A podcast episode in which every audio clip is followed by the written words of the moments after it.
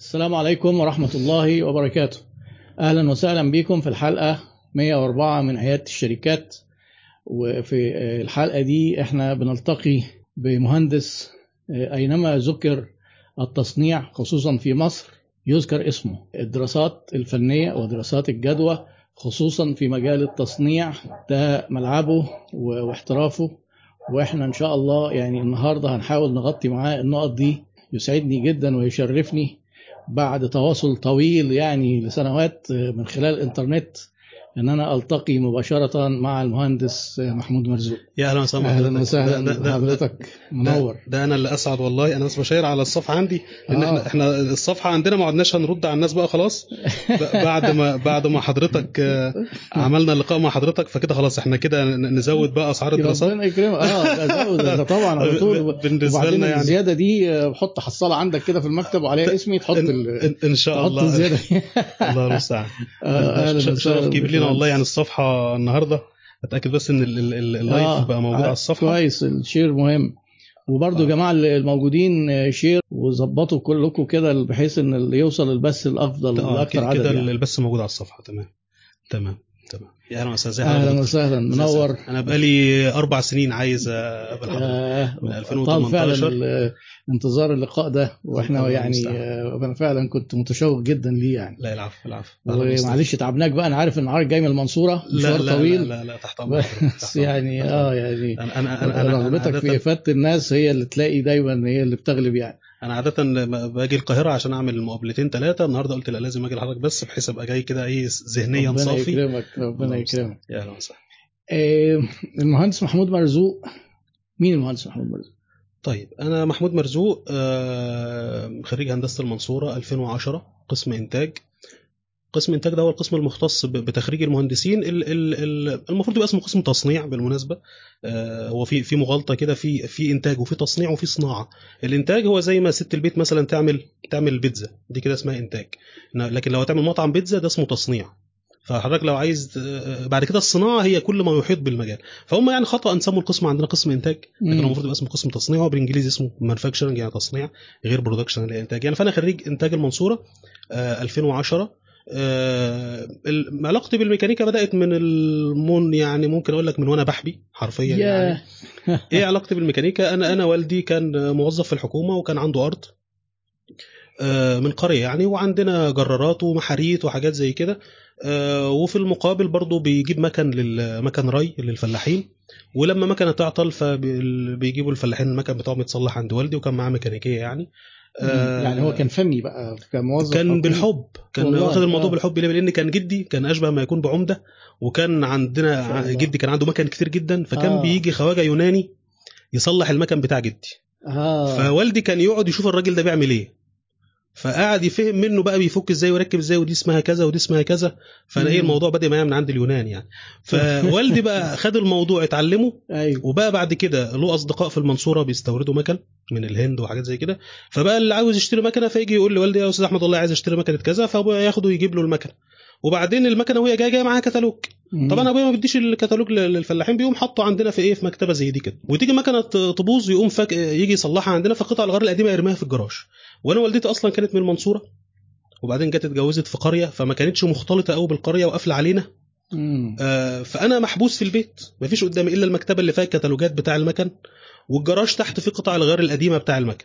فكنت أقعد أقلب في الكتالوجات ألاقي صور تروس ومسامير وحاجات زي كده أنزل تحت في الجراج ألاقي نفس التروس والمسامير ده أقعد أركبهم في بعض. ودي. كانت اللعبة بتاعتي آه. من وأنا طفل صغير مثلا قول عندي 3 4 سنين. وياما طبعا دقيت على صباعي واتعورت وكده يعني. يعني اللعب بتاعتك كانت قطع غيار وانت صغير. كانت أو قطع غيار حقيقية. آه، ما أنا عارف. آه. مش مثلا ميكانو مثلا لا كانت قطع مش قطع غيار عربيات لعبة. لا كانت قطع غيار حقيقية. آه. آه بعد كده بقيت أشوف والدي بيصلح المكن فأقول له أنا عايز أعمل دي. يقول لي بس ابعد أنت. طب أنا عايز أعمل دي. يقول لي بس ابعد. خايف عليا يعني. آه. فجه في مرة كده قال لي إيه؟ خش اربط الوش ده. وش مثلا بيركب على ال- على المكنة كده وفي مثلا ست مسامير. فقال لي خش اربطه. فقمت داخل رابط الوش ده بالمفتاح الست مسامير. آه. فقام والدي ماسك المفتاح بعد ما أنا ربطت وقام جاي على كل مسمار يحط المفتاح كده وبعدين لا يروح ولا يجي. ويحط المفتاح اللي بعده ولا يروح معنى لا يروح ولا يجي إن المسمار ده واخد القوة المظبوطة بتاعته آه. لو كان أكتر شوية هيهويه وإلا يتقطم أثناء الشغل آه. ولو كان أقل شوية هيربطه وإلا هيتفك فلما لقى الست مسامير مربوطين تمام قال لي لا أنت كده أنا كده اتخرجت في اليوم ده بقيت مهندس بقى خلاص آه كنت طفل مثلا 10 سنين ولا حاجة ربط المسامير في حد ذاته طبعاً. مهارة انت اكتسبتها لوحدك آه وتتعامل مع إحنا جالنا دكتور. جالنا آه. دكتور في. في الكلية عمل لنا محاضرة كان محضر دكتوراه في ربط المسامير لأن. كانت الدبابات الأمريكية في حرب العراق مساميرها بتتقطم ف... فال... فالكونجرس الأمريكي راحت له المشكلة دي طب مين يا جماعة أحسن حد بيفهم في المسامير في أمريكا فقالوا الدكتور فلان ده راجل مصري يا آه، أنا كنت مصري. بحتقره لأنه هو ساعد الأمريكان في الانتصار يعني بس ما علينا تجاوزا يعني آه ف- مش عايزين نخرم ف... في الحتة دي. فراح لهم الكونجرس قال لهم والله. أنا عايز أعمل مركز أبحاث لأن أنا اوريدي عامل دراسة نظرية وعايز أعمل مركز أبحاث على الموضوع أيوة. وخد تمويل 7 مليون دولار وعمل مركز أبحاث لربط المسامير وحاليا المصانع عندها ماكينات ربط مسامير أوتوماتيك تقول مثلا 12 مسمار مرة واحدة 6 مسامير مرة واحدة مم. بالربط المظبوط يعني برضو المسامير نفسها آه، أو ليها حتى ترتيب لربط المسمار لأن كل مسمار بتربطه بيهوي اللي جنبه فتيجي تربط آه. اللي جنبه يهوي الأولاني زي دي كده كان زمان بيهووا يعلمونا بعض. لما نيجي. نغير فردة ال أيوه تعملها نجمة. الاست- آه، واحد واللي قصاده واحد. واللي قصاده واحد واللي لازم- قصاده آه، فهي فيها. فنية يعني فالشاهد آه، جيت أنا ودخلت ثالثه ثالثه ثانوي أول ما دخلت أخويا أكبر مني بثلاث سنين دخل هندسة. فجاب الكتالوج اللي هو بيشرح الأقسام بتاعه كلية هندسة. فأنا خدت كتالوج وقعدت أفر فيه أشوف مين القسم اللي قريب من الحاجة اللي أنا بحبها. فلقيت قسم اسمه هندسة الإنتاج والتصميم الميكانيكي. أيوة. لقيت بقى وهذا هو القسم المختص بالتصنيع ودراسة خطوط الإنتاج ودراسة الخامات وطرق التصنيع واقتصادات التصنيع. قلت هو ده هو القسم ده ده أنا هخش قسم إنتاج. آه. رحت مع أخويا يوم الكلية لقيت ال- المكتبات اللي ورا ال- الموظفين بتوع شؤون الطلبة. مكتبة كبيرة كده اسمها مدني. مكتبة كبيرة كده اسمها ميكانيكا. وبعدين مكتبة كده فيها ضلفة اسمها قسم إنتاج. قلت ده قسم إنتاج ده واضح إن هو قليلين قوي اللي في الكلية يعني. آه. في مثلا وهو فعلا كده إحنا كنا 50 طالب ومدني كان في مثلا يجي الأساسيات بتاعت 500 الطلبة اللي هي آه، اللي هي يعني الملفات بتاعت الطلبة. ملفات الطلبة. فلقيت بقى قسم إنتاج شوية صغيرين كده. اكتشفت بعد كده لما جيت بقى في ثالثه ثانوي جبت مجموع بترول. فوالدي قال لي إيه؟ بس خلاص أنت كده لازم تدخل قسم بترول آه، هندسة بترول. بقى. وهتبقى فرصة عمرك يا ابني وهتقبض 5000 جنيه. كان خبر. 5000 ألف سنة 2005 آه. كان رقم يعني. كبير. قلت له أنا هدخل هندسة وهدخل قسم إنتاج. يا ابني يهديك يرضيك ده بتوع البترول دول دلوقتي. أنا كان في بالي ساعتها إن البترول ده هيجي في يوم من الأيام ومبقاش له لازمة. وبالمناسبة إحنا بنقرب ويخلص. آه إحنا آه. بنقرب من كده. لا ما يبقاش له لازمة. يعني أنا متخيل إن أكيد العالم مش هيفضل طول عمره معتمد. على البترول. أيوه. فكنت حاسس إن أنا لو دخلت بترول لما أكبر ممكن ما يبقاش ليا مكان يعني. مم. فدخلت ال- القسم. دخلت الكلية. خدنا إعدادي كلها بتبقى مشتركين مع بعض وبعدين قمت رايح إيه مقدم في قسم إنتاج. لقيت قسم إنتاج ده أقل مجاميع بتطلب. كل دي حاجات بتقول ما أنت رايح فين يعني. آه. بس أنا حابب الحتة على. مجموعة إن أنت هتخش تخصص أنا كان بقى. ساعتها المدني بياخد أرقام. مش عشان التخصص كويس أو مش كويس عشان في إقبال عليه. أيوه أيوه. لكن إنتاج ما كانش حد بيدخل فكانوا يدخلوا إيه ال- المجاميع القليلة. فأنا خدت إنتاج ده بقى عن حب من أيام ما أنا طفل صغير بيلعب. وبعدين لما آه. كبرت شفت القصة بتاعته وأنا في أولى ثانوي لسه بقالي ثلاث سنين على ما ادخل هندسة وبقيت متعلق بقى بالقسم ده. وأخويا لما دخل إعدادي بقى ياخد كتاب الرسم الهندسي بتاع الدكتور البهلول الله يرحمه. آه. فبقيت أنا آخد الكتاب أقعد أذاكره. وكان بالعربي فكان بيساعدني إنه بالعربي يعني. مم. فأنا داخل الكلية تقريبا وأنا أشبه ما يكون مثلا أنا قاطع 30% من المشوار مثلا علميا يعني. آه. لدرجة إن أحد الدكاترة الدكتور بهلول الله يرحمه سأل سؤال كده في أول في أول محاضرة خالص. وأنا كان نفسي اقابل الدكتور بهلول زي ما كان نفسي اقابل حضرتك كده. آه سأل سؤال يا شباب آه. إيه أوضاع الخط في الفراغ؟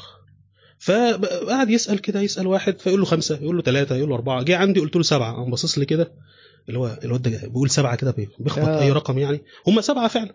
بس أنا كنت مذاكر ده في الكتاب بتاعه يعني أنا مش جايبها من دماغي يعني. أيوه. فقعد كده وبعدين إيه بعد ما سأل بقى كل واحد الرقم قام قايل لابننا هنا جاوب صح. هم فعلا سبعة سقفوا له يا أولاد فطبعا أنا في اليوم ده مبقتش مصدق الدكتور بقاله بقالي ثلاث سنين عايز أقابله آه. والنهاردة الاقيه بيقول مرة ابننا ده بي- شاطر أيوة، وابننا ده-. آه جميل فطبعا الموضوع زق معايا جامد بقيت أنا أيوة. برسم كويس جدا جيت لما دخلت القسم سنة تانية كان الدكتور بهلول استشاري لأحد مصانع الموبيليا الكبيرة جدا في دمياط وكان ساعتها الكلام ده سنة 2000 أنا داخل الكلية 2005 2006 الكلام ده كان في 2008 جابوا مكنة راوتر. كان مكن الراوتر ده ساعتها بدعة يعني ما كانت مصر ما تعرفش عنه حاجة. مم. حاليا ممكن تلاقي كل شارع في مكنة راوتر. وفي مصانع مصرية بتصنع طبعا.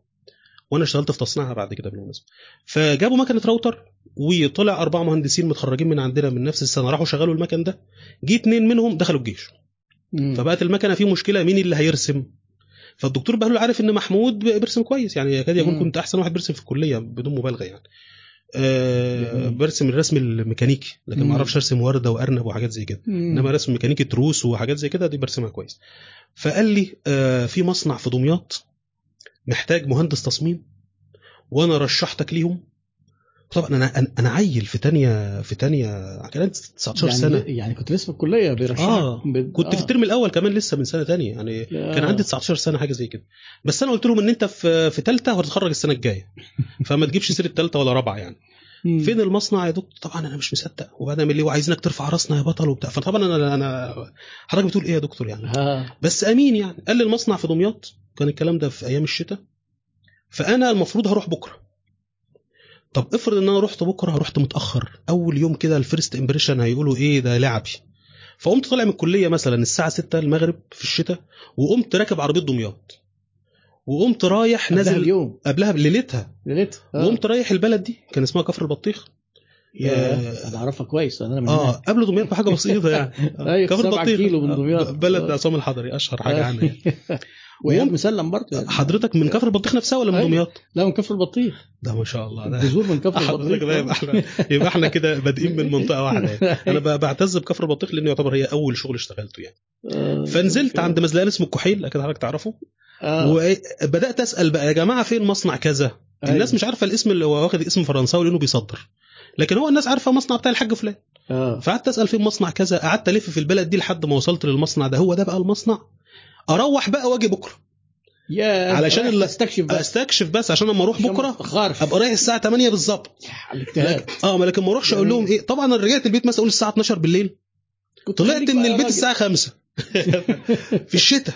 أيوه. وآخد مواصلات لحد دمياط أوصل لحد لحد كفر البطيخ. أوصل الساعة 8 نشتغل من 8 الصبح ل 7 بالليل 11 ساعة.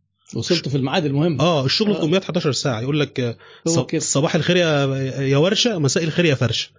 دمياط يقول. صباح الخير يا ورشة يعني يصحى من النوم يروح الورشة. الورشة على. يخلص مساء الخير يا فرشة يروح ينام. ما عندهمش لعب يعني. أيوه. دمياط آه، عظيمة يعني. أيوه. أخلص في كفر البطيخ طبعا ما فيش مواصلة هترجعني. أقوم مكمل على السنانية قبل دمياط بحاجة بسيطة. أيوه. أتعشى هناك وأرجع البيت الساعة 10 أصحى الساعة 4 طبعا الأسبوعين دول عملت فيهم شغل مهندس التصميم.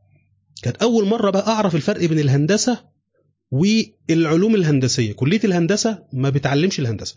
كلية الهندسة بتعلم العلوم الهندسية. مم. اللي لما تتخرج تستخدمها عشان تعمل بيها هندسة. آه. إنما كلية الهندسة نفسها ما بتعلمش الهندسة. هي الهندسة تعريف الهندسة هو استخدام العلم لعمل تطبيقات نافعة. صحيح. أنت في الكلية بتتعلم العلم نفسه. آه. عشان كده في ناس تيجي تقول لك إيه أنا اللي اتعلمته في الكلية ما استفدتش بيه حاجة. أيوه أنت مش هتستفيد بيه هو شخصيا. يعني مفيش حد يجي يسألك سؤال أنت كنت واخده في سنة تانية فتجاوبه على الإجابة بتاعته أنت كده أيوه اعرف اكتب ما تعرفه عن لا مفيش كده. إنما أنت أيوة عرفت طبعا. المعلومات دي اتفضل. حضرتك في تمام. مصيبة حاصلة في مشكلة حاصلة اتفضل حلها. أحلها إزاي؟ من دماغي ما تبقاش هندسة. يعني لو حليتها كده بالحب ما تبقاش هندسة. لكن لو رجعت للمعلومات القواعد وال- وال- والقوانين اللي انت اتعلمتها. وبنيت عليها وعملت ابلكيشن هي دي بقى اللي اسمها الهندسة آه،. وده كانت دفعه كبيرة جدا بالنسبة لي تجربة تجربة يعني وانت في ثانية كلية تروح طبعا ما عرفوش بقى ان أنا في ثانية ولا في ثالثه واحد بيرسم كويس وبطلع النتائج مظبوطة يبقى خلاص شغال آه. وبيعملوك بقى باشمهندس بقى آه ما وهم ما يعرفوش بقى إن أنا طالب لسه أيوة. أيوة. فكملت اتخرجت من الكلية 2010 وكنت مهتم جدا بالتصميم يعني القسم عندنا بيدرس ثلاث حاجات تصميم اللي هو رسم الأجزاء. بعد كده تصنيع تصنيع الأجزاء دي. وفي قسم ثالث كده رفيع اسمه الهندسة الصناعية. هو ده اللي أنا عايش عليه دلوقتي بقى. آه. إيه الهندسة الصناعية؟ في فرق بين ال production وال manufacturing وال industry. production الإنتاج إن واحدة آه. تعمل بيتزا اسمها أيوة. production. أيوه. manufacturing تصنيع إنك تعمل بيتزا كتير. أيوة. وبشكل مستمر ده اسمه التصنيع ال mass production أو ال continuous production. في. ال industry هي إدارة العملية الصناعية. مم. يعني هتجيب الخام منين؟ هتجيبه بكام؟ ال supply. chain بتاعته. طب هت... هترتب الشغل على المكن إزاي؟ آه. هتعمل ضبط جودة للإنتاج يطلع مظبوط إزاي؟ طب لو في رفض يحصل إيه. ده, ده الشغل بتاع ده إدارة على فكرة. هو اداره إدارة صرف. إدارة ما هو 100%. ال... ال... الأسماء اللي حضرتك آه، آه، آه، بتذكرها دايما دي كانت أسماء متعارف عليها عندنا. آه. اللي زي كوتلر والناس دي دول كانوا متعارف عليهم عندنا. بس كنا ما... كان في حد اسمه جوران ده كان في ال... في الإدارة. كان في اليابانيين كانوا. آه. اليابانيين كانوا قاطعين شوط طويل جدا في الموضوع ده. كان في. كان كان في حوالي خمسة أو ستة يابانيين بس مش فاكر اسمائهم بالظبط آه. كانوا رواد يعني وكانت أمريكا خدتهم يعني قال لهم أنتوا حلوين تعالوا اقعدوا عندنا وعملوا لهم آه. برضو زي جامعة صغيرة كده على قدهم آه، فتعلمنا اتعلمت على الهامش الهندسة الصناعية هي أصلا قسم مستقل في, بره. يعني الهندسة الصناعية دي هي قسم مستقل. زي تخطيط الإنتاج مثلا. يعني أيوة. مثلا أنا عندي إنتاج هيبقى كتير في شهر سبعة وقليل في شهر ثلاثة طب أشتري الخامات إمتى؟ طب الخام بيبقى غالي في شهر ستة. ويبقى رخيص طب أجيبه من هنا ولا من هنا؟ طب هيوصل إمتى؟ طب أدخله على الإنتاج إزاي؟ طب في عملية بتاخد سبع ثواني وعملية بتاخد ثلاث ثواني. ده بيور بالظبط. فإحنا كنا بندرس ده. وأنا كنت بحبه بس كان عارفين مش هنشتغل بيه. بس اديني درسته. رجعت ذاكرته تاني في 2018 لما رجعت لدراسات الجدوى يعني. فاتخرجت أنا مهتم بالتصميم ورحت اشتغلت في التصميم في نفس المصنع اللي هو في دمياط ده. بعد شوية لقيت نفسي بصمم نوع من التصميم بيسموه تصميم المنتجات يعني زي تصميم العربيات تصميم مم. الموبيليا دي اسمها منتجات. لا أنا حابب أكتر تصميم الماكينات. التروس والوصلات والمسامير والأحمال والاجهادات والكلام ده. فرجعت المنصورة اشتغلت في شركة بتصنع ماكينات. آه، ده مثلا خد له حوالي ست شهور. قمت داخل الجيش دخلت الجيش في نوع شهر الماكينات كانت إيه اللي بتعملها الشركة؟ كان أكتر مكان نشتغل عليه كان راوترات الخشب كان في الوقت آه. ده كان ده ال booming بتاعه آه. والشعب كله بيطلب راوترات خشب حاليا بقت كتير لدرجة إن ممكن أقول لك إيه لا خلاص هم شركتين ثلاثة اللي كويسين ما تدورش على حد تاني لأن في ناس كتير ما زالت عايشة في حتة إيه طب أعمل لك راوتر حد كده. يعمله freelance يعني ف آه، طلع آه، خلصت الست شهور دول قمت داخل الجيش في شهر 4 أنا خريج 2010 دخلت الجيش في 4 2011 طلعت في 10 2013 خد الفترة ما بين الثورتين يعني مم. آه، طلعت في 2013 آه، خلال الفترة بتاع الجيش كان من من تقدير ربنا سبحانه وتعالى إن أنا رحت في ورشة في القوات الجوية هي ال basic manufacturing اللي هي مكن التصنيع الأساسي جدا اللي هو المخارط آه. والفرايز وتقطيع الصاج ولحام الصاج اللي هو لو كأنك بتدي واحد كورس في التصنيع آه. في أساسيات التصنيع اللي هو ال machine shop بقى اللي هي آه اللي هي ال workshop اللي هي المكن ال- ال- المكن بالمناسبة إحنا بنقول. إحنا بنقول كلمة ورشة آه. هي workshop آه. workshop اللي هي ورشة ورشة أيوه كلمة. بالعربي أصلها workshop يعني. فخدت بقى رجعت اللي أنا شفته في الكلية شفته عمليا لمدة حوالي سنتين وتقطيع ولحام وخراطة وحاجات زي كده كنا إحنا. بنعمل المستلزمات اللي بتغطي على القوات الجوية في الوقت ده كان في شركة أنا كنت في مطار ألماظة في مصر الجديدة وكان في شركة في مدينة نصر هنا بتدي كورسات لبرنامج اسمه SolidWorks البرنامج SolidWorks ده كان أكتر برنامج مستخدم في تصميم الماكينات والاسطمبات وحاجات زي كده. فأنا رحت خدت كورس. خدت كورس عجبني أول كورس قمت واخد الموضوع إيه بقى مقاولة. كل شهر كورس كل شهر كورس.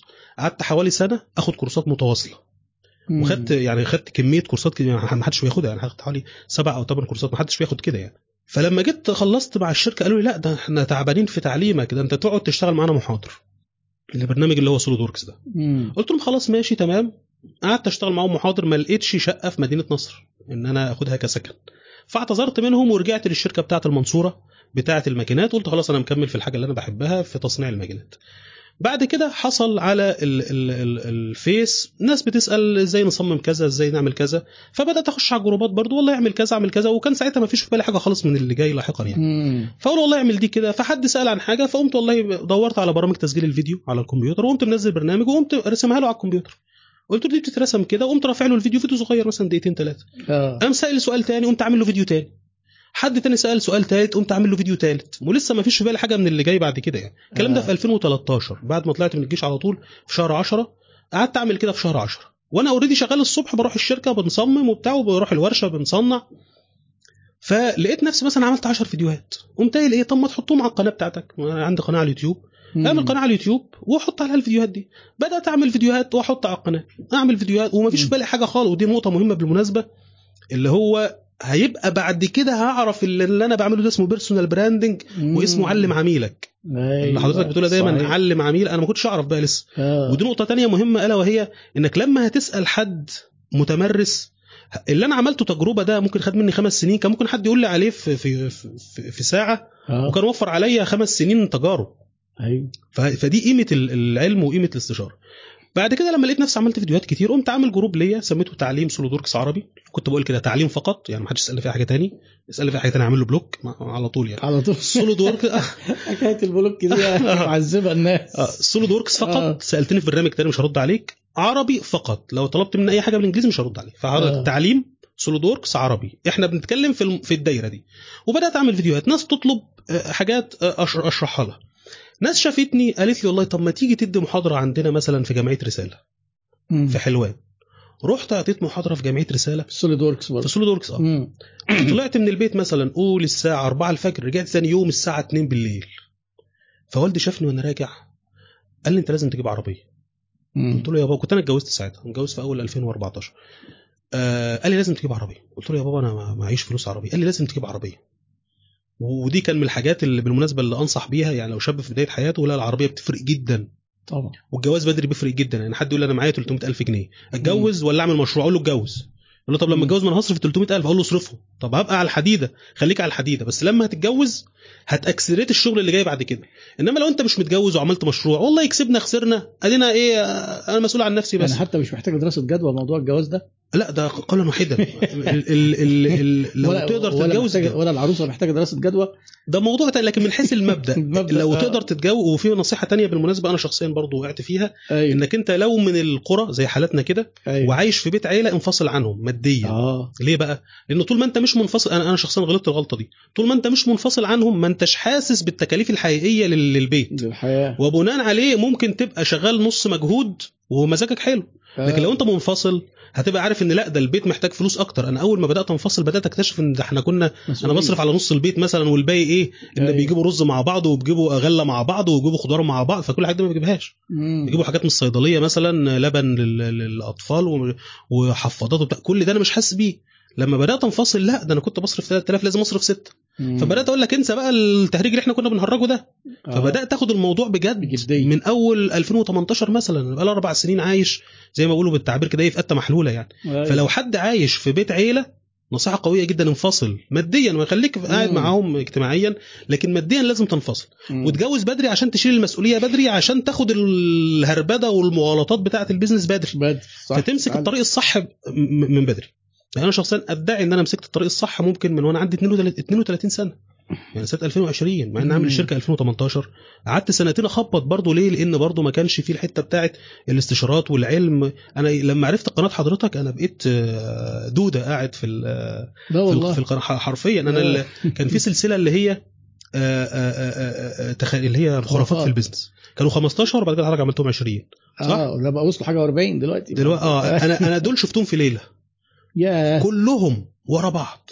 أول فيديو قلت بس الراجل ده بقى أنا إيه أنا مقيم هنا. أنا لا والله. بدأت أشوف بقى طب الدكتور ايهاب بيقول إيه؟ ده لوقا ده بي... بعد كده حضرتك عملت السلسلة اللي هي عيادة الشركات دي؟ أيوه. من سنتين. من أربعة. أنا فاكر بدأتها في 19 آه 2019 بس ممكن ما ك... 2019 أنا آه، بقى ف- أول دراسة عملتها كانت في أول 2020 آه. أنا فاكر كنت بقى قاعد بقى شغال في ال- في فايلات الدراسة ومشغل عيادة الشركات. آه. بسمع أنا يعني طول الوقت لو شغال لازم أشغل أي صوت جنبي. آه. فأشغل حاجة آه، مفيدة. فبفيديوهات حضرتك كانت حاجة أساسية. ال- ال- المهندس محمد الباز فيديوهاته برضه كانت بس كحجم كانت فيديوهات حضرتك هي الأكتر طبعا. آه بدأت وصلت 2018 آه، آه، أنا آسف. إحنا وقفنا بقى عند إن أنا إيه بدا الناس تقول لي تعالى تعالى أدي كورس. آه. لسه لحد دلوقتي ما أعرفش إن محمود هيبقى محاضر. أنا وصلت إني أشهر محاضر في الوطن العربي تقريبا في المجال ده.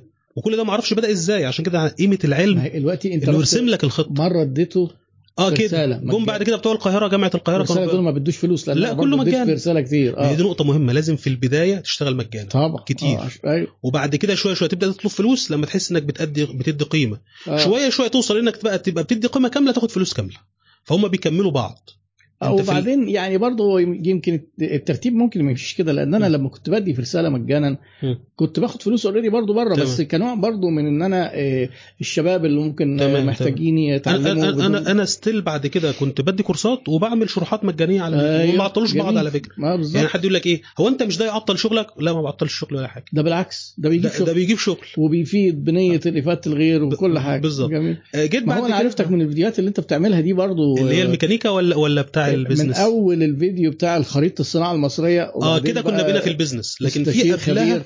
آه. لا ده في قبلها من 2014 ل 2018 حوالي 300 أو 400 ساعة شرح للبرنامج اللي أنا كنت آه لا ما هو ده ال business طبعا خارج بقى اهتماماتي لأنها حاجة فنية قوي. هي, هي في نقطة أقول لحضرتك برضو إزاي. الاثنين ربطوا ببعض. يعني آه. هي دي نقطة مهمة جدا على فكرة. آه فلما بدأت 2014 بدأت شباب في جامعة القاهرة بيعملوا عربية اسمها Formula Student. طب تيجي تدينا كورس؟ رحت اديتهم كورس. برضو مجانا. بعد كده آه، حد صاحب شركة تدريب شافني عرف إن في حد بيشرح عايز تيجي تشرح؟ قلت له هيك ففي نقطة برضو مهمة ألا وهي إيه؟ في آه عارف حضرتك النكتة بتاعت حزلقوم لما كان بيقول له مش ممكن أما أجرب أطلع بعرف؟ أيوه. طيب. آه، حضرتك لو بتعرف في المجال الفلاني ومطلوب منك حاجة جديدة في نفس المجال اعملها حتى لو ما عملتهاش قبل كده. هي دي بقى اللي تقول عليها ممكن أما أجرب أطلع بعرف. لكن لو المجال مش مجالك لا ما تعملش. يعني أنا واحد سواق دلوقتي. بسوق في القاهرة. حد يقول لي توديني اسكندرية؟ أقول له أوديك اسكندرية. هي مش اسكندرية دي مش هو طريق ومطبات و... مفهوم يعني نفس. النظام اللي بنعمله. إنما ما تقولش أصلا طول عمري بسوق في القاهرة أخاف أطلع بره القاهرة.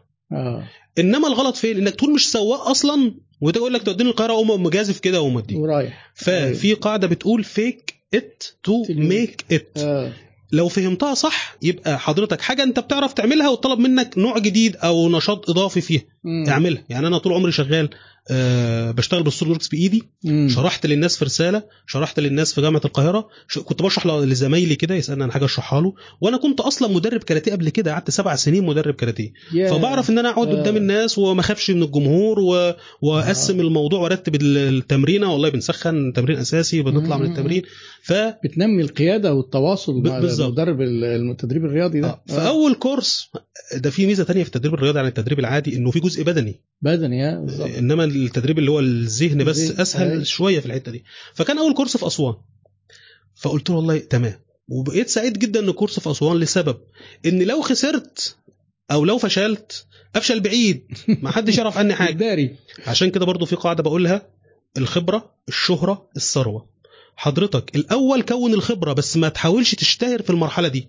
لأنك مم. لو اشتهرت وأنت لسه خبرتك قليلة هيتعرف يا عم ده هجاص. الناس هتقول كده سيبك منه ده هجاص كون الخبرة الأول لما يبقى عندك خبرة ابتدي بقى ما تدورش على الثروة لأنك لو أنت عندك خبرة ومحدش يعرفك وطلبت فلوس كتير هتتحرق في الأول برضه محدش. هيرضى يشتغل معاك. الأول اعمل الشهرة يبقى الخبرة الشهرة الشهرة بسعر قليل لما تتشهر إن محمود كويس وبيعمل شغل كده ومعقول وحنين وبتاع في الأسعار ساعتها بقى بقعد وقول الأسعار جميلة آه. الثلاثية دي لازم الترتيب ده الخبرة الترتيب الشهرة. فأنا آه. كنت سعيد ليه بقى بموضوع أسوان آه. لو فشلت هناك عادي أجرب في مكان تاني لسه ما... لكن لو فشلت في جامعة القاهرة خلاص هياخد X في, في, الجمهورية كلها. صح. فبدأت آه، طبعا أنا كنت already واخد سنة تدريب في التوكيل توكيل البرنامج هنا اللي هو كانوا عايزين يشغلوا معاهم مدرب ده. مم. Autodesk تقريبا آه، إيه؟ ال- اسمه كاد كامسم اوتوديسك آه. برنامج تاني. آه أو شركة تانية يعني اللي هي بتعمل AutoCAD فرحت اشتغلت بقيت حطيت لنفسي حاجة اللي هي بعد كده هيبقى اسمها الصورة الذهنية. ما أعرفش بقى على فكرة. كل كلام الكتب ده هو موجود. common sense بس هو الاسم بس يعني اللي انت بتعمله ده ما حدش أيوة، عارف ان أو انت ما تعرفش إن اسمه الصورة الذهنيه عشان كده برجع أقول يا جماعة التعليم بيختصر سنين. أيوه. أنا لما رحت خدت كورس أول كورس خدته كان بقالي ثلاث سنين شغال تصميم. بقالي ثلاث سنين شغال تصميم. self learning. ثلاث سنين شغال من 2008 2009 2010 و2011 رحت خدت الكورس في 2012 اللي اتشرح لنا في 30 ساعة هو اللي أنا اتعلمته في ثلاث سنين. بس في برنامج تاني. يعني كنت شغال برنامج اسمه CATIA ده كان مشهور عندنا في المنصورة. الجمهورية كلها شغالة بال SolidWorks فأنا شغال مم. برنامج CATIA بس ما كانش فيه شهادات. ما تعرفش توصل فيه تاخد فيه شهادات يعني. ملوش توكيل في مصر. فلما جيت في القاهرة أنا بقيت جنب توكيل SolidWorks فرحت خدت الكورسات آه، مع التوكيل عشان آخد شهادات. مم. وصلت بعد كده إن أنا بقيت certified expert كنت تقريبا رقم 10 في مصر وواحد مثلا من 15 في الوطن العربي كله. يعني إحنا كنا الوطن العربي كله 10 أنا آسف 15 منهم 10 في مصر وخمسة في بقية الوطن العربي كله.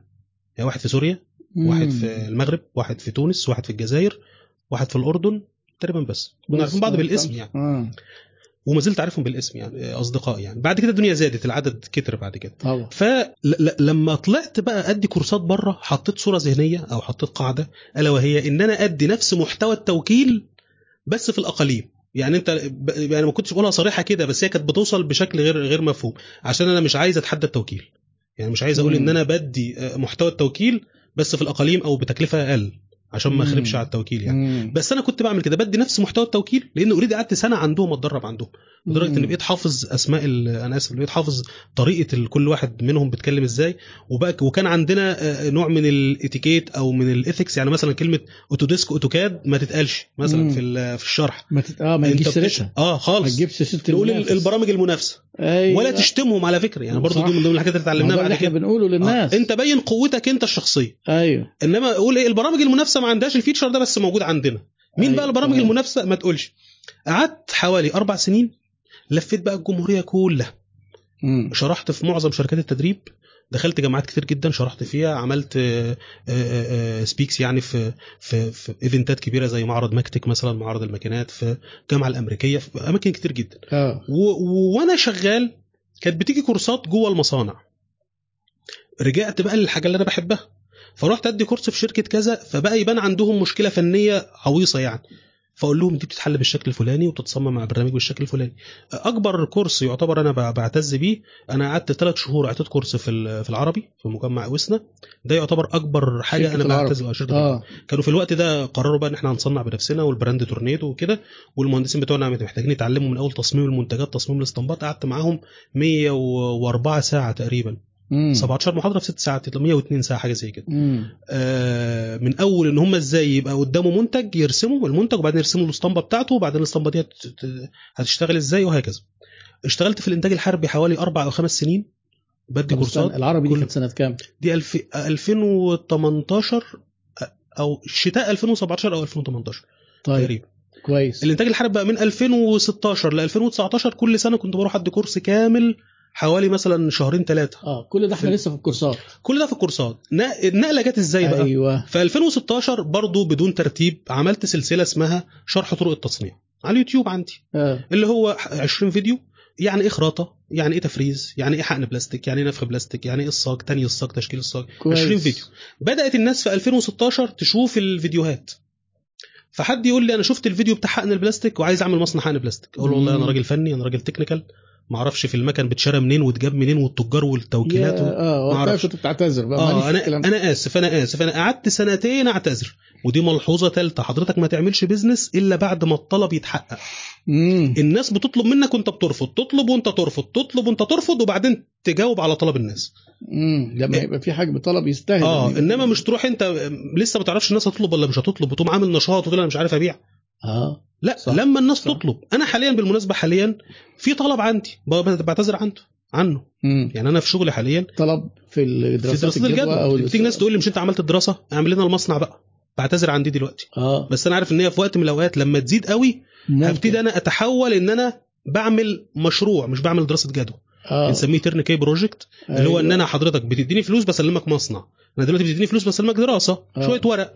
واسيبك وامشي. فممكن تستكمل الدراسة بإنك تسلمه مصنع فعلا. أسلمه مصنع. أنا آه. بعمل إيه بقى الخطوة الوسيطة؟ ودي برضو قاعدة مهمة جدا أنا دايما أقول عليها. اقسم كل خطوة لخطوتين اقسم كل خطوة كل ستيب اقسمها لخطوتين أيوه. لو أنت طالع على درجات السلم إحنا بنطلع إزاي؟ درجة في درجة في درجة. لا اطلع. درجة وحط رجلك الثانية جنب. كل درجة آه. خدها على مرتين. أيوه. فأنا بعمل إيه دلوقتي؟ أنا مش هاخد منك فلوس مقابل ان بعمل لك مصنع. بس هلف معاك في الجمهورية على التوكيلات وعلى ال- ال- ال- الشركات بيع الخامات. هلف معاك for free لحد ما أنا اتعلم معاك. التوكيلات دي مين أحسن توكيل ومين أسوأ توكيل؟ جميل. لما أوصل للق... للمرحلة بتقولها دي بالشفافية دي مع العملاء آه عادي. ما أنا بقول له ممتاز. حضرتك أنا دلوقتي كل حاجة بعملها. آه. وأنا مش متأكد من القيمة بتاعتها بعملها ببلاش. حلو جدا. طالما لسه القيمة بتاع أنا مش حاسس ان بديك قيمة. أيوه أيوه. أنا لسه قيمة دراسه بالظبط. بديك قيمة دراسه الجدوى. باخد قصادها فلوس. أيام ما كنت بعملها بقيمة قليلة كنت بديها. أي- أول ما عملت الاستشارات كنت بعملها مجانا. برضه. آه. لما حسيت- آه. لما حسيت إن الاستشارة بقت بتقعد ساعتين ثلاثة ونطلع منها بكلام كتير مكتوب والعميل يستفيد ولازم تتكتب لأن لو ما كتبتش بتتوه يعني. مم. بدأت أقول الاستشارة بفلوس. ودي نقطة مهمة برضه. أول استشارة بقى عملتها.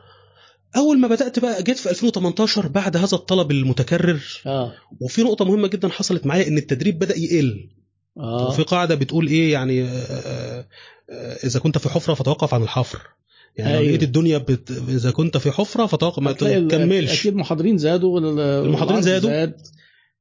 جات لي بقى معلومة برضو آه، آه، نص كده مقصور بيقول وده برضو دمرني نفسيا يعني قال لك قيمة معلوماتك بتنزل النص كل أربع سنين طب يبقى آه. أنا دلوقتي محمود اللي مكسر الدنيا لأن هو عارف المعلومات الفلانية دي وأنا عمال أقولها أصلا وأشرحها الناس هتعرفها فكمان أربع سنين هيبقى ملهاش قيمة صحيح يبقى أنا لازم كل أربع أو خمس سنين تكسر الدنيا في حتة وتقوم ناطط على موجة تانية وده اللي اتعلمناه بعد كده اللي اسمه منحنى حياة المنتج المنتج بيطلع وينزل.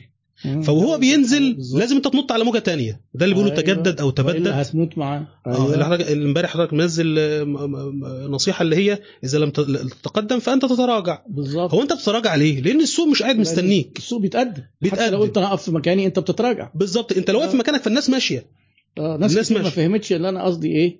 لأن أنا قلت ما فيش بديل انك تبقى في مكانك. انت يا ما اما. هتتقدم يا هتتراجع. لو قلت أنا هفضل في مكاني خلاص انت متراجع. بالظبط كده. في ظروف زي اللي إحنا فيها في السوق صعبة شوية. انت ممكن تخطط تتقدم فتعرف بالعافية تفضل في تقف مكانك. مكان بالظبط آه، كده. بس كده آه. انت على فكرة بتتقدم برضه آه، لأن في ناس كتير بترجع. العوم عكس التيار أيوة، انت بتعوم عكس التيار صح كويس. مجرد انك انت بتعوم بس وتفضل في مكانك آه. بالمناسبة في ملحوظة مهمة جدا وأنا بنصح بيها الناس دلوقتي في بعض آه. المجالات. ألا وهي إيه؟ إحنا 20 شركة. السوق نيلة يا هندسة أقول له اثبت يثبت يقول لي ليه؟ أقول له أنت إنتاجك هيتضاعف يقول لي. يتضاعف إزاي؟ ده السوق بينزل أقول له ما ال 20 دول. في 10 منهم هيغرقوا هيطلعوا من السوق. يبقى السوق اللي كان متقسم على 20 هيتقسم على 10 survive بس افضل على كده. surviving بالظبط أيوة. فلو أنت فضلت من العشرة السوق اللي كان متقسم على 20 يتقسم على 10 فيبقى أنت. سوقك هيتضاعف هيتضاعف. مش هيقل فجيت بدأت في 2018 قلت إيه والله أنا بقالي سنتين عمال الناس تطلب مني مم. آه، دراسات جدوى والسوق بتاعي بيقع.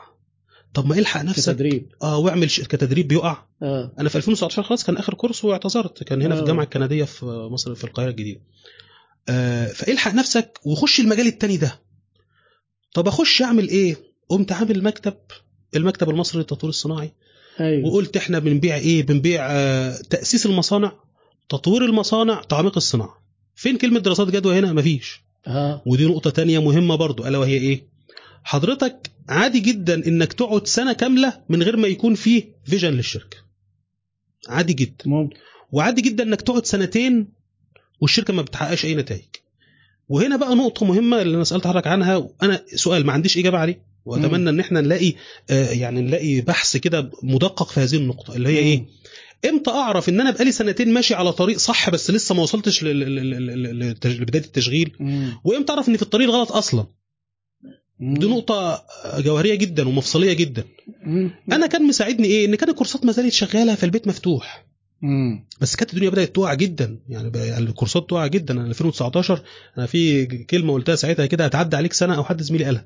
هتعدي عليك سنة تكبر فيها 10 سنين. هي 2019 دي. أنا بقيت أسميها عامل حزن. لازم أي حد حكى لي قصته لازم بيبقى عنده عامل حزن. أنا عندي كانت 2019 زميلي كان غالبا عدى بها قبل بسنة فكتب كلمة كده قال هتعدي عليك سنة تكبر فيها 10 سنين.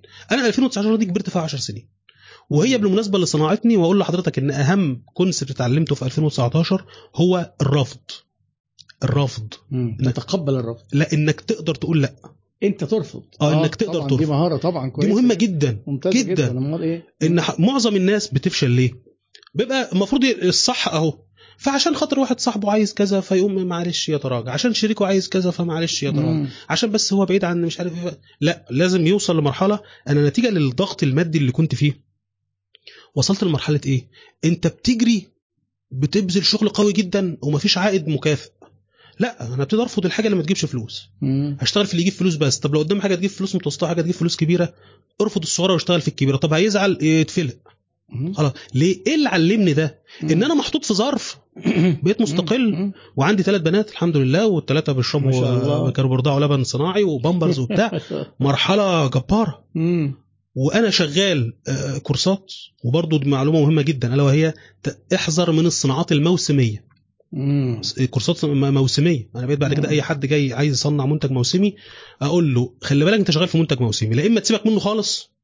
لا إما لو. هتشتغل لو هتشتغل فيه تشتغل فيه صح بقى إنك أنت في المواسم اللي الدنيا واقعة لا إما أنت بتخزن زي بتوع الملابس كده بيصنعوا. ويخزنوا لا إما أنت بتصدر لدولة الموسم بتاعها عكسنا. يعني في دول مثلا في الموالح الموسم بتاعها عكسنا. لا إما أنت بتصدر لدولة هي كانت بتستورد من دولة بس الموسم بتاع الدولة اللي بتصدر ده مش دلوقتي فأنت بتصدر دلوقتي بدلها زي أسبانيا مثلا زي فرنسا بتصدر مثلا لروسيا. بالمناسبة في معلومة من من من من, الحقل يعني إحنا على الأرض يعني. آه، روسيا لما قفلت مع أوروبا كل واردات روسيا من أوروبا هي فرص لنا دلوقتي. آه. لانهم مش عارفين يستوردوا حاجة من أوروبا. فعندنا على فكرة كل دلوقتي واردات أوروبا من روسيا ممكن تبقى فرص ممكن لينا. تبقى فرص زي الغاز بس إحنا مش عارفين نعمل فيه. حاجة. فالبطاطس دلوقتي زي المخدرات. البطاطس لأن روسيا كانت روسيا أرضها فيها تلج ما بتعرفش تزرع بطاطس. آه. فبتستوردها. فإحنا عندنا دلوقتي سوق البطاطس في مصر دلوقتي بيدبحوا بعض. لأن كله بيصدر البطاطس خام بيستفيد منها. آه. كذلك الفراولة. إحنا أكبر مصدر في العالم للفراولة فراولة. المجمدة. أيوه ورقم خمسة تقريبا في الفراولة الفريش. ورقم عشرة في البطاطس نص مقلية. وفي البطاطس الخام تقريبا خمسة. إحنا في ثلاث أربع إحنا عندنا الموالح. الفراولة البطاطس الفاصوليا البصل دول منتجات تصدير آه، من المقام الأول يعني. مم. فعملت الشركة في 2018 2019 كان عامل حزن بالنسبة لي. طب وأنت بتعمل الشركة؟ مم. كنت مخطط إن الشركة تبقى إيه؟ لأن ما كانش في أي رؤية. آه. ما عشان كده أنا بس أنا بس المهم أنت قايل إيه؟ مش هتبقى كورسات. لا مش هتبقى كورسات. وهتبقى أنا كنت خدت قرار أنا أبعد الخدمات عن الكورسات. الصناعية زي من الاسم على الأقل. آه ما أنا بقول لحضرتك بقى هي آه. عشان كده أنا بدي قيمة أو بركز على قيمة العلم وقيمة الاستشارات وقيمة ال ال ال ال ال إنك تسأل حد. لأن قعدت سنتين ألف حوالين نفسي. مم. سنتين ألف حوالين نفسي. طب مم. كان حد قال لي اللي أنت بتعمله ده غلط الصح هو أعمله. مم. لا أنا قعدت سنتين ألف حوالين نفسي لدرجة إن أنا أصلا المنتج الأساسي بتاعي هو دراسات الجدوى. ما كانش مكتوب في الفيجن بتاعت الشركة. إحنا بنعمل تأسيس. مصانع. طب أنت مين عشان تأسس مصانع؟ مم. ما حدش يعرف. مم. فبعد كده مش مسميها باسمها. ما كنتش أعرف أيوة أصلا. صحيح أيوة. بعد كده بدأت الناس تطلب مني إيه أو بدأ ليا صديق كان عامل مكتب زي مكتبي كده آه وقال لي إحنا مطلوب مننا دراسات جدوى. تعرف تعمل دراسة جدوى؟ قلت له والله نظريا أعرف يعني هو الموضوع أنا عارفه يعني. قال لي طب دي دراسة.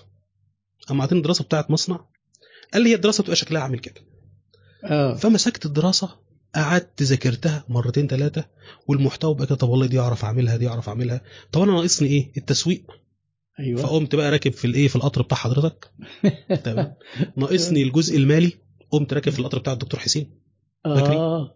ال... يعني يعني التقيت بيه شخصيا بقى؟ قابلته مرة آه. آه. هو بدأ- بيذكرك دايما بكل خير آه لا لا هو, جدا يعني. هو حد من آه. الآباء يعني من الآباء الفضلاء يعني. آه. فانا أنا دراسه الجدوى هي تسويقية وفنية ومالية. طب أنا بتاع الفنية دي شغلتي. سهلة جدا. آه. التسويقية هنجيبها منين؟ طب بدأت أنا أقرأ. أنا أنا فاكر كنت عامل الشركة كنت عامل الشركة. وقعدت سنة أروح الشركة ما جاليش ولا عميل. طول السنة وبدفع إيجار. مم. بس أنا جايب آه، طبعة وقاعد أطبع كتب وأذاكر. أطبع كتب وأذاكر. سنة كاملة. ذاكرت قانون لأن القانون جزء مهم جدا في شغلنا. دراسة الجدوى القانونية. آه آه. و- وبعد كده التسويق. أيوه. أنا فاكر في وقت من الأوقات كنت منزل كتاب بقرأه فيه اختراع كده اسمه ال four Ps إيه ال four Ps إيه دي؟ الاختراعات الغريبة اللي وبعدين هو مسمي place ليه ده place دي يعني أنت بتتكلم عن المكان والتوزيع بس هي مش place تحديدا يعني. آه. ومسمي product ليه؟ طب هو بيتكلم عن المواصفات. ما في كانت بالنسبة لي حاجات طلاسم آه، يعني آه، في الأول. صح, صح. فاتعلمت في 2019 أو 2018 كلها. أنا بدفع إيجار وبتعلم بس. وبدا بقى يظهر معايا في 2019 صديقي اللي طلب مني دراسة الجدوى ده. فقلت له والله هعملها. مم. قال لي والله إحنا بنبيع الدراسه كان ساعتها بعمل دراسه ب 10000 جنيه. أنت هتاخد 5000 وأنا هاخد 5000 قلت له ماشي. أول دراسة عملتها كانت ب 5000 ومش باسمي. عملت دراسة. في الثانية في الثالثه مش باسمي. كان نشاط إيه تفتكر؟ أو كانت أنشطة صناعية. كلها أنشطة صناعية. آه. وأنا لحد دلوقتي ما اشتغلتش غير شغل أنشطة صناعي صناعية. آه، تمام. فالشاهد فين برضو؟ إن برضو ضروري لو هتتعلم حاجة اتعلمها عند حد. يعني اللي أنا عملته كان غلط. اللي أنا عملته كان غلط. أنا لو عند أرجع حد بمعنى إنك تشتغل عنده تشتغل موظف عند حد حد؟ بمعنى زي محاضر زي ما أنت كنت بتدي كورسات كده؟ يعني هي لازم بتبدأ مش هتبدأ دايما بالشكل الكامل إنك أنت آه. عندك مكتب دراسات جدوى. لازم يبقى أنت فيه خلفية. أيوه. أنا بالمناسبة أنا لما عملت المجال بتاع عملت المكتب أنا إيه اللي كان مغذي المكتب؟ هو الست سنين قبل كده بتوع الكورسات عند الناس. وبرضه ما كنتش فاهم النقطة دي إن أنا كنت بدي كورسات لناس فالناس طلعت اشتغلت في مصانع. فلما صاحب المصنع بقول له أنا عايز أعمل مثلا أجيب مكنة جديدة فيقول له ده أنا كان أشطر. مهندس ميكانيكا أنا أعرفه هو فلان. فلان. ما أيوة. كنتش أعرف إن دي كلها بتبني لبعضها. طبعا. الخطة اللي اتحصلت في 10 سنين دي ممكن حد يختصرها لك في ساعة تعملها أنت في سنتين ثلاثة مش هتعملها في يوم. وليلة. بس بدل 10 سنين تعملها في سنتين ثلاثة ف آه، فعملت دراسات. كانت مشكلة زميلي ده إيه؟ وبرضه دي ملحوظة مهمة ألا وهي إنه ما كانش متفرغ. مفيش بيزنس هتعرف ت... ت... ت... يعني في نكته كده في نكته كده يقول لك. إيه اللي يحضر ولادة معزته تجيب معزتين واللي يحضر ولادة واللي ما يحضرش ولادة معزته تجيب معزة وتموت. لازم يحضر عشان المعزتين. لازم. تكون موجود لا هم هيجوا واحدة هتتسرق واحدة هتموت. هم هيجوا بس أنت لو ما حضرتش أيوه واحدة هتموت لأنك الناس مش مهتمة إنك مش موجود واحدة هتتسرق. في في بقى مثل تاني الأجانب بقى يقول لك إيه أفضل سماد للمزارع هو اقدام اصحابها آه. أو أحذية اصحابها صحيح. يعني إيه أفضل؟ يعني أنت لازم تكون موجود في المزرعة برجلك هو ده أفضل سماد للمزرعة. صحيح. فزميلي ده ما كانش متفرغ كان مهندس شاطر جدا ومطلوب في استشارات كتير جدا وطلب منه دراسات مش فاضي يعملها فكان بيديها. لكن هو شخصيا ما كانش متفرغ لموضوع دراسة الجدوى فما كملش فيه. مم. أنا بعد كده جيت في 2019 بعد ما عملت دراسات كتير طلب مني أنا بقى دراسات بشكل شخصي. مم. من ضمنها دراسة أنا كنت عاملها في المكتب القديم وحد طلب تطوير ليها. فاستأذنت قلت له فلان بيطلب تطوير مني أنا مم. الموضوع جاي لك أنت. قال والله روح شوف هو عاوز إيه يعني؟ هو كان أقرب ما يكون لأخ يعني. مم. لكن ادبيا ما ينفعش إن أنا أتعامل طبعا. مع العميل مش من. بره بره كده. وعلى فكرة ما كملش الدراسة الثانية بدأ بعد كده في أول 2020 الكورونا بدأت هتيجي وأنا الكورسات وقفت. وقفت خلاص وحتى لو ما كانتش وقفت كانت هتقف في الكورونا. أيوه طبعا. وبعد كده إيه؟ طبعا دراسات جدوى مين اللي هيعمل مصانع في الكورونا؟ أتاري الكورونا كانت من أسباب تطور الصناعة في مصر. الصناعة في مصر اتطورت بسبب ثلاث حاجات. أو في الفترة الأخيرة اللي أنا لحقتها يعني. حاجة اسمها قرار 43 لسنة 2016 أيوه. ده منع استيراد بعض المستلزمات ومنع استيراد بعض المكونات كاملة. آه. فبدأ المستوردين بتوع هذه المكونات المصانع المؤهلة؟ ولا ده آه إيه؟ ما هو ما هو ما جاش منعها كده قال لك. روح هاتهم يتاهلوا هنا فبتاع. الصين قال لك هو أنت عشان إحنا موقعين على اتفاقية منظمة التجارة العالمية آه ما تقدرش تقولها. صريحة كده فهو بيبقى قرار تنظيمي يقول لك إيه لازم المصنع اللي بره نسجله بيعرقب لك الدنيا كده آه يعني علشان ما حدش يأخذهم ده آه، ما حدش يقدر ياخدها عليك عمل. بالمثل وما حدش يستورد آه. مننا فده طبعا دي كانت وقتها ده رفع جامدة جدا. في السوق آه، رفع الصناعة جدا. جدا آه. ليه بقى؟ بدأت بعض المستلزمات مش عارفين نجيبها فبدأت ناس تصنعها. أيوة. بدأ حد كان بيستورد مستلزم يعني في الفترة دي انتشر جدا صناعة البلاستيك. ليه بقى؟ آه. الناس لما أنا مثلا بجمع خلاط. طب إيه أسهل حاجة ممكن أصنعها في الخلاط؟ قال لك البلاستيك. آه. إنما الموتور هجيبه المفاتيح هجيبها ال board هجيبها آه، أجزاء الصاج هجيبها لكن البلاستيك سهل أعمله. فانتشرت جدا الص- الصناعة في 2016 في مجال البلاستيك. طيب. جت بعد كده ال ال ال والتعويم على فكرة.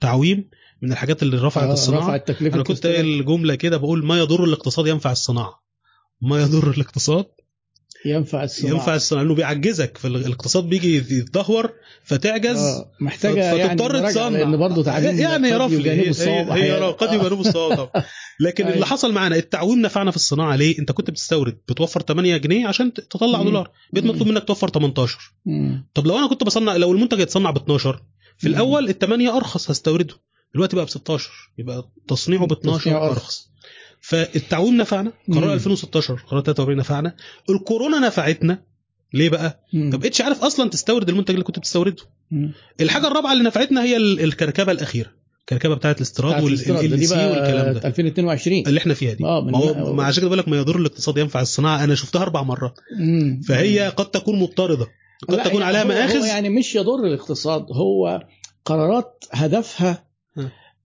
الحد من ال... يعني انت تقدر تقول إيه ما يضر ال... الاستيراد. يعني ممكن. ما يعرقل الاستيراد ينفع الصناعة 100% ممكن ممكن آه عشان كده حتى في دول اقتصادها قايم على قرارات حمائيه إنها آه. آه. ترفع الجمارك وتقلل الاستيراد عشان تحمي الصناعة وعشان تقويها بالظبط و- فده وان كنت أنا يعني. أنا أنا شخصيا أنا شخصيا بفضل السوق الحر يعني مم. بس ما زلنا إحنا يعني هم دايما يقولوا إيه لما نبقى ننضج وعظمنا ينشف نبقى نخش في السوق الحر فما زالوا هم بي بيحطوا جمارك وحاجات زي كده بالمناسبة دي من الحاجات الفاعلة فعلا يعني أنت. يعني أنا بروح مصانع يقول والله أنا بستورد المنتج ده عليه جمارك 60% فلو صنعته يبقى يبقى أفضل لي ويخش مم. تقريبا المستلزمات هو بدون ده يتعارض مع السوق الحر آه،. السوق الحر يعني الجمارك ما فيش فيه بينها وبين السوق الحر تعارض آه. أمريكا بتعمل جمارك تمام. لأن لازم لازم يعمل توازن ما بين الإنتاج المحلي تمام. والاستيراد ال- ال- ال- ال- برضو النقطة دي مهمة جدا للصناع المحليين إن هم لا يسيئوا استخدامه ليه بقى؟ في صانع محلي أنت مثلا ممكن تقدر تصنع المنتج ب 10 باجي أنا أحط لك عليه جمرك يجي من بره ب 15 مم. تقوم أنت بيعه ب 14 طب انت بتصنعه ب 10 بيعه ب 11 بيعه ب 12 فهو مم. بيستغل ال- الجمرك بشكل سلبي مم. واحيانا اللي يعرف يستغل دي دايما المصانع الكبيرة اللي بيعمل اللعبة دي دايما مم. الحديد الخامات البلاستيك حاجات زي كده ما هو هنا بقى ال- السوق الحر بي بيقول كلمته لو حر فعلا مم.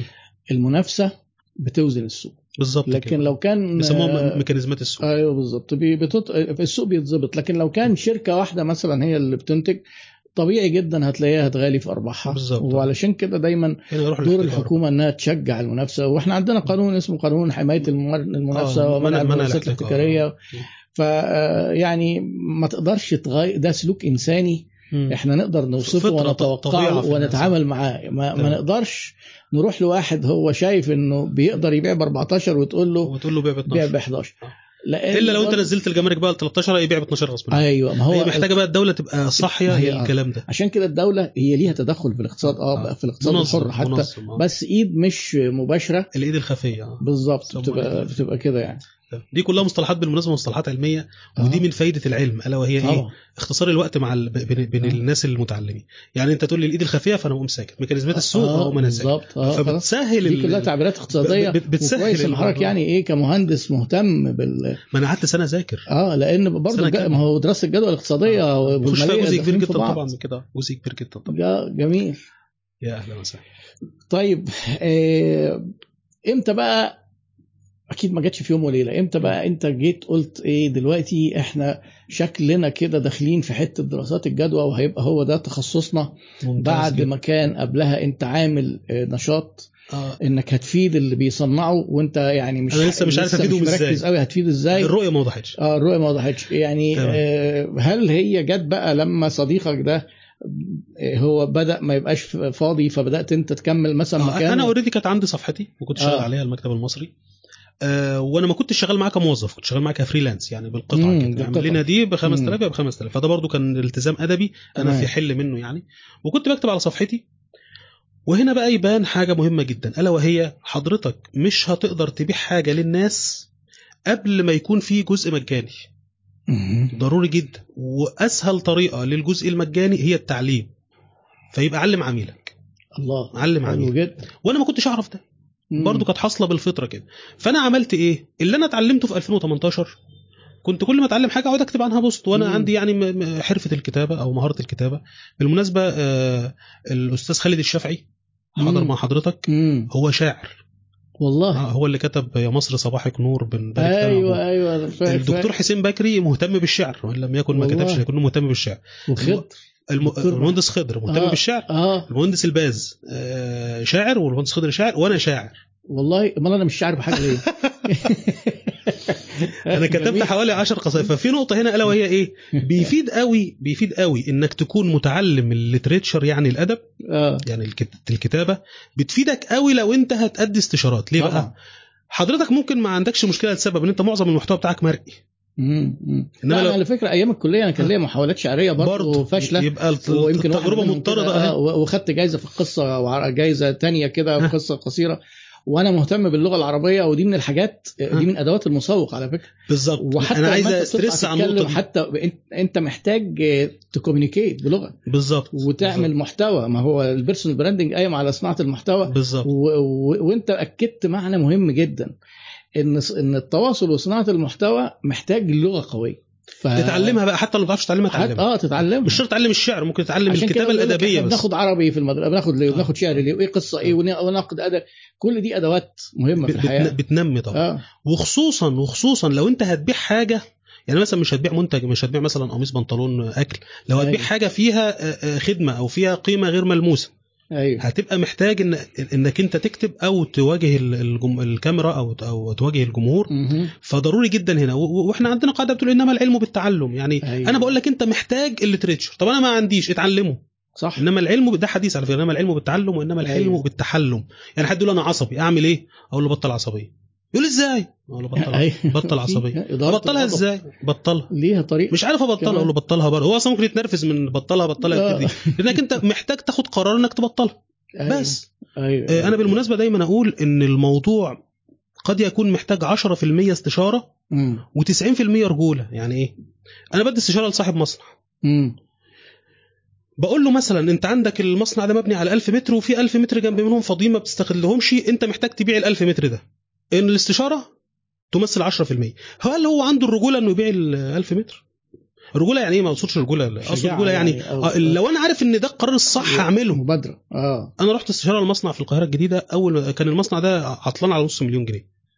وأنا داخل لقيت عربية مرسيدس في باب المصنع. فأنا قلت إيه؟ الراجل ده لازم يبيع العربية المرسيدس. هبيعها ما هبيعها له النهارده. فالمهم آه. طلعت قعدت فوق مع ال مع صاحب المصنع فده شاب. آه. وإحنا بنتجول في المصنع فقام خبط على مكتب دخلت لقيت والده. آه. دي عربية والده قمت ساكت. ده مش هنعرف نبيع حاجة. آه كنت طلعت قلت له على فكرة أنا كنت هبيعك العربية مرسيدس تحديدا بس طالما مش بتاع. فالشاهد خلاها هي بتاعته وأنا قلت له أنت الصح بتاعك دلوقتي إنك تبيع العربية المرسيدس آه. يبقى هو محتاج إيه؟ ممكن يسمع مني الاستشارة له والله معاك حق يا هندسة وما ما يبيعهاش يعملش. ويروح ياخد قرض من البنك ويروح ولا ياخد قرض مثلا. شريك ولا. أنا أقول لواحد مثلا حضرتك منين؟ أنا من المنصوره طب حضرتك أفضل مكان تعمل فيه المصنع فين أقول له مثلا مدينة السادات يعني مثلا الصناعات الكيماوية بننصح مم. بالسادات. الصناعات الهندسية بننصح بالعشر من رمضان الصناعات اللي فيها أجهزة منزلية أو فيها هاي تك يعني بننصح ب 6 اكتوبر. فيقول لي بس أنا من المنصورة والولاد في المدرسة وبتاع أقول له حضرتك سيب البيت اللي في المنصورة. وروح خد شقة في العاشر. واعمل مصنع في العاشر تيجي بعد سنتين تلاقي عمل مصنع في المنصورة. هو بقى يكتشف بعدين إنه عمال يخسر نقل وعمال. مش لاقي عمال والعمال بتسيبه وتمشي بينما هو لو في العاشر هتجيب. العمال يعني إيه بمنتهى آه. السهولة. النقل سهل عندك. أحيانا الموضوع بيرتبط بالمواني. صحيح. يعني الحاجة تجي لك من العين السخنة مثلا أو من السويس هتخش عليك على العشر على طول. أحيانا الموضوع بيرتبط بالسكان. آه، الدائره السكانية الخام. بالمادة الخام. آه ولو منتج زراعي مثلا بيتزرع بالظبط. أنا في برضو قاعدة كنت بقولها كده. إذا كان المنتج بيصغر أثناء التصنيع خليه جنب المادة الخام وإذا كان بيكبر أثناء التصنيع خليه جنب العملاء كمثال آه، مثلا النباتات. النباتات الطبية والعطرية مم. بتيجي حاجة كبيرة قد كده تتعصر يطلع منها شوية زيت يعني اللتر منه بآلاف الدولارات مم. واصلا المصنع كله ممكن يطلع مثلا في اليوم لتر ولا حاجة آه. المصنع كله فما ينفعش إن أنا أعمل المصنع مثلا في عندنا مثلا في الزقازيق واجيب الخام من بني سويف اوديه الزقازيق عربيات آه، كبيرة جدا. هايش كبير. هايش. آه، يطلع منه لتر بعد يط- آه لا. لا اعمل المصنع جوه الأرض. يعني في صناعات بالمناسبة بيصرح القانون إنك تعملها جوه الأرض. زي آه. الأعلاف زي البطاطس نص المقلية. الصناعات اللي هي بتطلع من الزراعة على طول. زي آه. الدواجن زي الأسمدة. بيصرح القانون. ممكن تاخد صناعات معينة إنك تعملها جوه الأرض. آه لكن لو المنتج بيكبر أثناء التصنيع خليك جنب العميل. زي إيه؟ زي الزجاجات والعبوات. آه. أنت بتجيب شوية بلاستيك قد كده يتعملوا عبوات يملوا عربية. بالظبط. حضرتك خليك جنب العميل لأنك هتصرف كتير على النقل. أنا رحت. المصنع في أكتوبر بيصنع برانيك بلاستيك اللي هي بتعبى فيها الخضار. آه. العميل الأساسي بتاع البرانيك ده هو محافظه البحيرة. هي محافظة البحيرة من أكبر المحافظات الزراعية في مصر هي البحيرة وبعدها القليوبيه مم. البحيرة بقى مركز بدر وقرى النجاح والمنطقة دي. فهو بيصنع في أكتوبر وياخد بقى الطريق الصحراوي كله نقلا. لبدر. يا فندم روح شيل المكن من هنا حطه في بدر. هنا المسألة مسألة إيه؟ مسألة رجولة. يعني إيه مسألة رجولة؟ لو أنا عارف إن هو ده القرار الصح أعمله. أنا محمود بنقل دلوقتي مكتبي من أو بنقل بيتي. أنا عملت المكتب الأول في في المنصورة. آه. طب أنا معظم مقابلاتي في القاهرة وفي العاشر. قمت ناقل المكتب للعاشر. 10 من رمضان. العاشر من رمضان. آه. بالمناسبة نكتة كده على الطريق واحد آه. قال لصديقي يعني قابلني في العاشر فالعاشر من رمضان إحنا عندنا في الصناعة بنقول العاشر تبقى العاشر من رمضان 10 من رمضان. جاله الحي العاشر هنا. الحي العاشر آه طبعا فالتاني بقى في- مدينه نصر العاشر. الحي العاشر آه فبيقول لحد العاشر بيجي هنا العاشر يعني. آه فالشاهد ده بقى في العاشر من رمضان وانت فين يا عم أنا وصلت العاشر اللي هو موقف العاشر اللي هو على طريق الإسماعيلية آه آه موقف العاشر بالظبط كده. فالشاهد المسألة بتبقى محتاجة 10% استشارة 90% رجولة أنا قلت لك الصح أهو. حضرتك الرجولة معناها؟ إن لو أنا عارف إن هو ده الصح. أعمله. خد المسؤولية واعمله أنا دلوقتي لما لقيت إن أنا لازم أكون في المرحلة الجاية حضرتك اللي أنا بحكي لك عنها اللي هي إن أنا عايز بدل ما أبيع دراسة جدوى أبيع مشروع لازم أكون أنا موجود في العاشر بنزل كل يوم من بيتنا أروح أشوف. الموقع ده وأشوف الوكيل ده وأشوف المكنة دي وصلت ولا ما وصلتش. يبقى أنا لازم أكون عايش في العاشر. أنا دلوقتي. لما باجي القاهرة يوم بروح أنام تاني يوم. يبقى كده نص الأسبوع ده لو رحت القاهرة يومين ضاع الأسبوع كله. يبقى القرار بيقول لازم تروح العاشر. هو ده الصح؟ آه. دي 10% من الطريق. اعمله بقى. في في في حديث بيقول اللهم أرنا الحق حقا وارزقنا التبع. وارزقنا اتباعه.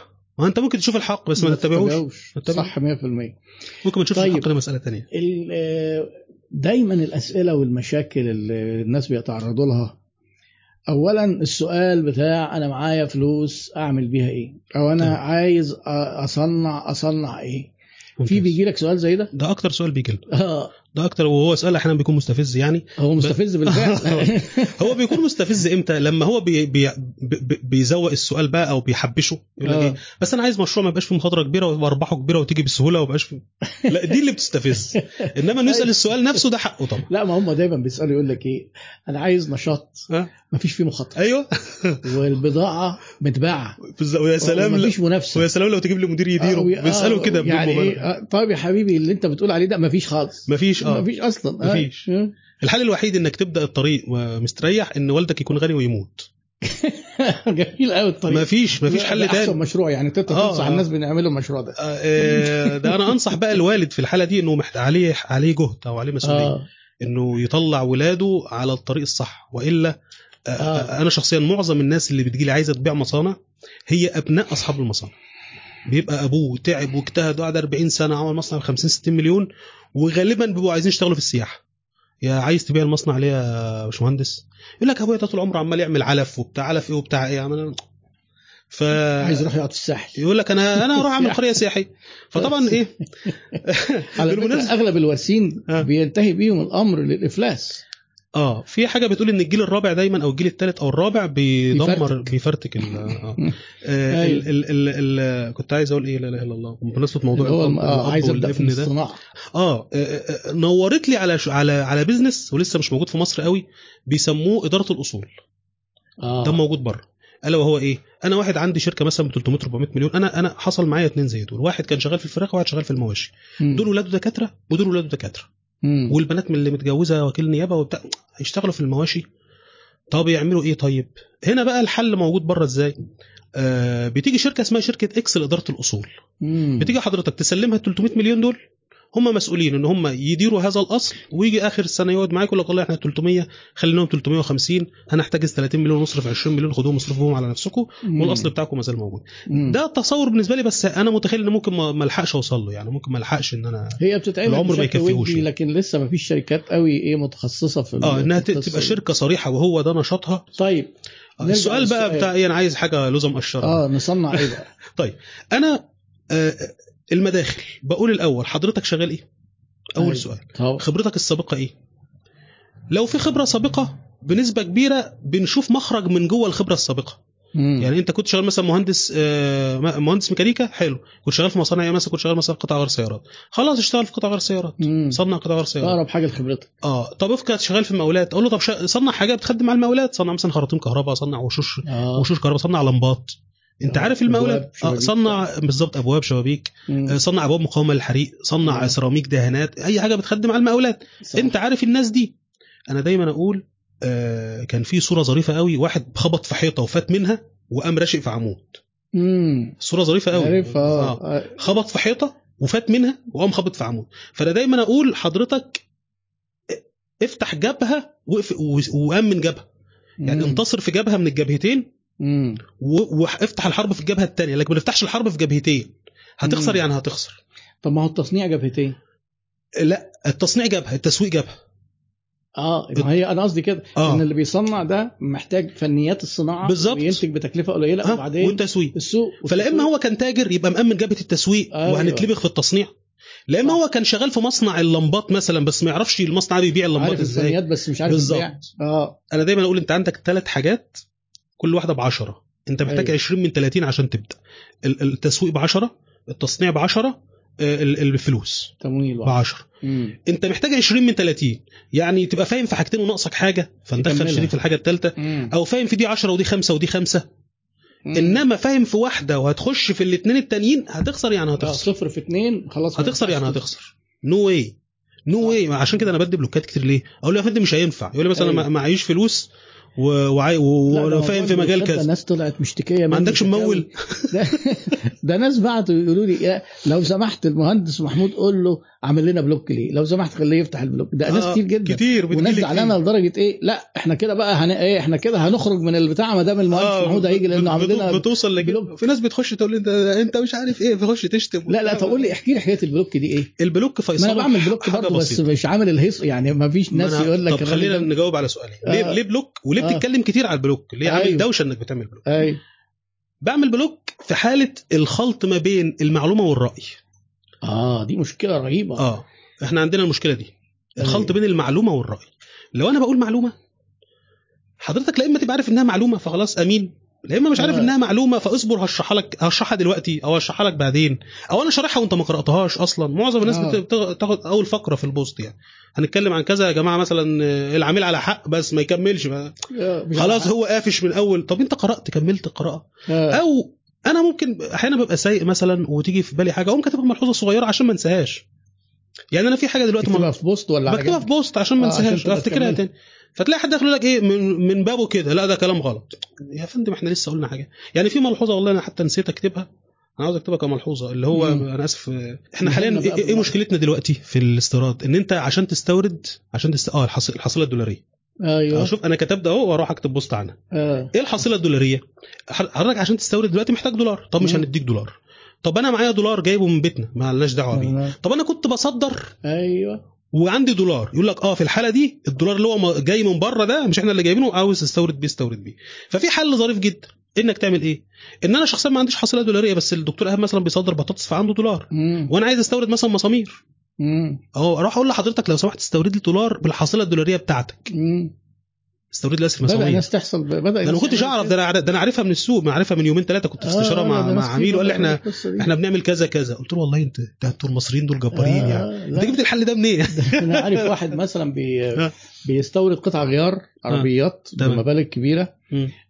قعد يفكر وعمل اتصال بكل علاقاته الناس اللي بره والشركات يصدر إيه عشان يجيب دولار يصدر إيه عشان. يجيب بيه دولار صدر ملابس في الآخر مثلا أو آه. يروح لحد بصدر ملابس آه. بس يبقى ثقة جدا لأنه هيجيب على اسمه هو ما هو لازم آه. يبقى من نفس آه يعني هو عايز يستورد هو مم. فلازم كان يصدر هو يصدر حاجة آه طب فمص... افرض إنك ما صدرتش أصلا لا مصدرتش بقى. ممكن تروح لواحد بيصدر. أيوه هي دي هي آه، دي الحصيلة بدل ما. الدولار هو يروح يحوله من بنك أو آه. لا خلاص، بيجيب الحاجة كأنه جايبها لنفسه. بره وهو الراجل آه. يديله جنيه يديله آه، بالجنيه. يعني أنا دلوقتي أنا بستورد بطاطس وأصدر بطاطس. هقوم مستورد مثلا شحنة مسامير في وسط مالك. أنا عندي أيوة بطاطا استيراديه نحقق. واستورد آه، مسامير. صح. وبعدين أروح أديها بقى للدكتور ايهاب اللي كان طالبها مني.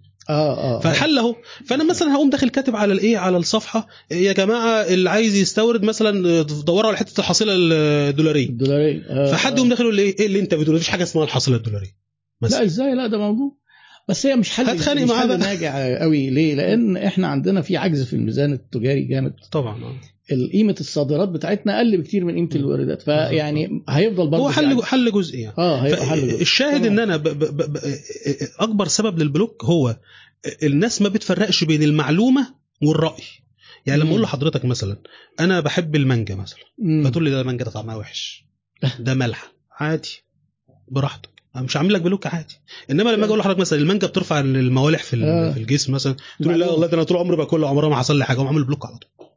مش هقول له بقى والله ده ده في تقارير بتقول والدكاترة بتقول يا عم أنا لسه اقعد أقول لك وتقول لي. في فرق بين الرأي الرأي الرأي. آه. يعني أقول لحضرتك مثلا إيه والله القميص الأبيض اللي حضرتك لابسه ده جميل جدا. ده ده رأي. تقول لي لا ده أنا أصلا بحب اللون الأسود. ده رأي. حضرتك الدنيا حر وطالع من البيت لابس قميص أسود. فأقول لك على فكرة القميص الأسود هيحررك. أيوه. هيحسسك بالصهد. تقوم تقول لي إيه؟ لا ده القميص الأسود حلو وما بيحررنيش ولا حاجة. يقعد يقوحك بقى. آه آه أديله بلوك على طول. إحنا بنختلف في إيه؟ في رأيي. آه. في راي أنت آه. حر جدا في رأيك. أنا أنا ببقى سعيد جدا لما حد يخش يشتمني أنا. ليه؟ لأن أنا قايل معلومة فدخل شتمني أنا. يبقى المعلومة تمام. حلو مش عايز منك حاجة بعد كده. مش المعلومه تمام بتعمل له بلوك برضه. لا بعمل له بلوك عشان هو ليه؟ ده بس أنا قصدي إيه؟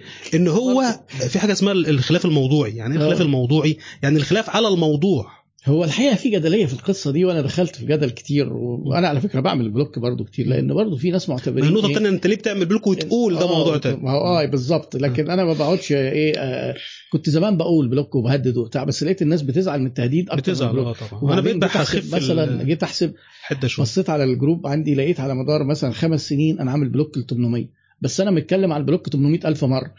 فالناس فاكرين إيه؟ إن إنها مجزرة. فقلت لا، لا, طب إحنا كده. إيه عاملين عامل أنا شو ليه بقى أنا بتكلم عنها كتير؟ آه. علشان الناس اللي هي في مرحلة الاستفادة تخاف فما تتكلمش فتستفيد.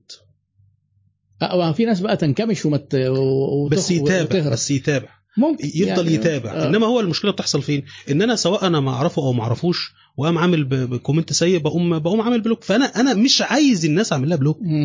يعني أنا في النهاية برضه أوضح لحضرتك حاجة. أنا عندي أنا عملت حوالي 70 دراسة لحد دلوقتي. كل دراسة بعميل. وعملت استشارات حوالي مثلا 150 استشارة أو جميل. فكل واحد من دول بعميل. يبقى أنت كده في آه، عندك عميل ونشاط عميل. دفع دفع فلوس. آه طب. 200 واحد. آه. كم واحد منهم بيعلق على الصفحة؟ اتنين. المهندس أحمد من السادات والمهندس عز من دمياط. آه. اتنين اللي بيعلقوا من 200 واحد. والباقيين متابعين. ما بيعملش like أصلا. بس ومن يوم ما عرفني ما عملش like. آه وقابله يقول لي ده انت قلت في ال post الفلاني كذا وال post الفلاني كذا. الفرق بينهم مذاكر بس آه يبقى ده. معناه إن ال ال 70000 أو 60000 متابع اللي على الصفحة مع احترامي بس هو في النهاية يا سيدي لو عملت block لنصهم مش هيحصل مشكلة يعني في النهاية بس مم. أنا عايز إيه؟ أنا عايزهم يتعلموا لأن أنا عارف إن هو اللي في مرحلة ال business ما بيتكلمش في الصفحة ولا بيعمل like ولا comment آه، يخش على يقول أنا عايز. أعمل كذا بنكمل في الشغل مم، اللي في الصفحة ده بيتعلم أنا عايزه يتعلم مم،. فلما هو مش هيبقى عارف يعني أنا بايه أنا بحسسه إن محمود ده ما هيعمل بلوك على الفاضي والمليان طب هو عايز يتعلم فيعمل إيه؟ فما يتكلمش فيتعلم. يعني هي بتوصل في النهاية لفين؟ صحيح. إن الشخص اللي هو هذا قصدك إيه؟ طيب الشخص التاني بقى اللي هو ليمت ده هي هيتعبني وهيحرق دمي لأن أنا ب- ب- ب- باخد الموضوع بجد يعني. بس هم بيفيدوني أنا بعمل post ات توضيحية بعد كده. آه. آه ف- فهيتعبني وهيتعب الناس. وبعدين في مشكلة ثالثه برضو بعمل بسببها ال block ألا وهي إيه؟ حضرتك يعني مثلا واحد داخل امبارح آه، قام قايل إيه أنا عايز أعمل مشروع كذا وده الواتس بتاعي. قمت حذف ال comment بتاعه. ليه بقى؟ هيخش واحد ياخد الواتس بتاعه هو ويقول له تعالى أما أعمل لك المشروع. طيب الراجل ده لو محترم أمين مفيش مشكلة. طب لو هو نصاب؟ يبقى الصيدة بتاعه النصب دي بدأت فين؟ مم. عندنا. صح. عندنا لا أنا مش مستعد. أتحمل المسؤولية دي فمثلا. حد يخش يحط رقم التليفون بتاعه. يعني مثلا أنا بشير من عند حضرتك بشير من عند الدكتور حسين بشير من. عند الدكتور محمد الباز بشير من عند المهندس خضر بشير من عند الأستاذ خالد الشافعي و... و... وآخرين ليه طب ما مش ممكن واحد يسيبني ويروح للدكتور إيهاب والفلوس كانت هتجيلي أنا. راحت للدكتور إيهاب. ما تروح بس هو يروح الدكتور مش هيضره. مش هيضر مم. لكن هو لو دخل سين من الناس قال إيه طب تعالى عندي وده رقمي وتعالى وانضر مم. يبقى اذا أنا بدعي إن أنا بحافظ على ال ال ال ال الناس الموجودة إنها تتعلم. بينما الناس اللي داخلة عشان ال business أصلا هو يعني بيستفيد بس من الصفحة. أنا كتبت عملت فيديو طويل مرة مهم يعني بعتبره من أهم ال post ات اللي عملتها وعملت فيديو بعد كده اسمه مراحل العلاقة مع العميل. مم. مرا... هو ست مراحل أنا بشوف إن هم ستة. حضرتك اتكلمت بعد كده عن درجات خدمة العملاء. إنما أنا بتكلم افقيا آه. المراحل بتاعتنا. طب بتكلم عن زمنيه لا آه الدرجات انت بتتكلم عن درجات إيه راسيا؟ مين أحسن آه. من مين؟ أي. لكن العميل أول حاجة إنه يعرفك ده أول مرحلة. آه اللي هو awareness. الاويرنس يعرفك. بعد ما يعرفك مش هيشتري منك. محتاج يجربك. مم. يجربك أو يقيمك. أنا آسف يقيمك الأول. يقيمك يعني يقيمك من غير ما يدفع. مم. وبعدين يجربك يعني يجربك يبتدي يدفع مم. وبعد ما يجربك يبتدي هيثق فيك التجربة بعد كده آه تنجح يثق فيك. بعد كده مبقاش محتاج يجربك كل مرة تعمل له خلاص. مثلا آه. دراسة مبدئية كل مرة لا خلاص تاني دراسة يبدأ على طول في المرحلة الخامسة هيرشحك لحد تاني في. المرحلة السادسه هيحبك مم. هيحبك اللي هو ممكن يوصل انه يشتري الحاجة بتاعتك عشان بس يفيد الدكتور ايهاب أنا بحب أنا في ناس بتقول لي مم. أنا أنا قعدت في الجلسة دي الفلوس اللي أنا دافعها في جزء منها على الاستفادة اللي أنا استفدتها منك قبل كده كتير جدا بتحصل آه، جميل فيقول لي مثلا والله حتى لو لو الجلسة دي يا سيدي أنت عارف لو أنت مثلا بتاخد X مم. لو أنا شايف إنك تستاهل نص X أنا سعيد بالمبلغ اللي أنا دفعته مم. ممكن حد استفاد من حضرتك أنفع الدكتور إيهاب إزاي دي مرحلة يحبك. فالشاهد الصفحة بالنسبة لي بتاخد مرا- مراحل إيه ال awareness. والتقييم. اللي بتاع التقييم اللي هو already عنده فلوس وهيشتغل ما. بيعملش comment مم. فما فيش مشكلة بتحصل من موضوع البلوكات. طيب بعد ما آه، آه، الراجل اللي جاي لك أو بيكلمك بيقول لك أنا عايز أصنع عايز فكرة. وأصنع إيه آه فبنقول لهم آه. هنفترض إنك وصلت معاه لشيء ما عايزين نقيم هذا الشيء بقى آه قبل ما نشتغل عندنا موازين بنوزن عليها موازين المنتج اللي أنت هتعمله ده زي ما قلنا الأول تكون أنت مأمن جبهة من جبهتين مم. ولو مش مأمن جبهة من جبهتين هنقول تتعامل إزاي مم. يعني افرض أنا أنا لا أعرف لا التسويق ولا التصنيع ومعايا فلوس تجيب ناس أشتغل إزاي آه. ليها تسلسل. هنتكلم عنه طيب عندي فكرة منتج إكس ببتدي أقيم المنتج ده بناء على بعض المعايير.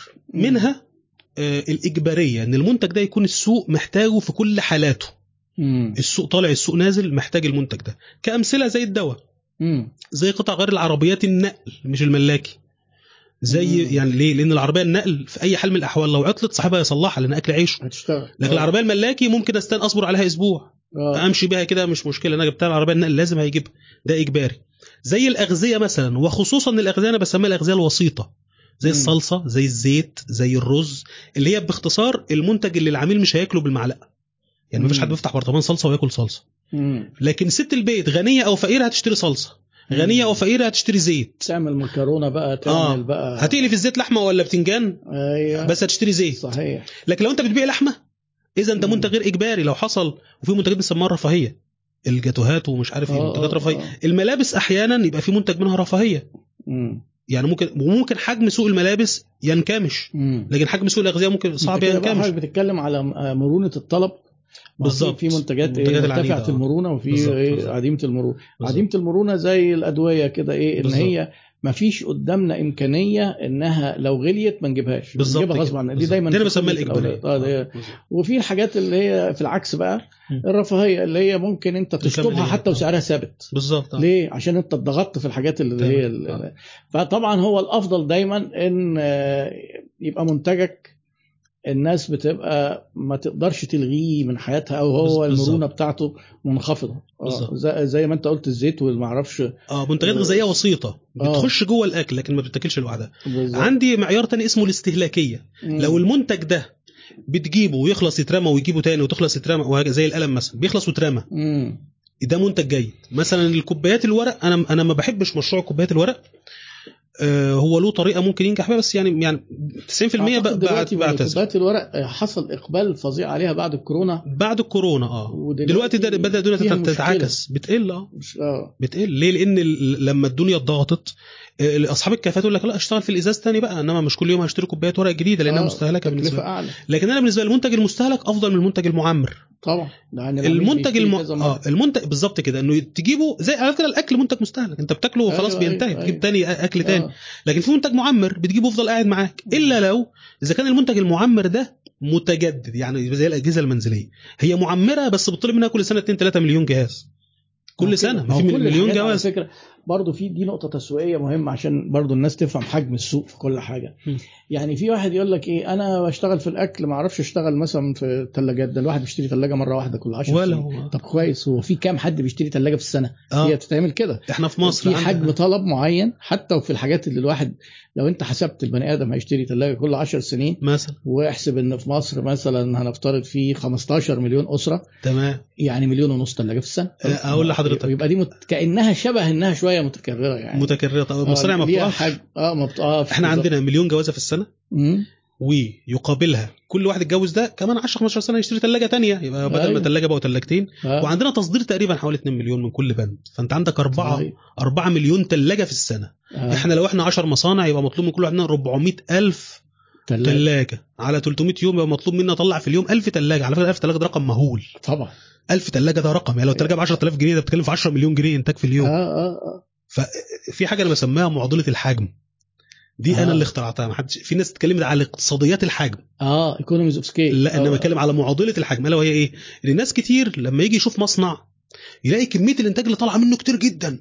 فيقول يا الحاجة دي هتتباع فين؟ مين هيستهلكها؟ آه. هو مش متخيل إن السوق يستهلك ده قد ده 10 مرات. طبعا. اعمل مصنع بس وانت يا رب تلاحق على الطلب. ناس كتير تقول أيوة. إيه يعني أنا مثلا هعمل مصنع رز هبيع 20 طن رز في اليوم. أبيع لمين 20 طن رز في اليوم؟ ادوم فيه يا فندم ده 20 طن ده يتاكلوا في شارع. هو معضلة الحجم إن بيبقى متخيل إن آه آه يعني لما أجي أقول لحضرتك مثال مثلا.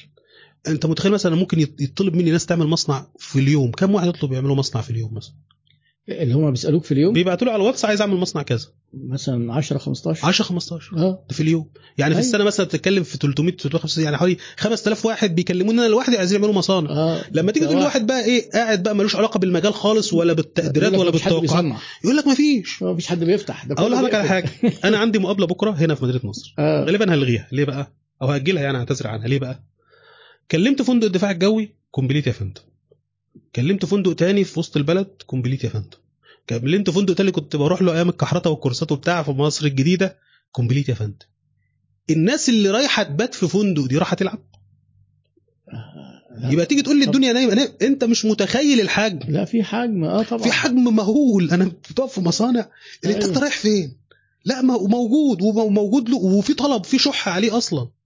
فاللي بيبقى جاي يعمل مصنع في الأول بتبقى عنده معضله الحجم دي. إنه آه. متخيل إن أنا يعني أما أعمل مصنع قمصان تقول لي اعمل لي في السنة نص مليون قميص. أبيع لي مين نص مليون قميص يا فندم؟ نص مليون.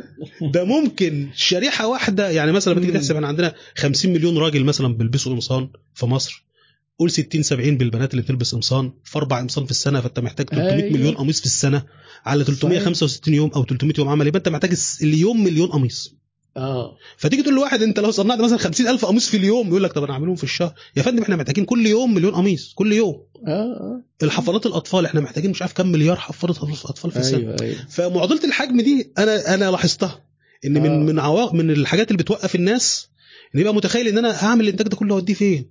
أجي مثلا آه. في الأجهزة المنزلية أقول له أنت محتاج تعمل من 50 ل 100 ألف جهاز في السنة عشان تعمل مصنع. في حاجة بنسميها ال break-even point يعني أقل من كده مش هتكسب.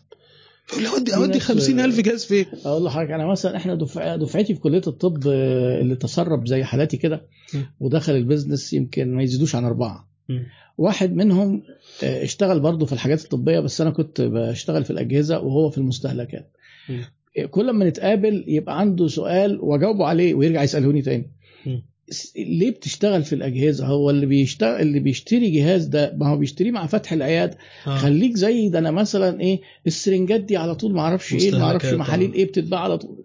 كل مم. يوم بيشتري الناس قلت له طيب هو مش كل سنة في ناس بتتخرج بتفتح عيادات. بالظبط. أنت دلوقتي الجهاز ده هي دي معضله الحجم آه هي دي. هي دي. بالظبط. إنك أنت في. عندك في في كل تخصص في آلاف بيفتحوا كل سنة وفي بالظبط. واحد فاتح بيفتح تاني بالظبط فيعني ليها حجم, حجم طلب كبير جدا مستمر الناس ما آه. بتبقاش متخيلة الحجم ده ودي من الحاجات العواقب اللي بتوقف الناس قبل بداية الشغل وده يمكن بيضلل بعض الناس يجي يفكر يقول لك إيه أنا أشتغل في السوبر ماركت الأكل ما آه. بيخسرش لا تمام. بيخسر رغم. إن هو كل. كل حاجة بتخسر. كل حاجة بتخسر مش عشان يخش جواها كتير يعرف تخسر إزاي لا يقول لك ما اشتغلش في حاجات إيه تقيلة. آه، اجهزه كهربائيه ما أعرفش إيه، لا دي تقيلة دي دي تقعد عندي وتخسر. على ما إمتى فين؟ على ما اشتري ثلاجه ما هو ده آه، برضو برضو اللي ما بيدرسش بيبقى آه. شايف الأمور بقصور شوية. كل سوق فيه الطريق الصحيح والطريق الغلط كل سوق أيوة، صحيح. آه، فاحنا لو بنتكلم برضو حد لسه بيسأل في الفكرة فقلنا له المنتج يبقى إجباري. طبعا ومش شرط يبقى ممكن يبقى منتج مش إجباري وأنجح فيه برضه أيوه. ويبقى منتج غير مستهلك أو معمر وأنجح فيه برضه. من المنتجات ال ال يعني في بعض المجالات كده أنا بحبها. عندك مثلا ملابس ما يخص النساء عموما استهلاكهم أكبر من الرجاله ما يخص الأطفال استهلاكه إجباري. طبعا. أي حاجة بتتباع في الصيدلية وهي مش دواء. أي حاجة آه. بتتباع في الصيدلية مكمل غذائي سرنجه مستلزمات يعني آه. بس ما هيش دواء لأن الدواء هيدخلك في زي بقى الشامبوهات آه شامبوهات مستحضرات تجميل. م- منظفات ممكن آه الحاجة اللي تلاقي سوبر ماركت كبير عاملها باسمه آه. باسمه ده منتج كويس. لأن هو من جوه ال control من جوه المبيعات.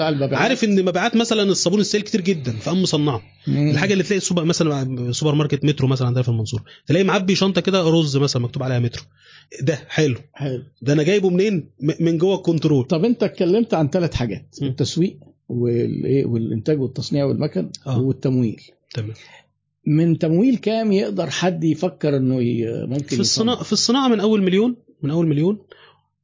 وأكتر من كده يعني معظم الدراسات اللي اشتغلنا عليها من 2 ل 3 مليون معظم الدراسات آه أنا سمعت لك فيديو على ما أتذكر إذا يعني صحح لي إن أنت قلت تقريبا اللي بيتكلم في الصناعة أقل من مبلغ كذا أتذكر إنه مليون ده مش شغلي يعني آه ما أنا ما بشتغلش فيه لاسباب أيوة. لأسباب لأسباب آه، ممكن أشتغل فيه. في حاله واحدة أقول على هل. معنى كده يعني أنا مثلا من المعارض الصناعية الواحد حضرها سواء في بره مصر أو مصر أو كده والواحد بينزل مثلا كان يشوف خطوط إنتاج يجي يقول لك مثلا إيه تعبئة الأغذية الجاف المكنه من أول 3000 دولار و4000 تمام. طيب ما هي دي في أنشطة كده آه آه، دي, دي. استثمارات آه، ليه- أنشطة إعادة اللف مثلا أنشطة ممكن تكلف 200 300 ألف إعادة اللف يعني آه. يجيب فويل مثلا ويلفه على بقره صغيرة تكلم في 200 300 ألف أنشطة الكوبايات تكلف 300 طب إيه 400. بقى ليه, ليه ليه أنا ما حضرتك لما ذكرت المبلغ حطيت حد أدنى طيب مليون مع إن فيه آه، آه. أنشطة ص- يعني المكن اللي بيعبي برضه توابل ما أعرفش ك... آه، تمام. آه، برضه مكان آه، مكان التعبئه ممكن تلاقيه من 100000 ل 200 300 أهو. 400 ألف. آه ما هو طبعا اللي كان ب في- 3000 و في- 5000 آه، دولار زمان ده تلاقيه ده بالظبط بالظبط. إيه إيه إيه بقى وجهة نظر حضرتك في النقطة دي؟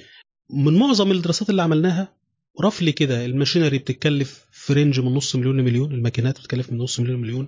الرقم الغائب دايما. دايما وهو أهم رقم في أي دراسة جدوى هي تكاليف التشغيل المبدئي قبل ما تبدأ تيجي أول فلوس. بنسميها رأس المال العامل المبدئي. يعني حضرتك دلوقتي معظم الناس بتشتغل إزاي يا دكتور؟ معاه 3 مليون جنيه آه. يسأل عن المكن يقول لك يلاقي المكن ب 2 مليون يقول لك أمين أجيب المكن ب 2 ومعاه مليون للخامات. وقف. يروح يجيب المكن يلاقي نفسه صرف ثلاثة على ما عمل المصنع بالمكن صرف آه. ثلاثة يقوم واقف. معظم الناس الغلطة دي بالكتالوج بالحرف. يعني آه. يقوم واقف. فيبقى يبقى الأول أهم رقم هو تكاليف آه، التشغيل لحد ما تيجي أول فلوس. دي بنسميها رأس المال العامل. المبدئي. فحضرتك أحيانا كتير بتبقى دراسة مشاريع الرقم ده كبير. يعني مثلا تعبئه الرز مثلا. المكنه ب 500000 طب أنا معايا مليون. حلو. جبنا المكنه ب 500000 وصرفنا شوية همبكة كده في المصنع. مصنع صناعات غذائية وتعمل سيراميك في الحيطة وأرضيات ومش عارف إيه. صرفنا مم. 200 300000 بقى معاك 200000 المكنه بتعبي 20 طن في اليوم. 20 طن في 10000 ب 200000 جنيه. يبقى أنت محتاج خامات في اليوم ب 200000 جنيه. هتشتري خامات ليوم واحد تشتري مثلا ل 10 أيام فأنت محتاج 2 مليون جنيه خامات وأنت معاك 200000 جنيه. آه وبعدين يوم واقف بقى. مش هتقدر تسيل هتنزل للتجار وهتلاقي في أيوه ما عشان كده بقول لحد ما تيجي أول لحد ما فلوس تيجي الفلوس يعني أنت آه. جبت خامات ال 10 أيام صنعتهم بعتهم الفلوس هتيجي النهارده؟ لا. لا كمان شهر. طب الشهر ده تشتغل فيه 30 يوم في 20 طن ب 600 طن في 10000 جنيه ب 6 مليون جنيه. وأنت معاك 200000 جنيه. فهي الموضوع معظم الناس إيه مش أنتوا بتعملوا دراسات جدوى؟ طيب، ما حلو هو جدا. حلو اهو ما خلصت اهي على الورق. سؤال بقى بيطرح نفسه.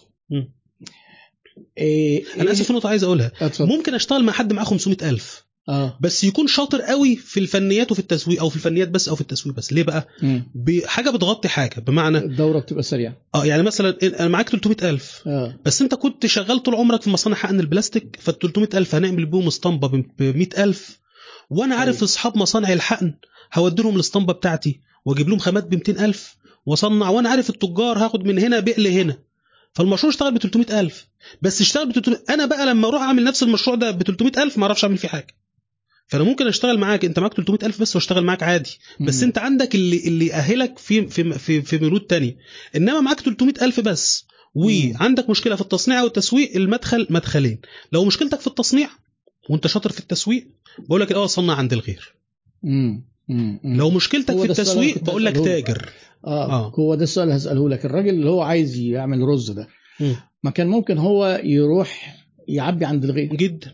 وقتها هو هيقلل مش هيجيب والغير هي... الغير هيقول له اتفضل أهلا وسهلا ومرحبا. ودي ما فيش حد شغال إيه بتقطع رأيك في البداية دي؟ طب ممتازة جدا. أذكى من بداية إنك ت... قبلها التجارة كمان. قبلها التجارة. قبلها التجارة. آه إيه الفرق بين التجارة والتصنيع ده الغير؟ هو اسم ال brand.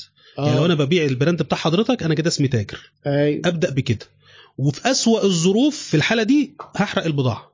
في أسوأ يعني أنا يوم ما ألاقي إن الدنيا ده طريق يعني مسدود يا ولدي آه. هحرق البضاعة بسعر ما اشتريتها. آه. التجارة. حلو. إمتى أعمل brand بتاعي لما أحس إن أنا بقيت عارف أبيع طن واثنين وثلاثه وعشرة وعشرين؟ نعم.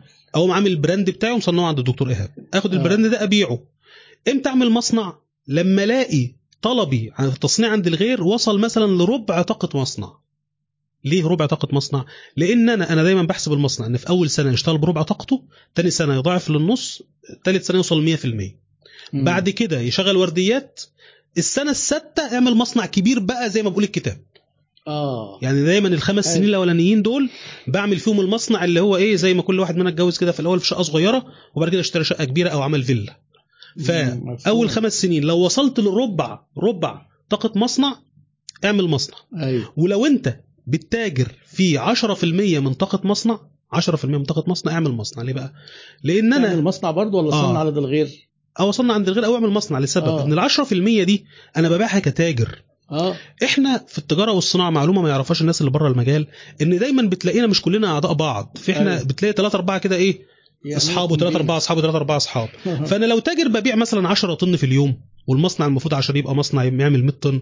لو أنا تاجر وببيع 10 طن في اليوم كان كتاجر. ليا 3 4 أصحابي هميل عليهم وادي لهم 10 طن برضه.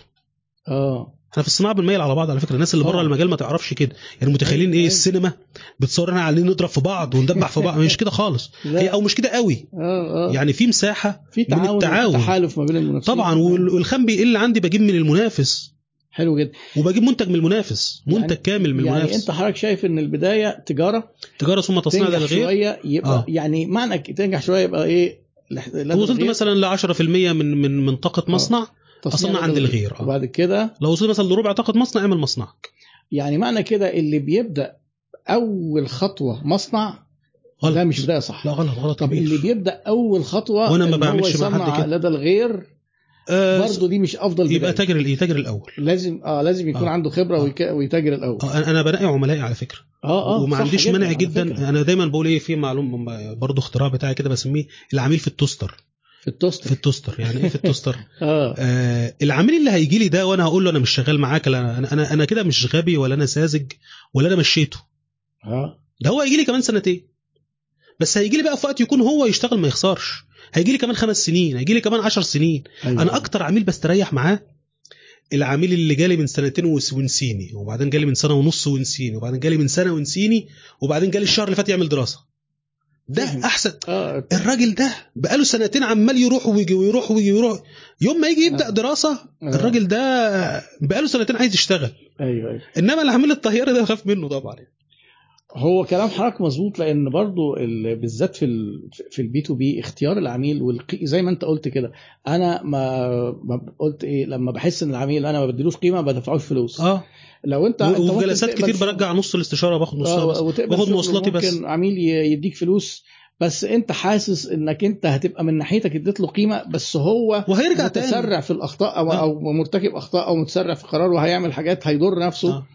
ففي الحالة دي ممكن الاعتذار لا بقول له ما ينفعش ما ينفعش يا. فندم غلط يعني أنا أنا أنا يعني إيه بس دي حاجة وإن العميل خسارته مكسب حاجة ولا رأيك لا إيه؟ لا ما أنا ما قلت لحضرتك ما أنا ما خسرتوش مفهوم مفهوم أنا أنا حطيته بجيب رجلك بس على الويتنج. نتكلم في العميل لا لا لا لا ولا لا. مش على حق لا العميل على حق طبعا قولا واحدا والله يعني. حضرتك ال- الفيديو اللي عملته اللي هو الأخير بتاع الأربع استثناءات آه ده بقى اللي اسمه الاستثناء اللي يؤكد القاعدة إن أيوة. العميل مش على حق في أربع حالات بس أيوه هو على حق كل حاجة يعني عندنا. مليون حالة طبعا. في منهم أربعة استثناء لأن دايما كان اللي بيهاجم يهاجم فين؟ بيضرب في النقطة دي يقول لك يعني يجي يشتم البنات عندي وأنا أقول له العامله وعلى يا سيدي فكرة ده- هو مش على بيبقى. بيعامل الناس المحترمين؟ غلط برضه وهو بيض...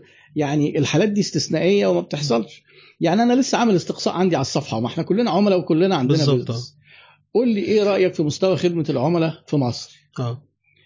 وحطيت خمس اختيارات. سيء جدا أقل من المتوسط متوسط آه، جيد ممتاز. لا سيء جدا. آه، أنا ما أعرفش انت شفت الاستقصاء لا ما ولا لا. شفتوش بس هو سيء جدا. آه. ده أنا أقول لحضرتك على حاجة ثانية 95% قالوا سيء الاثنين مع بعض. آه. حاجة و70 سيء جدا مم. وحاجة و20 أقل من المتوسط 95% قالوا إن هو سلبي. آه. محدش قال متوسط حتى لا يعني. لا. طيب هل بقى كلنا لما بنعاني بنبقى إحنا في الأربع حالات؟ كلنا عايزين نرتكب جرائم كلنا ما أعرفش نبقى متحرشين كلنا نصابين. أنا جالي عميل من أسبوع أها. كلمني من حوالي شهرين وقال لي أنا عايز أصنع ملابس. أنا ما أيوة. بحبش الملابس ما برشحهاش. أي حد يصنع أقول له صنع قماش. ما والله تصنعش ملابس لا آه اديني تفسير. الملابس تشتغل فيها إمتى؟ لما آه. تكون بقالك 10 20 سنة عمال تتمرمط في وسط المصانع؟ أيوه. و... وعلى فكرة اللي بيعمل كده بيتمرمط تاني لما بيعمل مصنعه الشخص كمان يعني. برضه. صناعه آه. مرهقة جدا مدخلاتها كتير ومنافسينها كتير وفيها موسمية وفيها ذوق. تتقبل ولا ما آه، مخاطرتها عالية جدا. مشكلة كبيرة جدا. عشان كده لما يجي حد يقول لك إيه ده ده, ده أنا جايب البتاع دي ب 800 جنيه ده هي ما تسواش إلا 200 جنيه. آه. هي هو كسبان فيها 50 جنيه. آه لأن في جنبها كام واحدة وقفت كتير جدا. حاجات. بتعطل وحاجات بترجع آه. ومشكلة كبيرة. أنا أنا رحت كان صاحب مصنع بيحضر معايا مرة كورس قال لي أنا نفسي وبحلم أشتغل زي بتوع البقاله هي الجبنة آه. ما بتتغيرش هو الزيت ما بيتغيرش. قال لي ده إحنا ما بنلحقش بنلاقي التوسع بالانكماش آه. نيجي نصنع منه كمية يقف. أيوة. ما- بنلحقش. مشكلة أنا ما قعدتش مع صاحب مصنع ملابس. أنا طبعا الطبيعي إنك بتقعد مع حد بيشتكي لأنك رايح تديله استشارة. آه. بس بتوع الملابس بيشتكوا شكاوى اللي هي. إيه يا فندم سيبك من المجال ده بقى. سيبك من المجال ده أنا آسف يعني. صح كلامك مظبوط. أنا رحت لصاحب مصنع في أبو النمرس صاحب آه. مصنع ملابس. قال لي فاحنا قاعدين كده فهو قاعد مزاجه حلو يعني. آه. قال لي ما هو كده كده الشوط وضاع علينا. أيوه. إحنا كنا فين؟ في الصيف. إحنا كنا في شهر هو سبعة أو ثمانية آه. قال لي خلاص بدنا قاعدين يا هندسة خلينا نقعد ندردش. هو كده كده الشتاء ضاع علينا. كان عندي قماش قطعته. ده دي الكارثة الثانية إنه جاب القماش وقطعه والدنيا وقفت معاه أسبوع ولا أسبوعين. لو اشتغل فيه دلوقتي هيخلص مثلا في شهر 10 اللي هو زي دلوقتي الشتاء ضاع علينا لأن هو آه. بينزل إمتى؟ آه. في 8 مثلا. ده هم بيجيبوا بنات تصور الشتوي في الصيف وتصور آه، ال- الصيف- الصيفي في الشتوي بالظبط. يعني البنت اللي لابسة آه، بتاع كات ده مش مصوراه في عز التلج. آه. في شهر يناير. أيوه أيوه. والعينات بتنزل مثلا في شهر 3 ولا 4 عشان في الصيف في شهر 6 تشتغل. في صناعة مجرمة يعني. آه فقلت له يا فندم لا سيبك من الملابس إلا لو هتصدر. ده الحل الوحيد آه. الاستثناء الوحيد في الملابس. قال لي حلو مش هو الحل إن أنا أصدر؟ طب أنا اصنع ملابس وأصدر. صعب جدا برضه. قلت له طب حضرتك أنت عندك مصنع؟ قال لي لا. قلت له أنا برضه هقول لك ما تبدأش تعمل مصنع صنع عند الغير. قال لي حلو اصنع عند الغير وأصدر. قلت له ما ينفعش تصنع عند الغير وتصدر لأن الغير هيجي يعمل زيارة لمصنعك. أيوه. قام قايل لي إيه؟ تمام ده من شهرين. رجع لي من أسبوع بيقول لي إيه؟ بقول لك إيه هندسة؟ أنا اتفقت مع واحد أمريكاني ولا ألماني ولا مش فاكر قال لي إيه؟ إن أنا أصدر له. قلت له آه. تصدر تصدر له إزاي وأنت ما عندكش مصنع؟ قال لي ما ده اللي أنا عايز أكلمك فيه. أنا عايزك تشوف لي واحد صاحب مصنع ملابس زميلك صديقك وهروح أقعد يوم ما الراجل الأمريكاني ده هيجي هاخده في إيده هيجي لي على المصنع أنا هقعد على مكتب مدير المصنع. هنعمل مسرحيه يعني. آه. وهنشيل يافطة المصنع من بره بدل الحاج حسنين للملابس يبقى الحاج محمدين للملابس. قلت له ده اسمه تدليس حضرتك. آه ده راس رسمي إزاي وما إزاي شيء طب أنا هقول لك على حاجة. أنا أشتغل أقول له إن أنا مدير التصدير بتاع المصنع. كذب برضه. ما هو كذب برضه. أهو ده مش على حق. طبعا. العميل ده مش على حق. بالنسبة لك ده مش علاء ما هو آه ده طبعا. طالب دي جريمة. انك تساعده في جريمه ارتكاب جريمة وفي التدليس. بالظبط. بيجي عميل يقول لي أنا عايز أعمل كذا. بقول له كذا غلط يا فندم. آه. غلط فنيا يعني مش هيعمل جريمة بس غلط فنيا. غلط ليك مش مصلحتك. يا فندم مش من مصلحتك. طب هل أنا في الحالة دي أقول للعميل لا مش مش على في الحالة دي استشارة. لما أنا اديت مثال بيها. ده نموذج الاستشاره الدكتور يقول له إيه اعمل لي كذا يقول له لا ده مش صح طبيا. آه. يقول له لا أنا على مزاجي كده على لا مش مزاجي. على مزاجك. اعملها على مسؤوليتك. على بالظبط. آه، أنا عندي عميل بقالي شهر بتخانق معاه شبه بتخانق. والرسائل بتوصل أحيانا لحدة إن إحنا يعني شبه هنشتم بعض خلاص. وأرجع أقول له أنا بحبك وجاي. أنا دايما إيه أضرب ولائي يعني. آه. آه، وأنا حاسس إنه برضو بعد الخناق ده كله هيعمل اللي في دماغه وهو غلط. بقول له هتخسر يا فندم هتخسر. يا والله الخسارة زي الشوكولاتة. يقول لي يعني إيه؟ أسهل حاجة في الدنيا إنك تخسر. زي. نزول السلم وطلوع السلم. مم. طلوع السلم صعب. لكن ارمي حاجة على السلم هتقع لوحدها. دي الخسارة. الخسارة. سهلة. مم. إنما ال- ال- المكسب صعب. فأنا بتخانق معاه في إيه؟ هو عايز يبدأ على سكيل كامل. يعني مم. عاوز يعني مثلا يجيب 10 أنواع من المكنات. مم. يا فندم صنع بالمكنة ده اهي ونقعد سنة وبعدين نجيب المكنة الثانية ونقعد سنة ونجيب. لا أصلا عشان أخد السوق هي نظرية إيه؟ ابدأ كبير يعني. وتبدا كبير ليه؟ طب هنا برضو في سؤال خطر على بالي. آه ليه رغم إن معظم الشركات الكبيرة زي زارا مثلا في الملابس معظم منتجاتها متصنعة بره ليه اللي بيصدر متخيل إن اللي هيستورد منه لازم يجي ويشوف مصنعه؟ ما أنا ممكن زي ما الصين كده بتعمل. أنت بتسأل الناس أنتوا trading company ولا أنتوا أنتوا شركة تجارية ولا شركة صناعية؟ هيقول لك تجارية الصادقين فيهم ودول برضو نسبة كبيرة. بس إحنا بنضمن لك ال quality بنقف معرفش بنعمل إيه بيبقى لنا دور بننفذ الكذا الخامات الكميات آه كويس يعني قول كده. في مجال تصدير آه. بشفافية قول مش كده. لازم نكذب ويقول مصنعنا والعالم كله فاهم إن في تصنيع بره وال outsourcing والكلام. بالظبط أنا أنا رحت المصنع على آه. طريق مصر اسكندرية الزراعي مصنع قديم شكله مم. مش ظريف بيعمل إنتاج عظيم جدا مم. وبيبيعوا لمصنع تاني يبيعوا باسمه آه. يعني أنا محمود عندي مصنع بصنع مثلا في اليوم 10000 تيشيرت مثلا بس ما عنديش بطاقة تصديرية واتكسف أجيب حد من بره يجي يشوف المصنع بتاعي مش هيرضى أصلا. آه. فبدي المصنع بتاع الدكتور إيهاب في العاشر بيحط في الكيس بتاعته. أصلا أنا ب- بس هو بحطه عنده مصنع برضه. هو عنده م... ده, ده عنده مصنع وده عنده مصنع. آه.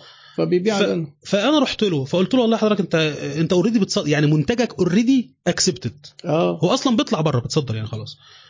بس لو جالك حد من بره مش مش هيرضى. بالشكل المصنع ده فنعمل إيه هنا. برضو فرق بين ده نصب ولا مش نصب قلت له حضرتك هتاخد front office مصنع في منطقة بنها الاستثمارية إزاز أزرق كده وإزاز فامي وبتاع وجناين و... وتحط هناك التغليف. والمكتب الإداري والعميل لما هيجي لك هيقابلك هناك يبقى انت ليك مصنع هنا في مم. الطريق الزراعي وليك front office بس, بس في عملية تصنيعيه العميل لما يجي. يشوف عملية تصنيعيه. والله إحنا بنصنع المنتج outsource في مصنعنا ومصنع غيرنا. العميل مش هيرفض. مش هيرفض اطلاقا. يبقى أنا كده تجاوزت حتة إن العميل هيشمئز من المصنع اللي شكله قديم. أيوه. وقابلته في مكان كويس بس ما نصبتش عليه. صح. ده منتجي أنا بصنعه صحيح. واغلفه قدامك والله بقى لما تشوف ال front office بتاعه وتشوف منتجي وعايز تيجي تشوف مصنعنا مش هيرفض ساعتها لأنه already عارف إن أنت دي سلسلة بتغذي بعضها.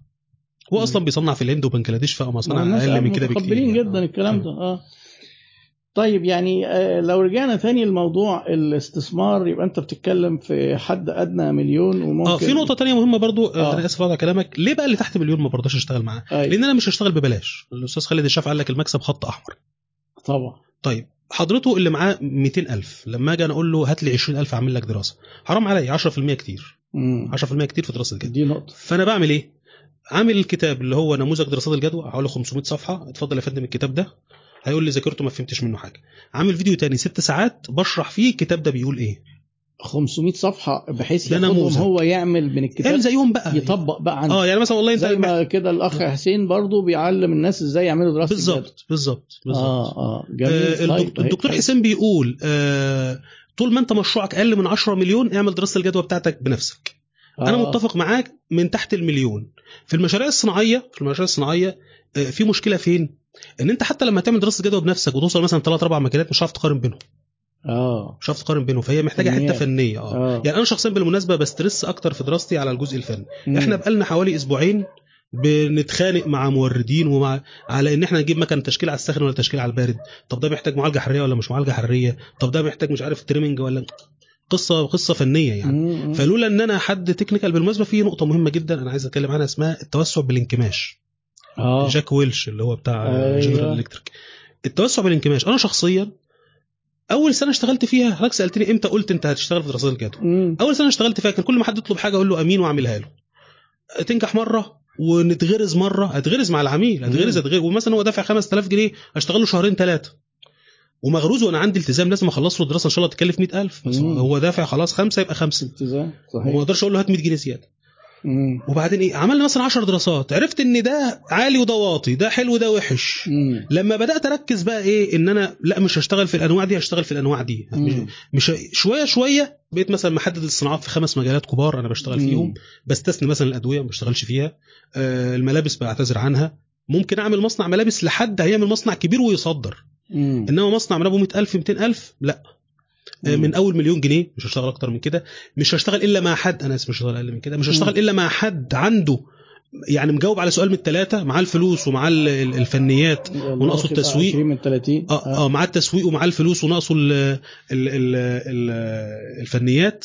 أيوه يوم ما أنا حطيت ال- المربع ده وقلت بره كده أنا آسف هو ده اليوم اللي يعتبر ده البداية.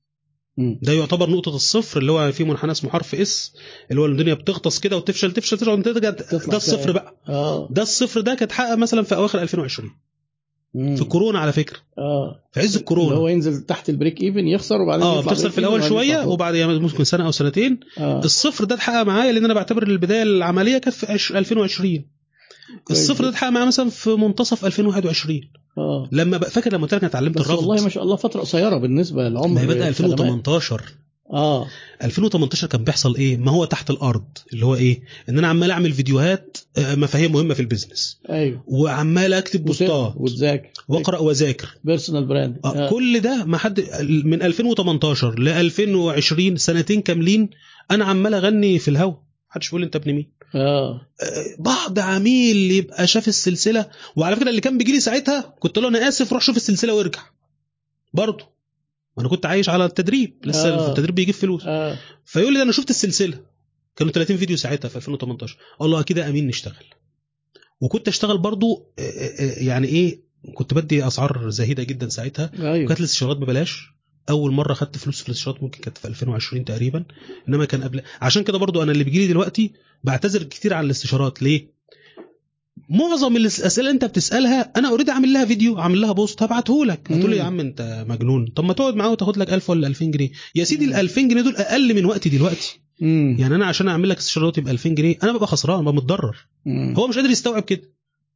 فأنا طب أنا عامل لها فيديو ساعتين تلاقي مثلا حد يجي يسألني إيه وعندنا مشكلة في الشراكة؟ أقول له بس لو سمحت شوف فيديو الشراكة وبعدين نبقى نرجع نتكلم. الشراكة. أنا عامل فيديو كامل اسمه الشراكة. واحكي لي بقى. آه ده مبني على بوست طويل عن الشراكة. سؤالي اللي جاي افرض واحد جه قال لك أنا واخد خمسة من 30 بس في معايا واحد شريك واخد 10 وواحد تاني هنجيبه بثمانية إيه رأيك؟ موضوع الشراكة أن تمشي وحدك تصل أسرع أن تمشوا معا تصلوا أبعد. الشراكه عظيمة. أن تمشي وحدك تصل أسرع توصل بسرعة بس أيوة. توصل لهدف صغير يعني. أن تم أن تمشوا معا تصلوا أبعد تحققوا هدف أكبر وهدف أعظم. آه. بس في مصر هنا الثقافة بتاعت الشراكة إلى حد ما ضعيفة شوية. آه. وأنا ما بحبش الشراكة اللي يبقى فيها عنصر من عناصر الش- الشراكة مستأثر ب أو يعني فرد من أفراد الش- الشركة مستأثر بعنصر كامل. دايما بتلبس بتلبس في الحيطه يعني واحد مثلا كل التسويق مع واحد. أو كل الفنيات مع واحد. كده بتلبس في الحيطة. يبقى واحد شاطر في التسويق بس إحنا بنعمل مؤسسية برضه. أنا عندي فيديو اسمه المؤسسية. إحنا بنعمل مؤسسية. يعني أنت تبقى شاطر في التسويق بس هتنقل معلومات التسويق دي للشركة ويبقى كل الشركاء شايفين الداتا بتاع العملاء وشايفين المبيعات وشايفين ال... أنت شاطر في الفنيات بس كلنا خلال يكوش. آه. ما يستأثرش بنقطة. ما. بيناش شركاء كده. ما. شركاء. فالشراكه حلوة ولا وحشة؟ آه حلوة. تنصح بها ولا لا؟ لا. فعلا. آه يعني وبالمناسبة في مشكلة برضو بالنسبة لنا إحنا كاستشاريين يعني إن أنت دايما بيجي لك الصورة السلبية. أنت دايما ما حدش بيجي لك إلا ال- إنما أنا شفت شراكات جيدة. أنا شفت شراكات جيدة. يعني ممكن 10% من الحالات اللي اتعرضت عليا وتبقى مستغرب. أنتوا متفاهمين إزاي ربنا يا رب يديم عليكم التفاهم يعني. بس هو معظم اللي بيحصل قدامي وطبعا أكبر سؤال بيجي في الامتحان يعني هو إيه؟ الشراكة ما بين رأس المال والف- والفنيات اللي هم بيسموها الشغل بالمجهود يعني آه آه، الحل النهائي بتاعها لازم كلها بتوصل لنقطة إن الراجل صاحب الفلوس بيتعلم ويمشي الراجل بتاع الفنيات فأنا أقول له إيه يعني دايما واحد. معاه اللي هو بيقول له شريك بالمجهود أنا معايا آه. مليون جنيه وأنت بتفهم مثلا في تعبئه الرز فخلال سنة اشتغلنا خلال سنة بقيت أنا فاهم الرز بتجاب منين الأكياس بتجاب منين آه، خلاص حضرته ده ما- بيعملش حاجة. ما أيوة، بيعملش أيوة، حاجة. أيوة. فدايما ده الحل النهائي بتاعه فأقول له حضرتك اشتغل بمرتب كبير مم. وحوش منه جزء كبير يكفيك إن أنت بعد سنة وسنتين. لما أخينا ده يقول لك أنا مستغني عن خدماتك يبقى معاك فلوس ساعتها رأس مال تكفيك إنك تعمل الشغل الخاص بتاعك. آه لو من الأول على كده آمين. من الأول على كده إحنا ما إحنا الشركاء إحنا أنا في واحدة مكلماني من من يومين ثلاثة بتقول لي إيه أنا في واحد هيخش معايا بالفلوس بس ياخد قد إيه؟ نسبة قد إيه من الشراكة؟ هيخش بالفلوس بس. فطبعا حاجة التعبير بتاع هو بس دي. أنا أعمل كل حاجة هو آه، يخش آه، بالفلوس بس. آه، قلت لها هو ياخد 100% من الشراكة ال 100% من الأرباح. قالت لي إزاي يعني؟ قلت لها هو ياخد 100% من الأرباح وحضرتك تاخد مرتب. إزاي ومز... هو ياخد 100% بس برضه؟ آه 100% بس صحيح. وأنت تاخدي مرتب. أنا- أنا شخصيا والقانون المصري بيقول كده إن قيم الشراكة بتحسب على القيم الملموسة فقط. فلوس أرض آه. مبنى مكن عربية القيم الملموسة فقط. القيم اللي هي غير ملموسة لا ممكن تتقدر بقى براتب. آه. ياخد راتب. والمهندس خضر قال حاجة ظريفة. قال لك راتب وممكن ما يتقبضش كله والجزء اللي ما يتقبضش يدخل بيه وكأنه هم. عندهم تقسيمة مختلفة. عشان كده أنا دايما آه، لا يعني آه. كنا بنتكلم على الشركات التقليدية. إن هو في إزاي تتقسم يعني افرض مثلا واحد خبرته هيشتغل مثلا مرتبه هيساوي 30000 جنيه. تمام. فيقول لك طيب أنا 30000 مش قادرين نديك ال 30000 إحنا لسه بادئين وما بنكسبش. آه أنا هاخد 10 وال 20 دول أنا آه. إيه مؤجلين ويقيموا إن هو نسبتهم كذا. كأنهم حصة اضافيه يعني ممكن. آه، مم. ممكن يبقى حل يعني. طب لو جه واحد معاه فلوس وقال لك إيه أشارك واحد يدير ولا أجيب مدير عنده خبرة؟ طيب اللي معاه فلوس ده يتاجر. طب افرض ما بيعرفش يتاجر كمان يعني. مم. يتعلم التجارة في حاجة صغيرة. مم. يتعلم التجارة في, بايلوت كده مشروع صغير مثلا أنا. معايا مثلا 10 مليون جنيه. مم. يتعلم التجارة في مشروع بمليون جنيه. مم. أنا دايما أقول المفروض إحنا طبعا عندنا موضوع المخاطرة المحسوبة. أنا شخصيا ما بعترفش بكلمة المخاطرة المحسوبة. بمعنى بمعنى ما لحظة المخاطرة ما فيش فيها محسوبة. المحسوبة ده كل ما قبل المخاطرة. كل ما أيوة، قبل المخاطرة أيوة، ده حسابات. صحيح، أيوه. وقت التنفيذ لازم تكون تقدر تخسر كل الفلوس اللي معاك. صح. يعني أنا لو معايا 10 مليون لو هعمل بيهم مشروع يبقى أنا مستعد أخسر. الدكتور حسين قال جملة عظيمة جدا بس ما حدش خد باله هو ت- تقسيمتها إيه. قال ما تاخدش فلوس للتمويل من بره يعني تشغل فلوس ناس بأكتر من رأس مالك. قال آه. ليه؟ افرض إن أنا خسرت كل فلوس الناس دي. هعرف اصير ما أنا معايا رأس مال أنا. هسيله وادي لهم فلوسهم وأبقى أنا مفلس؟ صح. بس ما حدش له حاجة عندي. يعني أنا معايا دلوقتي. مثلا مليون جنيه. هاخد من حضرتك مئة ألف ومن الأستاذ مرزوق مئة ألف مم. لحد ما يبقى معايا مليون جنيه على المليون بتوعي ونشتغل مم. لو لقيت المليون ب... لو لقيت المشروع خسر نص راس ماله يعني خسر فلوسكم كلها هبيع أنا المليون اللي متبقي واديكم فلوسكم وأبقى أنا قاعد على الحديده وأنا مزاجي حلو. آه وبرضه بقول في الشراكة إن ما حدش يزيد عن التاني بواحد ونص أو ب 150% يعني لو أنا معايا مليون ما دخلش معايا الشريك ب 2 مليون يخش معايا الشريك بمليون ونص وإلا هندخل في ما يسمى حقوق الأقليات يعني هو هيشوفني قليل فيبتدي آه. هو يستأثر بالرأي هو حاطط 10 مليون وحاطط مليون أنت بتتكلم ليه؟ آه لا فإحنا لو 10 شركاء يبقى واحد حاطط مليون وواحد حاطط مليون ونص وواحد حاطط مليون وربع وواحد حاطط 900000 لو واحد حاطط 2 مليون يبقى قصاده أبو مليون ونص يوزنوا بعض إنما آه. واحد حاطط 10 وخمس شركاء كل واحد حاط له 200 300000 هنتظلم. هنتظلم وعلى. فكرة عنده حق لأن يوم ما هنيجي نخسر. أنتوا هتخسروا 10000 من ال 200000 بتوعكم وأنا اخسر مليون على بعض. فموضوع الشراكة جميل جدا. إحنا محتاجين في مصر ان إحنا ننمي ثقافة الشراكة. بتتنمى إزاي؟ بتتنمى organic. يعني إيه organic يعني ببقى أنا وانت اصحاب في الكلية بنذاكر مع بعض بنطلع نشتغل شغلانة صغيرة مع بعض بنفهم بعض انت شاطر في التسويق أنا شاطر في الفنيات. شوية شوية بنشتغل مع بعض شوية شوية جبنا مكنة شوية شوية بقينا من بي... بتلاقي اتنين بقاله مثلا 20 سنة شغالين مع بعض. آه دول مفيش آه. مشكلة. طيب هنبدأ نعمل مصنع اتفضل منطقة صناعية ولا مش منطقة صناعية ومنطقة صناعية إيجار ولا تمليك تمام إيه، منطقة حرة ولا منطقة منطقة صناعية عادية. يعني آه. يعني إيه تمام وهل الموضوع آه، سهل في إن أنت تبدأ كإجراءات وتراخيص وحاجات تمام. زي كده وهل في حاجة أسهل من حاجة آه. وأماكن أسهل هو مبدئيا؟ سهل على المستعد آه آه، يعني ودي- معظم الناس اللي تشتكي- بقى التفاصيل آه، والشيطان في آه التفاصيل. ناس تشتكي تقول لك إيه؟ آه الإجراءات صعبة الأرض غالية اللي مش عارف إيه. ولا حضرتك انت الأرض غالية بكام؟ يقول لي ب 10 مليون جنيه. طيب آه. يا سيدي أنا هدفع خمسة من معايا. أنت معاك خمسة؟ يقول لي لا. آه. أمال أنت بتتصرخ ليه؟ يقول لك الأرض غالية.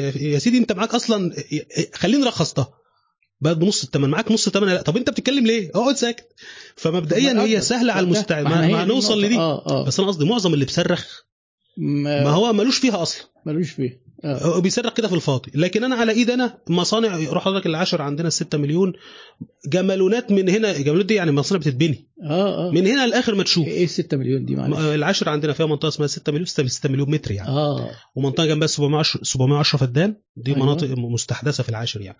تروح تلاقي صناعية. آه مناطق صناعية مستحدثة. العاشر أكبر منطقة صناعية تقريبا في الشرق الأوسط كله العاشر من مم، رمضان ما شاء الله. عملاقة يعني. فيها آه. حوالي 50% من الصناعه هي أول. مدينة على فكرة جديدة واتظلمت سنين. آه ب- بدأت 77 تقريبا. آه آه أيام السادات يعني والكفراوي أيام السادات وكان عاملها اسمه الكفراوي آه، هو اللي عمل كل المدن. الجديده آه حسب الله الكفراوي كفراوي. هو عامل كل المناطق دي وكانت دي كانت الجيل الأول. بالمناسبة أول مدينة جديدة في مصر كانت مدينة نصر على فكرة. أول تجربة. مدينة نصر. أول أيوة مدينة صح جديدة في صح. مصر، هي هي مدينة تعتبر آه يعني وهم خدوا بقى كل سلبيات مدينة نصر. يعني مثلا اللي تروح كل المدن الجديدة ما تلاقيش عمارات عالية. آه. تلاقي مثلا أماكن جراشات. أيوة. مدينة نصر طبعا فيها مشاكل. دي إحنا وتعلموا فيها يعني. آه ف ال ال ال ال فبتقول حضرتك 6 مليون يكون. مستعد الأول آه. يبقى تاني. هل الإجراءات سهلة ولا صعبة؟ سهلة. على آه. المستعد. صعب عليك ليه؟ لأنك أنت مش مستعد. يجي حد يقول لي إيه؟ أنا عايز اطلع ترخيص مثلا ومش راضيين يدوني الترخيص. أيوه حضرتك عايز تصنع إيه؟ عايز أصنع مثلا آه، كيماويات. طب حضرتك هتصنع فين؟ يقول لي في البدروم في البيت عندنا. يقول يا فندم ما ينفعش. ما حدش هيرخص لك طبعا. مش هيديك يقول لك أصل التراخيص صعبة. هي مش صعبة. هي مش صعبة. حضرتك لو أنت واخد من طب أنا عايز أصنع مثلا في أكتوبر. الأرض غالية. طب ما في أرض رخيصة في السادات. آه. فهي سهلة على المستعد. حضرتك مثلا طيب محتاج عايزين نستكشف الخريطة دي. يعني أنا هوضح قريب بس أنا السؤال ده تحديدا عشان ده إيه ممكن إيه آه،. نجاوبه ونخلص ما منه هو يعني. أصلا هو السؤال بتاعي هو من ضمن الأسئلة اللي هي الغلط. اللي هو إيه سؤال جوات كذا سؤال. تمام. خلينا الأول نختار المناطق وهل كل الأماكن تصلح للتراخيص؟ يعني أنا أعرف مثلا مصانع فاتحة في مؤسسة الزكاه آه كتير جدا آه. آه وترخصت آه طب. إزاي وهي منطقة مش صناعية؟ طيب. إيه إيه القرارات وإيه القوانين اللي هنا؟ لا يشترط إن المصنع عشان يترخص يبقى في منطقة صناعية لكنه بيسهل عليه شوية لو هو موجود في منطقة صناعية. لا يشترط. لا يشترط آه. وإلى حد إيه الحدود؟ يعني يجي في وسط آه. آه وسط آه، عمارات كده ويقوم عامل شقة وفيها أهو. مصنع مثلا؟ الرؤية العامة دلوقتي أو التوجه العام إن إحنا شوية شوية ما نديش تراخيص بره المناطق الصناعية. دي الرؤية العامة. كويس. الجيزة قفلت التراخيص ل... كان حصل حريقة كده في مصنع في الجيزة وقفلوا التراخيص لب... ل... يعني اللي موجود بقى هو موجود. آه. اللي عاوز ترخيص جديد مش هيديله ترخيص في بره المنطقة الصناعية. برضه بيضغط إن هو يودي الناس للمناطق الصناعية يعني ما عنده مناطق محتاج يبيع فيها أراضي وحاجات زي كده اللي رخصوهم في الزكاة دول دول إيه؟ اللي مترخص أهو؟ مترخص آه اللي يعني مترخص أهو مش هيعرف يرخص وكذلك. الجيزة يعني عندك البدرشين مثلا منطقة فيها مصانع كتير آه جدا طبعا اللي, اللي موجوده هو موجود اللي أيوة. عايز يرخص صناعة كيميائية صعب جدا يرخصها بره المناطق الصناعية. آه، الصناعات الزراعية ممكن ترخصها في الأراضي الزراعية لو الصناعة غير زراعية مش هتعرف ترخصها في الأراضي الزراعية خالص تمام إنما لو صناعة زراعية زي الإعلاف زي الحاجات زي كده اللي هي بتخدم الزراعة مم. آه، ممكن تترخص في المناطق في الأراضي الزراعية آه، الأهالي إحنا ما بننصحش بالشغل في الأهالي بننصح في الشغل في المناطق الصناعية لأسباب ومنها اولا توافر البيئة اللي. حواليك مم. يعني أنا محتاج عشان أصنع القلم ده مثلا هصنع ال- اللبيسة في مصنع تاني ففي جنب مني مصنع. آه. محتاج مثلا بصنع حديد ومحتاج مثلا أقطع ليزر. فبقى في آخر الشارع في مصنع بيقطع ليزر. محتاج أصنع اسطمبة. ففي في اخر الشارع التاني واحد بيصنع اسطمبة. محتاج صيانة. بروح أجيب مسامير ومش عارف بروح أنزل الأردنية مثلا في العاشر أو بنزل مثلا ليلة القدر في 6 أكتوبر. بروح. أجيب ال- ال- الأدوات. محتاج. معدات. محتاج مولد كهرباء. بجيب. فالخدمات. العمال توافر العمال موجودين كتير جدا في المناطق الصناعية. المناطق الغير كويس. صناعية صعب جدا إنك تلاقي فيها. زي القاهرة الجديده مثلا بتعاني من عدم توافر العمالة بتاخد من هنا من من من المناطق الصناعية من اطراف التجمع وكده التجمع الثالث آه عندهم مشكلة. مشكله في العمالة. آه. آه يبقى زي ما قلنا أول حاجة توافر الخدمات. كلمة خدمات دي يعني كل ما, يست... ما يلزمك كمصنع. أيوه. عملت تحديد وعايز تجلفنه. انت هتجيبه بقى من من من من, من مثلا من المنزلة عندنا في الدقهليه عشان تروح تجلفنه في العشر من رمضان في مصنع الجلفنة مم. هتصرف رايح جاي. جامدة. الكارتات على فكرة أحيانا بتؤخذ في الاعتبار. آه ورقم. أيوه طبعا ده بقت رقم كبير. رقم يعني. أنا في صاحب مصنع نقل مصنعه عشان يتجاوز الكارتات. كان بيدفع رقم كبير في الكارتات يعني. آه. نقل مصنعه خالص.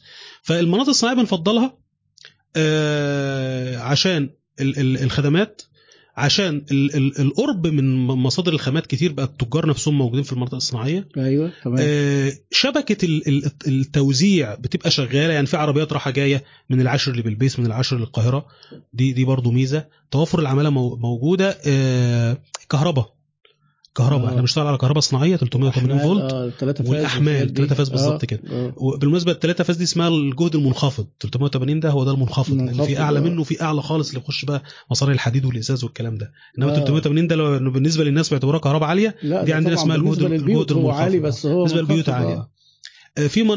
بره المناطق الصناعية مش هتلاقي أصلا الثلاثه فاز ولو لقيته ممكن تصرف على تت... على تدخيل الكهرباء نفسها مبلغ كبير ولو دخلت كهرباء ممكن تبقى أقل من الجهد اللي أنت عاوزه مم. ولو دخلت كهرباء وهي وصلت للجهد اللي انت عايزه هتبرجل كهرباء المنطقة اللي انت فيها فيشتكوك. فأنا رحت لصاحب مصنع عندنا في المنصورة بينقل عشان شكاوي الناس اللي حواليه. عنده مصنع آه، أي مصنع فيه تسخين أو تبريد يبقى هيسحب كهرباء. تسخين أو تبريد. هو عنده بطاطس نص مقليه بيسخن البطاطس وبعد ما يسخنها يحطها في ثلاجات يبردها عنده الاثنين. عنده الاثنين. فعمال طبعا إيه معفرت الكهرباء في المنطقة اللي هو فيها. الكهرباء بتطلع وتنزل وبتاع. التلفزيونات آه. تشتغل لوحدها وتفصل لوحدها وبتاع فالناس بتشتكي فنقل آه إيه كمان في ال- في الميزات في المناطق الصناعية توافر الأرض نفسها أصلا توافر ال- ال- يعني طيب الإيجار. هل هل هي متوفرة ومفتوحة؟ آه يعني موجودة في ناس موجودة للمستعد لما تيجي تقول مناطق صناعية يقول لك المناطق الصناعيه دي اتوزعت من زمان انت لسه طيب. حتى فين والمناطق الصناعية فين؟ هقول لحضرتك آه، الطرح دلوقتي أقل من زمان الطرح آه. دلوقتي أقل من زمان لكن ما زال في طرح أراضي جديدة وفي حاجة اسمها المطورين الصناعيين بيطرحوا أراضي برضو. لكن أنت أصلا ليه تروح للأراضي والمصانع؟ أيوه. إحنا 90% 95% أو مش عايز أقول 100% من الدراسات اللي إحنا عملناها كلها بتتعمل في مصنع 500 متر إيجار. إيجار. إيجار. تنصح بالإيجار ولا بالتمليك؟ أيوه. 99% بنصح بالإيجار أنصح بالتمليك في حالات بعينها وهي واحد هيعمل مصنع آه، محتاج. محتاج تجهيزات. يعني مثلا مصنع آه، صناعات. مثلا واحد هيعمل مصنع فيه ثلاجات فهيصرف 2 3 مليون مثلا على الثلاجات آه، ما ينفعش ياخدوا إيجار. آه. مصنع آه، صناعات مثلا فيها ماكينات تقيلة مش هعرف أشيلها وأحطها. مصنع محتاج تجهيزات. يعني مثلا مصانع الورق بتحتاج ومصانع الصباغه بتحتاج أحواض تحت الأرض. تحت الأرض آه، أحواض كبيرة آه، جدا. التجهيزات دي تجهيزات. أصول آه. ثابتة.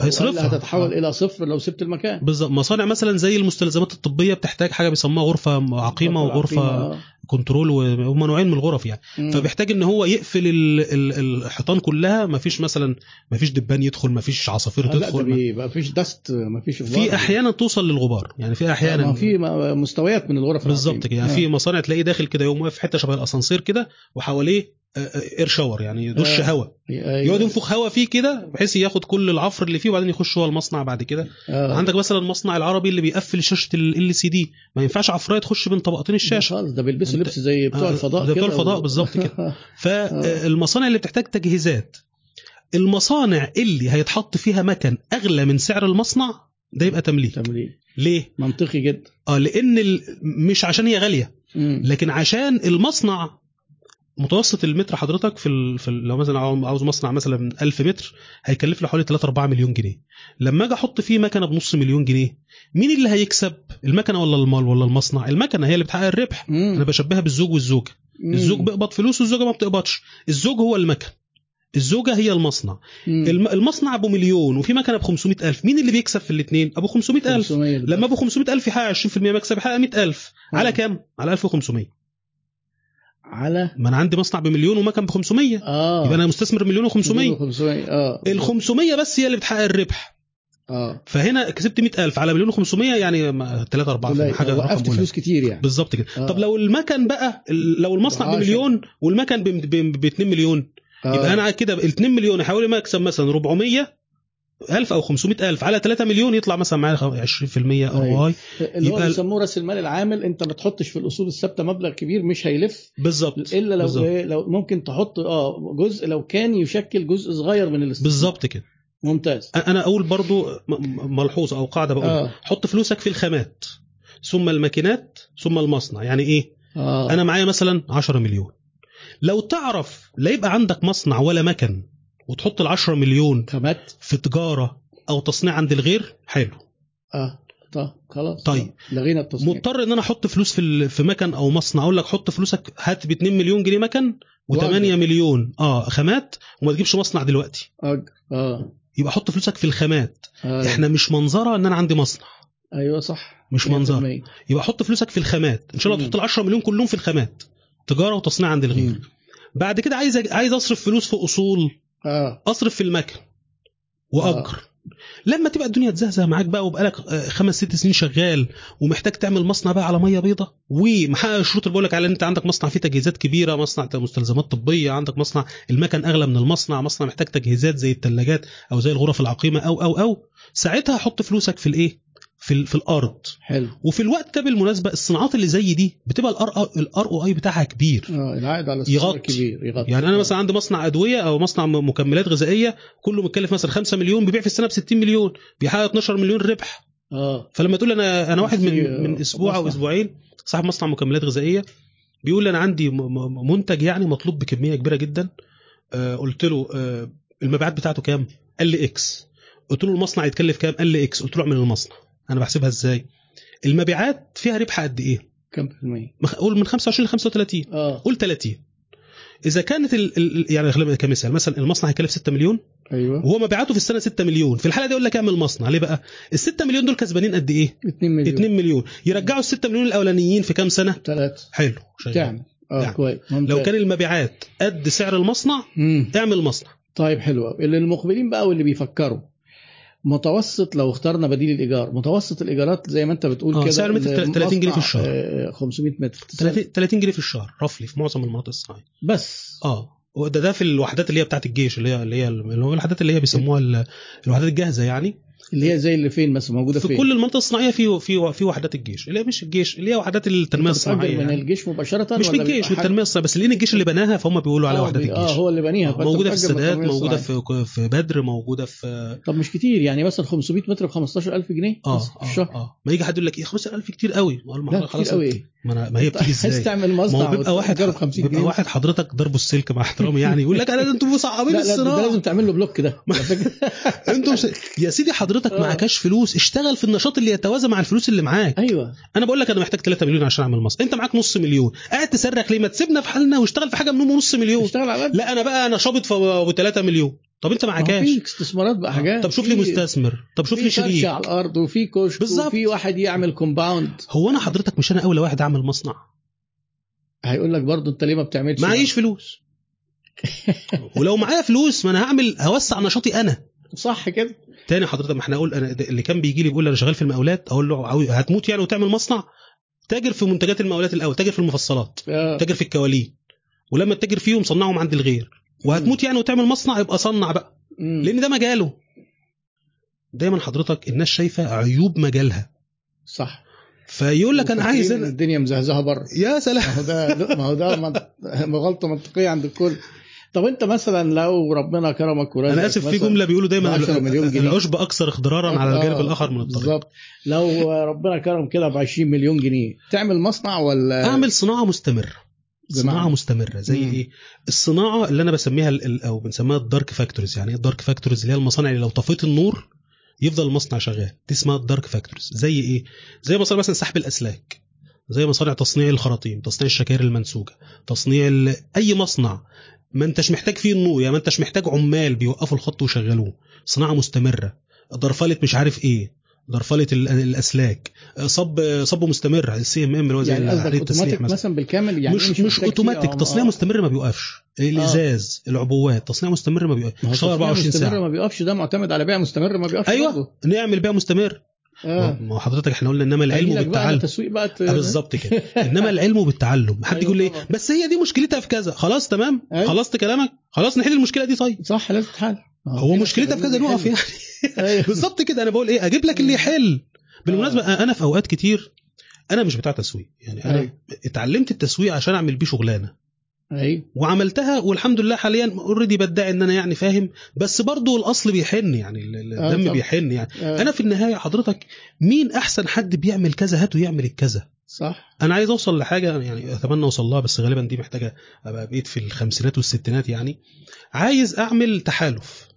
مم. عشر شركات مثلا يجي ال- المستثمر ملايينه ساعتها بقى أقول أنا ما أخدش بقى لنا 20 30 مليون 50 مليون ساعتها يعني. يقعد مع العشرة كلهم آه. في أول يوم. حضرتك عايز تعمل مصنع مثلا وليكن أدوية في مصر. طيب بالنسبة للتراخيص الأستاذ فلان احكي لنا عن التراخيص. طب بالنسبة للمباني المهندس. الاستشاري الفلاني هي قاعدة واحدة مم. احكي لنا إيه المشاكل بتاع التصميم مم. طب خلصنا تصميم ننفذ المقاول الفلاني أيوة. اعمل لنا طب عند الحتة الفنية والمكن العبد لله طب عند التسويق العبد لله تمام. طب عند البيع طبعا التسويق غير البيع أيوة. طب عند الجودة قعدت مع العشرة سمعتهم كلهم امشوا يا عشرة أنا بقى وأنت إيه مننا البعض لحد ما. تستلم مصنع ده اللي هو مم. ال turn key project. العشرة دول جايين منين بقى ما إحنا قاعدين. على ترابيزة عليها عشرة مم.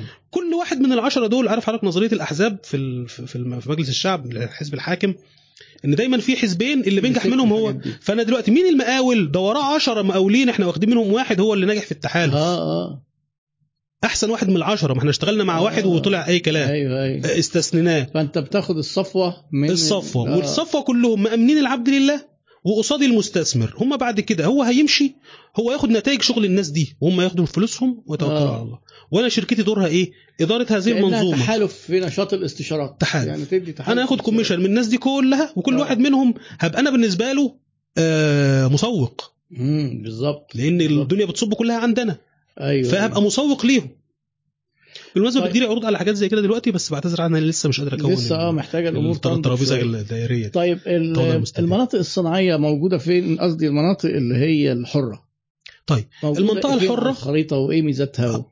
إيه. فكرة المنطقة الحرة المنطقة الحرة هي آه هي منطقة هيدخلها خامات من بره بدون جمارك مم. تتصنع بالقرب من الشاطئ ومن المينا. وتطلع تاني بره بدون جمارك مم. يبقى حضرتك تروح للمنطقة الحرة لو انت عايز تعمل حاجة زي كده مم. هتيجي الحاجة زي بورسعيد مثلا منطقة حرة مم. تجارية بورسعيد بيحصل فيها إيه بتيجي كونتينرات تفضي زي جبل علي مم. ويحصل إعادة خلط للعبوات دي وتتعبى. كأنهم بره خارج الحدود عشان كده- في في مدينة نصر منطقة مدينة. نصر فيها منطقة حرة آه. من أغرب ال- المناطق يعني اللي عملها في مدينة نصر ده مش فاهم كان أيوة. كان في تفكيره إيه هي لازم تتعمل على السواحل القرب آه. من المواني عشان تيجي المركب تفضي الخام يتصنع هنا؟ يرجع يخرج. يرجع يطلع تاني. طب طب ليه الحيرة دي؟ لحاجتين.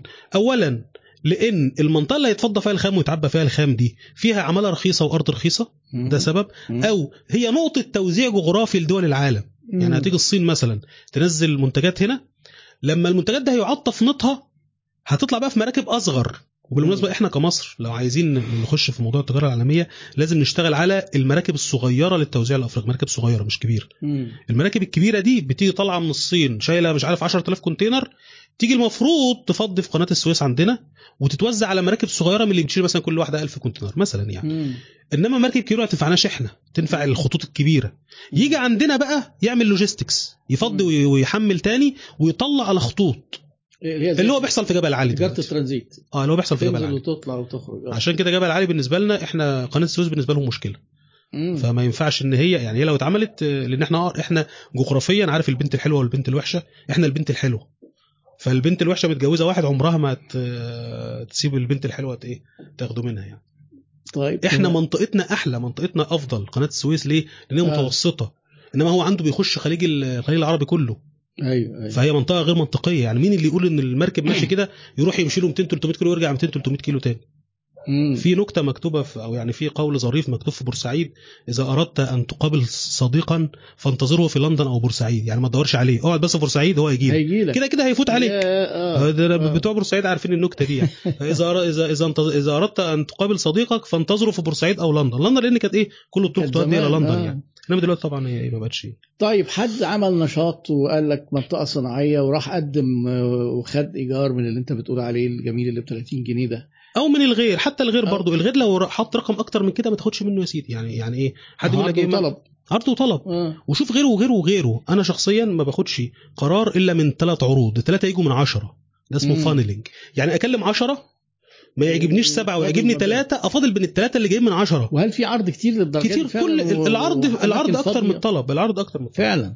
آه كل سوق فيه العرض يعني معنى. كده اللي بيجي يقول لك آخد حتة أرض صناعية علشان الاستثمار ده ممكن ما يبقاش استثمار جيد لأن شكلها كده برضو العرض مش اللي عايز إيه؟ ياخد أرض بنسبة 99% ما هوش عايز يصنع. مش عايز يصنع. مش عايز يصنع. هو واخدها على أحلام التسعينات. آه اللي هو. آه ما خلاص انسى القصة دي. ما عادش موجود. ما عادش. ما عادش. طيب ياخد قد إيه بقى الترخيص أه حسب بس هو لو يعني معظم إحنا عندنا ب ب ب آه. بنسأل سؤال كده آه. آه. المنتج بتاعك بالاختار ولا ولا منتج مسبق يعني إيه اختار أو مسبق في دليل منزلها هي التنمية الصناعية يقول لك والله مثلا حضرتك هتصنع أسمدة ده اسمه نشاط مسبق اعمل دراسة بيئية الأول دي بتاخد وقت شوية مم. 99% من الأنشطة بالاختار يعني مش محتاجة إنك تعمل تعمل الخطوة مجرد دي. آه إنك بتعمل مصنع أصلا وتقول لهم تعالوا يا جماعة أنا عملت مصنع. ده اسمه ياه. الاختار آه ده اسمه الاختار وده اوريدي الدنيا شغالة كده. بتعمل اول رخصة؟ آه. ممكن خلينا ارسم آه. الدنيا بتمشي إزاي. أنت الأول إحنا هنسأل النشاط بتاعك مسبق ولا مش مسبق؟ 1% من الأنشطة هي مسبق زي تصنيع الكيماويات. آه. إنما تعبئة الكيماويات عادي. يعني أنا شغال حاليا على دراسة لعميل بنعمل تعبئة كيماويات. آه. من أسبوعين كنت قاعد مع عملاء عايزين يعملوا مصنع وأول ما قالوا إحنا بنجيب كذا ونحرقه قلت له بس نحرقه دي لحظة دي- واحدة وانت فاتح الدليل. حرق حاجة من منتج يعني ايا كان. آه. في حرق دي هيبقى نشاط مسبق. دخلت أدور لقيته مسبق فعلا. قلت له سيبك مني بقى وروح كلم الراجل بتاع التراخيص التليفون بتاعه اسأله عن الموضوع الحرق ده هتعمل فيه إيه. آه. لكن 99% من الأنشطة بتبقى بالاختار آه. إيه المسبق؟ المسبق زي مثلا تصنيع الأسمدة تصنيع البويات. حاجات ليها علاقة بال- بالبيئة بقى بالبيئة وال- صباغة ال... آه لو هيطلع حاجة تخش المية أو الهواء أو التراب ده اسمه. مسبق. يعني. هيطلع دخان يطلع عفر يطلع مسبق هنا وبر بمعنى إيه ترخيص مسبق. بتعمل ترخيص البيئة الأول الأول. وبعدين ت... وبعدين تيجي تعمل مصنع. لكن بالاختار آه، بتعمل مصنعك الأول الأول. وبعدين بتعمل آه، مصنعك إزاي الأول بتبقى عندك قطعة أرض أو مصنع أنت مأجره. مم. خلينا في المصنع أنت مأجره ده معظم الحالات يعني تبقى. مصنع مأجره. بتروح تقول لهم أنا عايز رخصة إن المكان ده ينفع يبقى مصنع. فيطلع لك حاجة اسمها الرخصه الصناعيه رخصة صناعية. طيب خدت الرخصة الصناعية طبعا في الر- الرخصة بيبان فيها النشاط ده بالاختار خلاص بيديك. الرخصة وبيقول لك انت تصنع منتجات 1 2 3 دي اسمها أكواد الأنشطة برضو بنطلعها دي سهلة في الدليل يعني. وبيديك الطاقة الكهربائية اللي أنت محتاجها مثلا 100 كيلو فولت مثلا. خلاص يبقى كده إيه؟ مم. أنت تشتغل على كده. كده بقى عندي مكان سواء مأجره أو بتاعي لا هو بتاعي هبنيه. ده تسلسل تاني يعني. وده مش موجود كتير يعني. بقى عندي رخصة. بروح أجيب المكن. مم. وأنا بجيب المكن بسأل سؤال. حضرتك هتستورد المكن من بره هتستورد المكن من بره الطبيعي إنك هتستورد المكن من خلال وكيل. فبتحط عليه جمارك مثلا 20% مم. لا أنا مش عايز أحط الجمارك دي أنا عايز أستورد المكن ده لأن أنا اخده وأدخله في نشاط صناعي آه. فالدولة بتقول إن المكن اللي داخل لنشاط صناعي بيخش من غير جمارك فبروح بالرخصة بتاعتي وبالعقد بتاع المصنع أقول لهم أنا جايب المكن ده عشان أصنع بيه آه. فيقوم مدخله لي على الرخصة من غير جمارك جبت آه. المكن لو أجيبه من وكيل الوكيل بيتحمل الجمرك وبيحمله لي فعشان كده حتى الوكلاء معظم الوكلاء المحترمين يقول لك إيه أنا ما أنا أدفع جمرك ليه وأنت تدفعه؟ ما أنت كده كده مين المستفيد؟ ما الدولة المستفيد. فهاتوا على ورقه مصنعك. أنا بس كوكيل هديك الصيانة والتركيب والتدريب وكده آه. والض- و- جميل والضمان. معظم العملاء المحترمين بيعملوا كده الوكلاء المحترمين. وهل في الإجراءات الاستيراد دي ما زال ولا هي في مشكلة آنية دلوقتي؟ دلوقتي إنما في. الطبيعي مفيش مشكلة. آه في الطبيعي اللي إحنا في الطبيعي مفيش مشكلة. بس كان سمعت إن عملوا استثناء هو أول ما هيفتح هيفتح للمستلزمات الإنتاج للمس... آه للم... وللصناعات اللي هي الضرورية آه، الصناعات هي- تستنى أنا عرفت شوية. إن هو ده تط... يعني عمليا وتنفيذيا لسه القرار ده برضه في صعوبات في تنفيذه والله نتمنى إن هو خلال من ثلاث ست شهور تتحل الأزمة دي لأن الناس بصراحة آه. بدأ الاستوك إحنا عايشين على الاستوك دلوقتي يعني. عايشين على المخزون آه. القديم. آه، فيبقى إحنا قلنا دخلت إيه؟ المكن لما آه. بدخل المكن بروح أجيب هيئة التنمية الصناعية تعمل معاينة آه ده المكن اللي أنت كاتبه تمام تمام يقوم يعطيك حاجة اسمها السجل الصناعي آه وفي ناس ما بتشتغلش بالسجل الصناعي يعني عادي يعني. مش إجباري يعني يطلع سجل اصناعي هو زي. السجل التجاري كده أنت أول خطوه خطوة رقم صفر هي السجل التجاري عند أي حد آه. خطوة رقم صفر إنه عمل سجل تجاري حتى لو هتعمل مصنع بتبدأ آه. الأول تعمل سجل تعمل سجل تجاري وبعدين آه. رخصة صناعية بعد كده بتروح تجيب مصنع بتأجر مصنع بعقد إيجار وتطلع بعد كده رخصة آه. بتأجر أو تشتري أيا كان يعني. أيوه أيوه بتطلع معنى كلمة رخصة إن المكان ده ينفع يتحط يصلح فيه إيه؟ يصلح آه. بعد كده- رخصة مبدئية كان حاجة بالظبط. نظره مبدئية كده بت- بعد كده بقى معاك ال- ال- الرخصة بتروح أيوة. تجيب المكن إذا كان النشاط بتاعك اختار وهو عادة اختار بتجيب المكن الاستيراد المكن نفسه بتدخله على الرخصة والعقد بدون جمارك المكن اتحط بتروح تجيب الهيئة تشوف ال- المكان ده. تديك سجل صناعي لما تديك سجل صناعي بتقوم رايح طالب حاجة اسمها بطاقة مستلزمات إنتاج اللي هي الاستيراد بقى. اللي هي هي هي بطاقة استيراد آه، تستورد يبقى عليها آه، خامات أيوه. ومكن تاني لو عايز تستورد عليه مكن تاني ومكونات زي مواتير وخلافه بشرط إنك ما تتاجرش فيها. طبعا آه. طب افرض تاجرت فيها بقت مشكلة قانونية هو يعرف منين ان تاجرت فيها؟ آه. أنا مثلا مستورد 1000 موتور. عشان اصنع مثلا ما غسالات طلعش فوق. بيجي آخر السنة يقول لك والله يا حضرتك أنت كنت مستورد 1000 موتور. راحوا فين ال 1000 موتور؟ أقول له والله ده ده, ده فاتورة ببيع 1000 غسالة. طب افرض أنا بعت 500 غسالة يبقى في 500 موتور في المخزن. وريهم لي. طب ما لقيتهمش يبقى أنت بعتهم تجاري. فين المشكلة إنك بعتهم تجاري؟ إن كان الموتور أبو مثلا 100 جنيه المفروض عليه جمارك 20 جنيه هو دخل لك ب 100 جنيه بس. آه. فأنت كده في 20 جنيه أنت واكلهم علينا في الجمرك. ده تهرب بقى انت ضريبي. هربت مني آه. تهرب تهرب جمركي آه أض- آه، تهرب جمركي آه آه. تهرب فيقول جمركي لك لا. دي قضية جامدة فحضرتك هتستورد على فكرة الفترة اللي فاتت كانت برضو مغرية للناس أنا, أنا في أحد الدراسات. المصنع ممكن يستورد التاجر واقف عطلان آه. يروح المصنع يقول له طب أنت عندك في المخزن ما تديني وفي ناس بتعملها بس بيعملوها إيه يعني لازم يظبط ورقه بقى كل واحد بقى هو متحمل مخاطرته يعني أنا شخصيا أقول له والله يا فندم. ده أنت. متحمل. المسؤولية خلاص أنت حر بس هي أيوة. غلط طبعا ممنوع طبعا مم. ده تسلسل ال- البسيط. على فكرة لو حد عطلان في التسلسل ده بقى بيبقى هو عطلان من عنده هو قاعد يصرخ. عنده مشكلة. هو عنده مشكلة. هو هو هو عايز يتجاوز المشكلة دي. آه عايز يعني يخالفها وعايز عايز يخالفها وانتوا ظبطوا لي على المخالفة بتاعتي. لا ما اخبط. دماغك في الحيطة. طيب إيه أخبار الإعفاءات؟ فات إيه؟ في إعفاءات ضريبية؟ أنا والله ما كان زمان آه، هو عموما أصلا لا. معظم, معظم الضرايب ما, ما, ما هياش مرهقة زي ما الناس متخيلة إلا لما أنت تبقى يعني بتلمع يعني بتبرق كده وساعتها يظبطوك في الضرايب. إنما معظم الناس اللي زي حالتنا كده اللي هي شغالة في مصنع صغير 3 وبسيط 4 وبتاع، 5 مليون ده. الدنيا بتمشي آه. على فكرة آه. صغير ده لحد لحد 3 4 5 مليون ده مصنع صغير. أيوه طبعا. 20 30 40 مليون بقى وبقيت معروف بالاسم وبتاع خلاص هتبتدي تدفع يعني بس آه. برضه في النهاية أنا بعتبرها إيه يا سيدي ما هو جزء من أرباحك يعني أنا بعتبر إن هي يعني ماشي في الشرائح زي التجارية زي الأرباح يعني زي أي آه، حاجة آه. ما فيش ما فيش على أنشطة. معينة أو أماكن صناعية معينة كان في قوانين حول استثمار زمان والحاجات لا دي. الحوافز اتشالت. هو كان اتشال. اسمه قانون حوافز وضمانات الاستثمار بقى اسمه قانون الاستثمار بس. أنا ما أي- بنحفزش حد حوافز. آه، وأنا شخصيا أصلا ضد التحفيز بمعنى آه، أنا بشجع الدعم السلبي وليس الدعم الإيجابي. إيه الدعم السلبي والإيجابي؟ هو آه. ده مسمى ده أنا اللي اخترعته برضه. إيه الدعم الإيجابي؟ إن حد يقول لك إيه؟ أنا عاوز أعمل مصنع. إدوني أرض ببلاش آه. وإدوني قرض أبني بيه المصنع وإدوني قرض أجيب بيه المكن. وطبعا العمال هجيبهم أنا. خلاص معلش. وادوني الخامات على البنك أجيب بقى برضه. قرض وبعدين لما أجي أبيع ما تاخدوش مني ضرايب. وأما أجي أدخل من- حضرتك أنت داخل يعني. داخل آه، بمجهودك يعني. آه. ده اسمه ده اسمه دعم إيجابي. أنا ضد ده. ومع المستثمرين الأجانب. يجي المستثمر الاجنبي يقول لك إيه؟ اديني أرض ببلاش. واديني أمال أنت جيت هنا استفدت بيك إيه؟ ما كنتش تيجي. ده أنت جيت خدت كل حاجة ببلاش وخدت منتجك ومشيت. آه. أنا استفدت بيك إيه؟ إنما في حاجة اسمها دعم سلبي. اللي هو إيه الدعم السلبي؟ إن أنا أمهد الطريق قدامك. أنت معاك فلوسك ومعاك عربيتك بس أنا بسفل لك الطريق. آه. وبتعرف تسوق. إنما أنت جاي سمعت إن الصناعة حلوة فعايز أصنع بس يلا إيه أنا أنا جاي كده على باب الله. ادوني كل حاجة. آه. لا ده مستثمر ده ما, ما, ما, ما ينفعش. ما ينفعش. وعلى فكرة ما, ما, ما بتسمعش صوته. أنا شخصيا ما سمع- صرخ من هنا 10 سنين قدام. المشكلة فين؟ لما بيخش يصرخ بقى. إنه بيخوف واحد جاد عشان كده أنا اللي بيخش عندي يكتب أي comment تشاؤمي بعمل له block. ليه؟ مم. أنت بتعمل comment تشاؤمي ليه؟ انت أصلا بتشتكي من حاجة هي مشكلة عندك انت. بتخوف الناس بقى الجادة ليه؟ يعني يخش يخوف الناس الجادة. مم. فزي ما قلت لحضرتك الدنيا سهلة للجاهز. وكل يوم إحنا بنشوف مصانع بت... يعني كنت سمعت رقم مش فاكر كان من كان من من ح- من سنة كده كان الهيئة أعلنت إنها عطت تقريبا 4000 ترخيص 5000 ترخيص لمصنع السنة اللي؟ فاتت. آه حاجة زي كده. مصر آه. فيها ما لا يقل عن 100000 مصنع مم. تقريبا. يعني أنا من سنين سمعت إن هم 60000 مصنع من سنين. آه. العاشر من رمضان لوحدها يعني 20 كيلو في 20 كيلو مليانة مصانع معظمها مصانع هي فيها آه. مناطق سكنية وفيها مناطق برضه إحنا اتكلمنا عن المناطق الصناعية إحنا مصر عندنا العاشر من رمضان رقم واحد فيها حوالي أيوة. 50% من الصناعة فيها الصناعات الهندسية كتير مم. جدا أكبر مصنع في كل حاجة في مصر هتلاقيه في العاشر يا آه، رائد المجال دايما هتلاقيه العاشر. عادة في العاشر آه أكتوبر ممكن تمثل 30% من الصناعة في مصر كبيرة جدا برضو نتيجة لأن سكان أكتوبر راقيين شوية فبتلاقي مصانع أكتوبر هاي تك يعني تلاقيهم آه. شغالين في الأجهزة المنزلية شغالين في الأدوية شغالين في الحاجات الفخمة. آه، السادات رخيصة جدا. منتشر فيها الصناعات الكيماوية الأسمدة البلاستيك حاجات زي كده.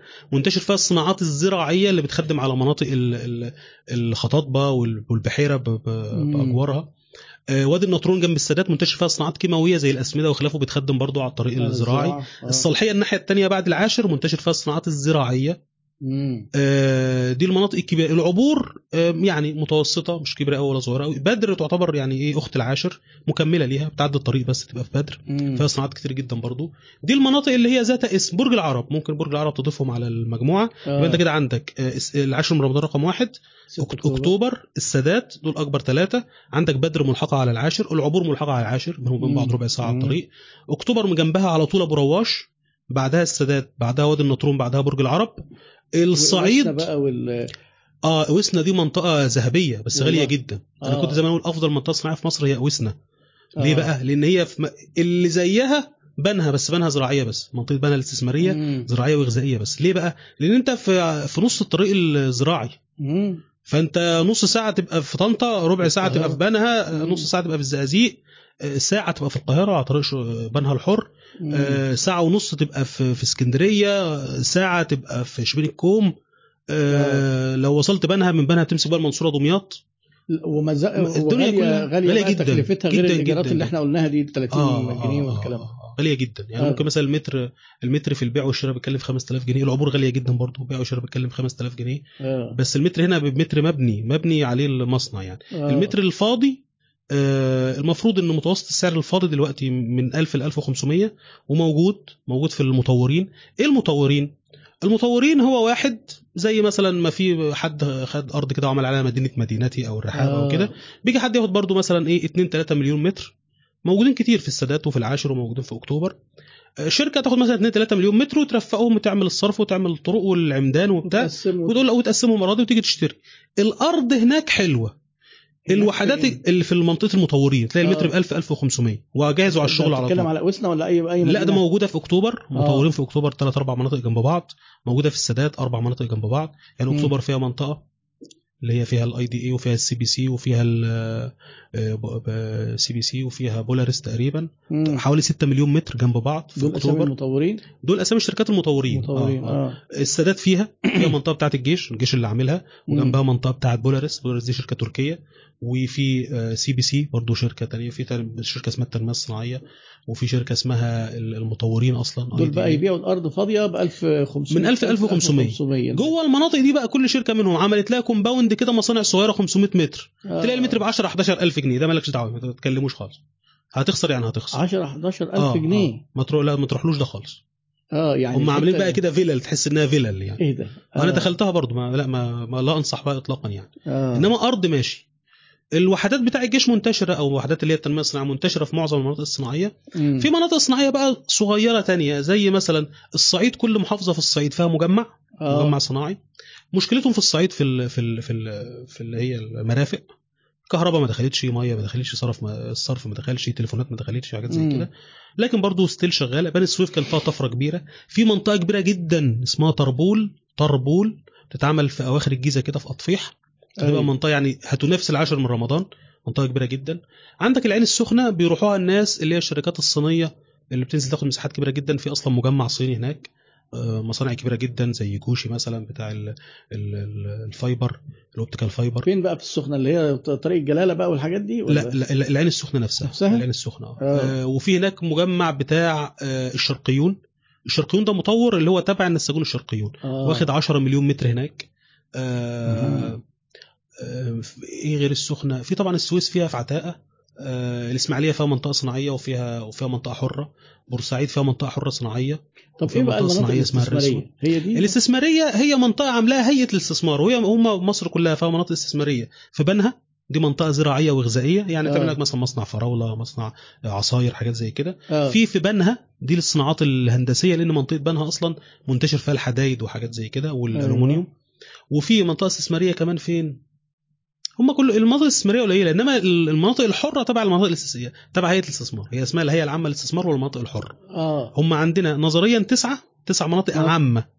مناطق أولهم آه أولهم مدينة نصر ودي اللي فيها الإدارة أيوة. رحتها برضو. آه. في بقى بعد كده بقى كل مدينة على الساحل فيها منطقة حرة زي الإسماعيلية زي الس- زي السويس زي الإسكندرية زي كل منطقة على الساحل. وفي في قفط في الصعيد وفي في 6 أكتوبر عشان دخول الكاميرات والكلام ده بيدخلوها ما هي يعني إيه منطقة حرة؟ يعني الحاجة بتخش من غير جمرك وتخلص مصلحتها وتطلع من غير جمرك. فالمدينه الإنتاج الإعلامي معمول جنبها منطقة حرة.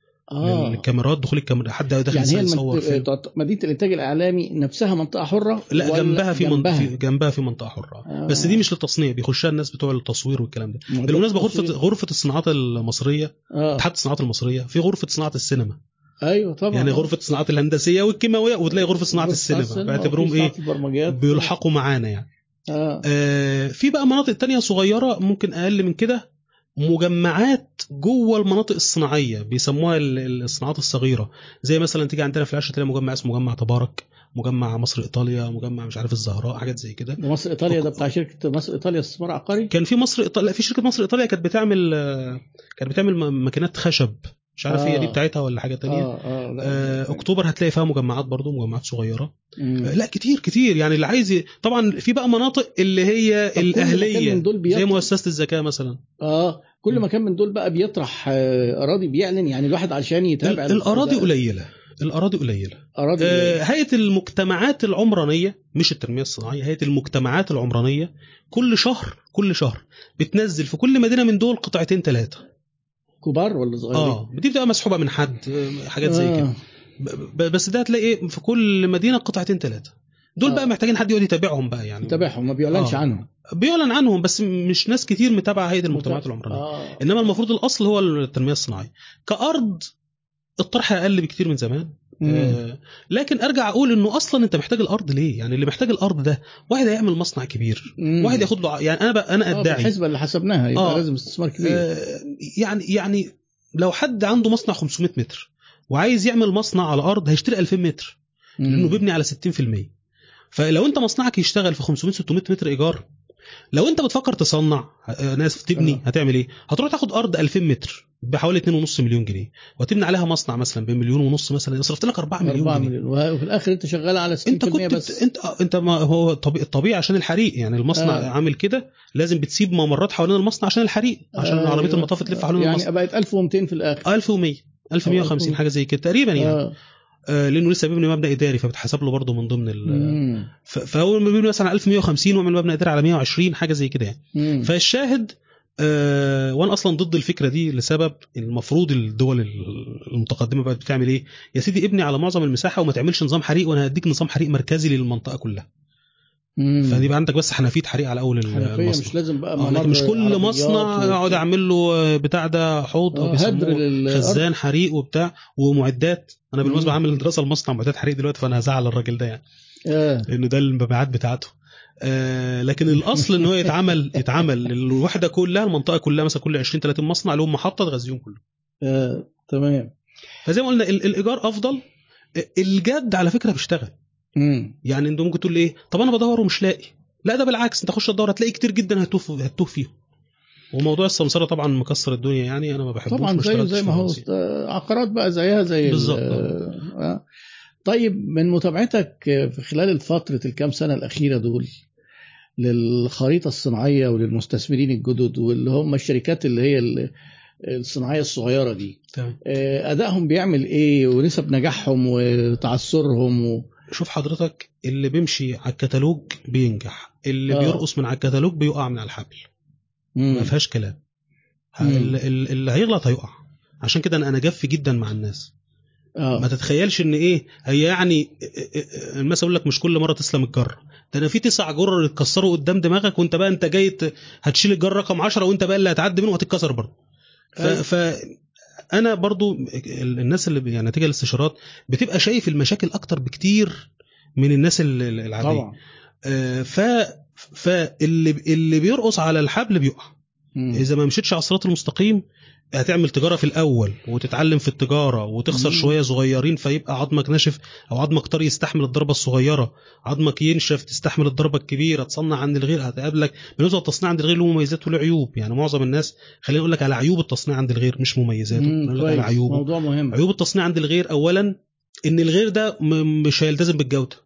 دي حاجة. آه. عادي هو مش بتاعتي. كده كده مش مكتوب عليها اسمي فانت محتاج تضبط الجودة عنده. صح. في ناس بتودي مندوب من عندها يقعد أثناء ما الباتش بتاعها بتصنع أو يروح هو يقعد. ثانيا مش هيلتزم بالمواعيد. إحنا ده, ده طبيعي. عندنا في مصر. لا ده الم... الأولوية دي حاجة ثالثه آه. المواعيد يعني إيه؟ يعني أنا قاعد فاضي وأنت شغلك يخلص في أسبوع اخلصه لك في أسبوعين وأنا قاعد فاضي. حتى وأنا فاضي. آه ما إحنا طبيعتنا بقى. إحنا أيوة المصريين كده يعني. آه يعني أنا كان جاي لي مستثمر على من, من. من ألمانيا الأسبوع اللي فات. آه. هو هو سوري مقيم في ألمانيا. وعايز يصنع حاجة فقلت له طب إيه؟ برضه عايز يعمل دراسة. قلت له أنا مش هعمل لك دراسة. والأفضل إنك تعمل كذا كذا وتصنع عند الغير في مصر هنا وبتاع. فقال لي طب أنا نازل. على نازل طول مصر. نازل مصر. آه. فقلت له خلاص قابلني الساعة 10 في مدينة بدر. فأنا أنا رايح على الطريق بقى إيه؟ الساعة بقت 10 ونص وأنا ماشي على الاقليمي كده. أنا بتدنجل كده. لقيت تليفون. بيقول لي أنا واقف قدام المصنع من الساعة 10 قلت له آه، أنت جاي من ألمانيا. جاي من ألمانيا قبلك. هو جاي من ألمانيا من أول الأسبوع مثلا قلت له هنتقابل في بدر الساعة 10 فأنت عارف 10 قلت بتاعتنا دي في مصر. ألمانيا بقى بي... آه هو نازل لا هو نازل مثلا يوم الجمعة وإحنا هنتقابل يوم الثلاث بس أنا إحنا في آه. مصر بالنسبة لنا 10 دي أنا لا، 10 المواعيد 10 ونص عندنا 11 برح- برهرطه كده فأنا لقيته الساعة 10 بيقول لي أنا قدام المصنع. قلت له ده أنت. جاي من ألمانيا بالكرتونة. بس هو في فايدة هنا إلا وهي إيه؟ إنه يعرف إن ده طبيعي. آه برمج نفسك. أبو. أسبوع ده آه. بيبقى أسبوعين. طب افرض بقى بالظبط كده. طب افرض إن هو عنده شغل بتاعه هنا بقى نخش في مشكلة الأولوية. اللي هي إيه؟ آه. هو أنا هصنع للغير ليه؟ إلا إذا كنت أنا أصلا شغال ب 80% من طاقتي. آه. فبصنع للغير لأن صح. لما بصنع للغير بكسب أقل. يعني مثلا أيوة. المنتج بيكلف 8 جنيه. أنا ببيعه ب 10 بكسب فيه 2 جنيه. لما أجي أصنعه للغير هدي لي الغير بتسعة. آه هبقى كسبان أقل. يبقى بقيت كسبان جنيه. والغير هياخده يبيعه ب 10 بقى كسبان جنيه يبقى ال 2 جنيه اللي كنت بكسبهم أنا خدت. نصهم واخد نصهم طيب ليه أنا بعمل كده؟ ليه أنا شغال ست ساعات في اليوم من الثمان ساعات. فمستعد الساعتين الباقيين أشتغل فيهم بمكسب جنيه بس. طب افرض إن الساعتين التانيين كمان اتشغلوا آه جالي است- شغل زيادة. شوية بقى. خلاص يبقى أنت استناني بقى. استناني شوية بقى. يبقى كده في اولا طبعا. الالتزام بالجودة صعب إنك تلاقيه. المشكلة الثانية الالتزام بالوقت في العادي. أيوه. ثالثا الأولوية رابعا السعر انت بت- ب- ب- بتاخد يعني آه. يعني كنت اكسب 2 جنيه بقيت بكسب جنيه بس. لا برضو ممكن لو سمحت لي أضيف حاجة خامسة. قابلتها في بعض آه، الصناعات إن لو حاجة فيها آه، فنيات ممكن تتسرق. بالظبط. أنت كشفت سرك للي آه. بيصنع لك. أقول لحضرتك على حاجة. أي حد في مصر عايز يحافظ على على سر الصنعة أيوه. أو عايز يحافظ على فكرة أو براءة اختراع أو بتاع أقول له يا فندم في مثل سوري أو شامي بيقول إيه أنت عايز تاكل عنب ولا تخانق الناطور؟ إيه تخانق الناطور؟ تخانق الغفير يعني. آه. أنت حضرتك غفير بتاع الأرض الزراعية. دي أيوة. وأنا عايز آكل عنب باجي أقول لك اتفضل خد 10 جنيه وهات كيلو عنب. آه. ولا اخش اتخانق معاك بقى ونط مع السور وأنت تجري وراه وأنا اجري وراك وبعدين أخطف منك العصاية و- وأخطف. إحنا داخلين عايزين نصنع ونبيع ولا عاوزين نعمل براءة اختراع؟ ونسجل العلامة التجارية وبعد ما نسجلها ويجي واحد يسرقها أروح أرفع عليه قضية. يا عمي كل عنب. وإيه؟ ما تخانقش يعني الناطور. نصيحتك معناها إيه؟ ما تلا- لا تدور على تسجيل علامة تجارية ولا الانفراد بالمنتج هصنعه وهغشه وهقلده. ما تحاولش. آه ما تعتمدش. هقلدك هقلدك. يعني أنت بتنصح بإنه يصنع برضه؟ صنع واشتغل وخد وش القفص وبعدين لما يبقوا هم يجوا بعد كده يقلدوك يبقوا يقلدوك يبقى حتى لو رحت. تصنع عند الغير. أو أو عند نفسك ما هو أنت هتصنع عند نفسك ده المنتج ده ما أنت هتبيعه هتبيعه هيكشف برضه هيروح للتاجر التاجر يقوم رايح للمصنع اللي جنبك تعرف تعمل لي ده بيجي لي ب أيوة. 10 تعمله ب 8 يقول لك اعمله بسبعة يا سلام هيعمله آه. نادر جدا إنك تلاقي حد يعني أنا من حوالي سنتين ثلاثة في مواسم كده حاجات معروفة مثلا في رمضان بيطلبوا دوارق عشان في الصيف بيطلبوا الشيشة كانوا مم. بيطلبوها قبل كده. كنت بعتذر عنها حصل آه. موقف ظريف معايا رحت. حد أول ما اشتغلت خالص ما دي من الحاجات اللي علمتني وخلتني بقيت إيه تقيل. مش كل ما حد يقول لي تعالى زيارة المصنع أروح تعالى استشارة أروح آه. فحد قال لي إحنا عايزين نعمل مصنع بلاستيك وهو في اسكندرية. فرحت لقيت نفسي قاعد في مخزن معسل. إيه ما إيه يا عم قصتك؟ قال لي إحنا بنبيع المعسل وفي شيشة بلاستيك. آه. إحنا عايزين نصنع الشيشة البلاستيك وليها لي خرطوم كده عايزين نصنع اللي. فطبعا أنا حطيت نفسي في موقف أنا اصنع شيشة. قاعدين نقول بقى والأخلاقيات ولا ده وأروح أصنع آه. الشيشه في الآخر فالشاهد. آه فجالي حد من سنتين كده عايز يعمل إزازة معينة كانت نازلة في رمضان كانت شكل الفانوس. بحيث الناس بتوع التمر هندي والكلام ده يعبوا فيها ال... فقلت له والله اسالك ناس أعرفها فكلمت ناس أصحاب مصانع نفخ ال PET. فواحد قال لي عندي الاسطمبة بتاعتها بس بتاعت حد احترمته جدا آه. هو كان ممكن عمل لي عليها 50000 ولا 100000 ولا حد إزازة عارف ولا الراجل آه. عارف تاني سنة بقى خلاص. كله عمل. مث- كله بيعملها. ما تجيليش انت تاني سنة تقول لي إيه؟ أنا والله في واحد قال لي دي الازازه بتاعتي إزاي اعمل إزاي أروح أرفع عليه قضية؟ يا فندم ما ترفعش عليه قضية. آه مش هتعرف توصل لحاجة. خلاص خد وش القفص.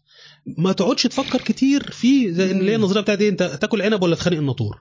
يا عم أنا معاك فكرة. انت- اه- اه- اشتغل. اه- اعمل إم في بي أو زي ما المهندس خضر آه. بيعلمنا. م- تمام مقبولة نظريا مقبولة شكلها حلو. انزل خد وش القفص خلاص. كان حد. بيقول برضه مصداقا للي حضرتك بتقوله لو خايف على فكرتك من السرقة. أفضل حماية ليها إنك تنفذها بالظبط بسرعة تنفذها نفذها بسرعة, بسرعة لو ناجحة يعني لو بالظبط. طبعا بعد ما فيها بشاير للنجاح. الجديدة دي برضه آه. بيبقى فيها ريسك كتير وأنا عامل أنا- موضوع أنا- أنا بقول إن من المميزات إنك أنت لما تبدأ لما تبدأ وبرضه قالها المهندس خضر آه مفيش مانع إنك تنتشر قوي ومفيش مكاسب بس مقابل بس إنك تقطع شوط تحتل أرض. آه. احتل أرض بحيث يبقى معروف إن القلم ده بيعمله محمود. مم. حتى لو قعدت سنة أو سنتين ما بكسبش. بس بقى معروف إن القلم ده بيعمله محمود. market share على أساس اقعد تحوله بقى بعد trust. بقى بعد كده. اللي يجي يخش لي. يلاقي نفسه مش عارف ياخد سوق. آه. أجي أنا بعد كده أبقى أكسب بعد كده. وممكن مم. أكسب على فكرة في ميزة في الصناعة. في سؤال برضو مهم ألا وهو الصناعة ولا التجارة؟ آه. الصناعة ولا التجارة؟ آه. بمنتهى الأمانة. التجارة الأول أحسن. آه، التجارة أحسن. كتير تمام؟ لأن الصناعة جواها تجارة. بالظبط كده. آه. أروح للصناعة إمتى؟ لما أكون قادر لما أكون قادر أبيع ربع منتجات مصنع مم. زي ما قلت. في الحالة دي في الحاله يعني مثلا واحد بيبيع مثلا 5% من إنتاج مصنع أقول له خليك تاجر يا عم زي ما أنت. زي ما يقول لي بس أنا عندي طموح وعايز أعمل يا عم خليك بس تاجر. وأنا أنا ابقى ابطال العالم في التصنيع مش لازم يعني. مم. الحتة النفسية على. فكرة هي الحتة النفسية هي ميزة في الصناعة يعني أصحاب الصناعة بيبقى نفسيتهم أحسن وحاسين إن هم بيعملوا قيمة مضافة. مم. وأحيان كتير بيبقى داخل التاجر الصناعة من باب الاستفزاز إن هو إيه آه. الحاج العربي دخل الصناعة من باب الاستفزاز. يعني أيوه. يعني هو, هو أنتوا أحسن مننا في إيه يعني؟ إحنا كمان. آه عشان أعمل كذا. هو عنده الر- عنده الحس ده. مم. انت أحسن مننا في إيه يعني؟ طب أنا عندي. أرض طب أنا بس طب حسبها وكده. آه. و- و- وبرضه كان بادئ بالتجارة. وعلى. فكرة هو قوا... من قاعدته هو شخصيا اللي هو ما. ما تبيعش حاجة ما تصنعش حاجة إلا لما تبيعها أيوه لأنهم على فكرة عندهم توكيلات كتير غير ال... كان توشيبا وبتاع هم عنده حوالي 16 14 توكيل أيوه, أيوة عندهم فبيبيع حاجات كتير تجاري ولما يلاقيها بقت ماشية يبدأ يبتدي. يصنعها طيب ده, ده القاعده قلت برضه نسبة مئوية ممكن في حد ذاتها فيها حتة غموض يعني مم. لأن المصانع بيبقى لها أحجام وطاقات إنتاجية يعني لما تقول لي مثلا إيه لو بعت ربع إنتاج مصنع. طب ما في مصنع ممكن يطلع ألف قطعة ويطلع واحد تاني يطلع عشرة يطلع مية. خل... خلينا في المصنع في المصنع المتوسط. يعني مثلا لو أنا آه. بتكلم في مصنع شكاير منسوجة مثلا بيعمل في السنة يا سيدي مثلا م- مثلا 10 مليون شكارة مثلا يعني. مم. وفي مصنع متوسط بيعمل مثلا 6 مليون ومصنع متأثر بيعمل 4 مليون. لو أنت قادر تبيع مليون شكارة في السنة بس اعمل أكيد في ايكونوميز اوف scale لو أنت هتعمل كمية طبعاً. صغيرة قوي مش هتعرف تنافس. بالظبط تكلفتك هتبقى عالية. بالظبط فأنت تحسب يمكن على الإيه في break even طبعا. على ال على ال الكم اللي يخليك تعرف تنافس في وسط المصانع. آه هي بتتحسب في كل صناعة بس roughly ممكن أقول لحضرتك إن أي مصنع يشتغل بربع طاقته هيعمل break even آه، بربع طاقته كمان. آه, يعمل break يعمل break. even يعني لا يكسب ولا يخسر. أنا دايما بشبهها بالميكروباص. آه. إيه ال break even ده؟ أنا واحد سواق ميكروباص. آه العربية بتصرف في المشوار مثلا 100 جنيه. مم. بنزين وأجر السواق والصيانة وتغيير زيت 100 جنيه. والراكب ب 10 جنيه. فأنا لو ركبت 10 ركاب جابوا ال 100 جنيه هي دي ال break even. بقيت break even. اللي يجي بعد كده مكسب. الزيادة دول مكسب. دول مكسب يعني. آه. طيب يا جماعة برضو اللي معانا ومنورنا وأنا سعيد برضو بوجودهم معانا برضو عدد ما شاء الله. لو حد عايز بقى يبدأ يسأل أسئلة أو كده يبداوا ممكن تبدأوا تحطوا الأسئلة عشان هنبدأ نبص عليها إن شاء الله. طيب إمتى نخبط على البنوك؟ لا أنا ضد البنوك قولا واحدا. على مم. على 180 درجة هم كده وأنا كده ما أنا بسألك عشان تقول الاجابه طيب شوف حضرتك آه آه، الموضوع له محورين المحور آه. الديني طبعا المحور الديني طبعا ده مقفول يعني وفي تمام. تفاصيل كتير إمتى يبقى ربا وإمتى ما يبقاش ربا وبتاع دي تفاصيل كتير طبعا مم. لكن لكن اقتصاديا وفنيا يعني خلينا نتكلم كفنيين يعني. مع طبعا الدين على عيننا وراسنا أه تخيل إن واحد معاه رخصة درجة ثالثه بسوق عربية ربع نقل تمام وبعدين عرف إن الناس اللي بتسوق تريلات بتكسب أحسن تاخد مرتب أحسن. قام رايح راكب تريلا. هيعمل كارثة. هتقول لي ما هو سواق هو مؤهله دلوقتي رخصة درجة ثالثه تخليه يسوق عربية ربع نقل. اكبر organic اكبر organic. يعني لما الطلب يزيد أبتدي أنا أزيد مع الطلب. على فكرة معظم الناس هو إيه اللي بيخلي الناس تعمل كده؟ ما هو الطمع. الطمع. يعني هو دلوقتي أنا بكسب مثلا 100000 جنيه في السنة. وزميلي بيكسب 200000 يا ربنا يوسع عليه. ولا تمدن عينيك إلى ما متعنا به ازواجا منهم هو يكسب إن شاء الله يكسب 700 إيه الم- إيه المشكلة عندك مم. يعني؟ لما يبقى الطلب يزيد عليك يوصل ل 150 ابقى تعامل مع الطلب الجديد. هتعرف. تتعامل معاه. نفسيتك هتعرف تتعامل معاه. آه، ال- الفلوس مغرية. الفلوس مغرية إنك تيجي تقول لحد آه، ما تاخد مليون جنيه تشغلهم عندك. مش سهل إن حد يقول لك لا على فكرة. يعني أنا شخصيا بدرب نفسي عليها آه. من زمن ناس كتير على فكرة بتيجي تقول يعني لي طب ما تاخد كذا خد كذا لما بقول له قول لا يعني آه أو يجي لك أنت شخصيا يقول لك طب ما أنت حضرتك شاطر ما خد مليون جنيه آه، شغله لا ده دي خلاص اتقفلت من زمان آه. الناس عرفوا إن أنا بقول لا يعني لكن. هي يجي ناس في استشارات آه، للأسف الناس حتى بتشخ- بتشخص مشكلة غلط مم. وكلهم بيميلوا إن التشخيص آه، هيحلوا فلوس آه يبقى واحد عنده مشاكل ملهاش دعوة خالص بالتمويل ولا بالفلوس وعنده آه. مثلا إيه البيع ضعيف ومفيش تسويق والخامات تعبانة وسمعته زفت وبيضرب الناس بالجزمة آه. يقول لك بقى إيه آخد أنا فلوس بقى عشان نظبط نكبر الشغل آه هيطيرهم بقى. المال يزيدك مما أنت فيه يعني حضرتك لو أيوة، ماشي على الطريق غلط، جدا دي المال يزيدك مما أنت فيه بالظبط لو أنت ماشي على طريق غلط وقمت مشيت أسرع هيمشيك أسرع هيمشيك آه أسرع. يعني هتلبس بقى هيبعدك عن الشجرة الهدف. بقى رش آه. جامد بالمناسبة في نقطة مهمة جدا اللي هي عامل حزن تاني. إيه بقى عامل حزن؟ آه. بيخليك توصل للقاع فتشوف الاسباب المشاكل الحقيقية فين. أيوه إنما لو أنت لسه ما وصلتش القاع وأنا اديتك فلوس فحليت المشكلة لسه المشكلة لسه ال- المرض الأساسي أنت ما شخصتوش. مم. فأنت إيه اللي بيحصل؟ أنت مثلا عندك مصنع- راس ماله مثلا 3 مليون جنيه. وانت عمال تخسر ان في خرم في حتة معينة في المصنع انت مش واخد بالك منه. مم. فقمت انت خدت قرض فقمت مكمل والخرم لسه موجود. لا قاعد بتصب برضه. آه فاكر يعني ان انت هتحل لما تملى. لا ده هو يعني في خرم انت بيصرف. مثلا بتجيب الخام غالي انت أيوة. مش واخد بالك. أيوه. فمثلا الطن ب 7000 انت بتجيبه ب 10000 آه. فبتجيبه غالي. طب ما فيش فلوس نعمل إيه؟ نروح ناخد قرض. فهتفضل تشتريه ب 10000 برضه. طب افرض ان منعت عليك القرض بقى وسبتك لما تشحط خالص. آه. هتبتدي تدعبس لما توصل فين الخرم. آه. تعرف إن المشكلة فمعنى كده إن معنى إنك تاخد قرض أصلا ده هو هي... هيخليك ماشي. آه هيخليك ماشي. الخرم أنت مش واخد بالك منه. ده هيبقوا خرمين. هيبقى خرم. البنك هيبقى البنك خرم نفسه. في نقطة بالمناسبة. آه. قاعدة برضو من اللي هي إيه؟ الفرق بين الرأي والمعلومة. ما آه تاخدش قرض تسد بيه قرض. كارثة.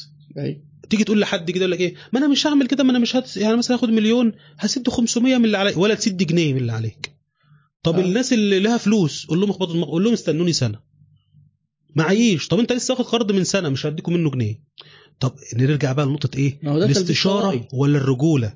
آه. إن أنا أبقى عارف أنا معيش معيش طب المليون جنيه ده جاي أحطه فين؟ طب المدام عايزة تجيب مش عارف إيه طب الولاد عايزين. مفيش. ده مش هيخش. ده يخش في المصنع بس. هنا بقى حتة الرجولة. اللي هو إيه؟ الاستشارة المعلومة. اللهم أرنا الحق حقا وارزقنا اتباعه. إن أنا أقول لك على المعلومة هقول لك وهتسيبني وهتمشي ومش هتاخد بيه. ما هو ممكن يقول لك ده أنا أبو الرجولة ده أنا هاخد القرض ده وهتجوز بيه زوجة تانية. ما هو ده في في رجولة أكتر من كده. آه بالمناسبة بالمناسبة آه معظم العاملين في الصناعة آه. يعني آه، بيعملوا. آه ال ال ال ال الزوجة الثانية يعني أنا أنا عندي صفحة اسمها مرزويات فن الحياة. آه. مرزويات بين قوسين فن الحياة. بتكلم فيها عن الأمور آه الأمور الاجتماعية وكده. آه، من المنصوح بيه للزوج آه للرجل الاعمال أصلا إن هو يتجوز. عادي يتجوز تاني وتالت والله؟ ورابع. آه، عادي. طب ده إحنا عايزين نقطع دي في ال في ال في الإيديت في المونتاج في. المونتاج؟ لا أنا برضو من ضمن الملحوظات الاولى ان إن حتى ال ال ولا ولا أنت يعني قلبك حتى جامد. الكوميديا في النقطة دي آه، آه. ما يستحسنش. من من من, من صفات ال... يعني صفات مكملة لبعضها. إزاي؟ يعني دايما اللي هتلاقيه آه، رجل أعمال آه. هتلاقيه آه، بيسوق بطريقة معينة هتلاقيه بياكل بطريقة معينة هتلاقيه عايز يتجوز اثنين وثلاثه وأربعة هي طقم بيجي مع بعض لا لا لا ده أنا عايز آه. أدخل معاك على جروب مرزوقيات ده. آه اسمه مرزوقيات فن الحياة. الطقم ده بقالي هو فترة الطقم كتير اللي بيجي. مع بعضه ده في آه هي شخصية في معينة. اختلافات كتير يعني. لا يعني برضه آه هي شخصية الفروسية دي هي طقم بيجي مع بعض دايما. و- ده وبالمناسبة يعني إيه؟ العهدة والمسؤولية لا أنا أنا أنا أعرف كتير يعني. محمد مرزوق بالكامل. أنا أنا يعني أنا أنا الربط أعرف بين كتير. الفروسية والموضوع ده يعني آه ما هو رجل اعمال في مخاطرة في حد ذاته. رجل الأعمال ما ينفعش. عشان كده أنا ضد فكرة المخاطرة المحسوبة. ال- أنا بقول البيزنس هو القمار الحلال. القمار الحلال. لا في فرق ما بين القمار وال business الحلال. يعني إيه؟ عقلية الراجل عقلية المستثمر لازم يكون عنده الحتة دي اللي هو إيه؟ يا صابت يا اتنين عور آه بس ما تدخلش ب احسب احسب احسب احسب احسب. خلاص خلصنا حسابات؟ يوم ما هبدأ أنا مستعد أخسر كل أصل حاجة معظم القمار ما يتحسبش هو في مفيش في. حسابات آه يعني عارف الناس اللي بيروحوا لاس فيجاس وبيقعدوا أيوة، قدام أيوة. المكنة ويقوم عامل الدراع كده عشان مفيش فيها حسبة. ملهاش حسبة ده بالعكس هي في حتى نوادي القمار دي. بيبقوا بيديروا الموضوع ب software الموضوع حتى مش مش م- ما- ماشي ممكن. بال probabilities والاحتمالات ممكن يمشي كده آه علشان يخسروا الناس آه. لكن آه في بديلين تانيين القمار اللي هو ملوش حسبة في إنك أنت تقعد تحسبها لدرجة إنك تتخض فما تعملش حاجة. لا دي غلط. ال business بقى هو التوازن ما بين الاثنين تمام. بس لحظة التنفيذ أيوه. لازم مش لازم الشخصية دي. بالظبط. ما أنت بتاخد المخاطرة. بعد ما تحسبها آه. بعد ما تحسبها. تاخد المخاطرة. بعد ما إنما مخاطرة لو. أنت خدت القرار وأنت بتحسب لا مش هتمشي لا طبعا. ما أنت قبل ما تحسب خدت القرار بقت قمار. آه. تمام. حسبت فخفت فما عملتش أي حاجة. آه. بقى إيه كده بقت محسوبة بس. المخاطرة لا آه. يناسب ابدا. آه. خوف مبالغ فيه. خوف مبالغ فيه آه. آه، برضو يعني دي نقطة هي ليها توازن ليها توازن محتاج آه توصل. يعني يعني لكن إيه؟ يعني مثلا أقول لك على مثال كان آه، اسمه إيه ده الإسكندر الأكبر آه لما راح إيران أو بلاد فارس يعني قالوا له إيه ده في هنا عقدة بقالها آلاف السنين آه. العقدة المقدسة ومحدش بيعرف يحلها وكل الأبطال جم عشان يحلوها ما عرفوش يحلوها ومش عارف قالوا فين العقدة دي وروها لي كده قالوا العقدة دي هي دي قام مطلع السيف وقام إيه جايبها نصين هي دي اللي مضايقاكوا يعني؟ آه. خلاص. ده اسمه حل الإسكندر. آه. حل لازم يكون المستثمر عنده الروح دي. هي إيه المطلوب؟ هنعمل كده؟ طب هو تمام حسبنا تمام؟ طب يلا. طب يا فندم آه. يهديك ير- يلا. أيوه أيوه. آه عشان كده المهندس لازم أنا لسه كاتب النص ده امبارح. آه. المهندس لازم يكفر بالهندسة. لو دخل بيزنس آه. بأجزاء في الهندسة مش الورست. كيس سيناريو مثلا. ينسى آه. الورست كيس سيناريو ولا مش هيشتغل. طبعا. المنطق المبالغ فيه أنا دايما أقول إن الصح بين غلطين. مفيش صح وغلط. مفيش صح وغلط. في صح آه، وغلطين. صح أكتر. زي ما حضرتك قلت كده إن أنا هعمل مخاطرة مح... آه، مخاطرة محسوبة. ما أعملش مخاطرة خالص أو ده غلط. أيوة. أعمل مخاطرة وأقعد أحسب فيها طول عمري ده غلط تاني. أبدأ مفركش. المخاطرة المحسوبة. أيوه. اللي في الحتة اللي في النص اللي هي آه. إيه؟ التوازن ما بين الاثنين صحيح. أنا آه، آه، أنا واحد من الناس أول ما بدأت المكتب بتاعي كان إيجار ب 1000 جنيه. ولو حد جالي فيه يعني ما يشرفنيش قوي بس يلا أنا أنت عارف أنا إيه القرار اللي أو إيه السبب إن أنا. كويس آه إيه السبب إن أنا بدأت في مارس 2018 آه. إن أنا في يونيو 2018 هيبقى عندي 30 سنة وأنا كنت واخد قرار إن أنا لازم أبدأ ابدا ال 30 صح غلط لازم أبدأ ابدا ليه ما أعرفش هو كده كويس قرار. وحافز آه. والبداية ونشوف بقى هنعمل إيه بعد كده أيوة. ربنا يكرم هي البد... دايما على فكرة أنت كده وقفت قدام عائق موجود في أذهان الناس كلها. الخوف من البدايات لأنها مرتبط بالخوف من الفشل فنقعد نحسوك لا ده المكتب ده شكله آه. بالشيك لا ده مش مآمن ما أعرفش آه. إيه لا ده شكلي إيه ده صاحبي مين تمام. اللي كان ي- لا انت اللي عملته ده عين العقل فعلا و...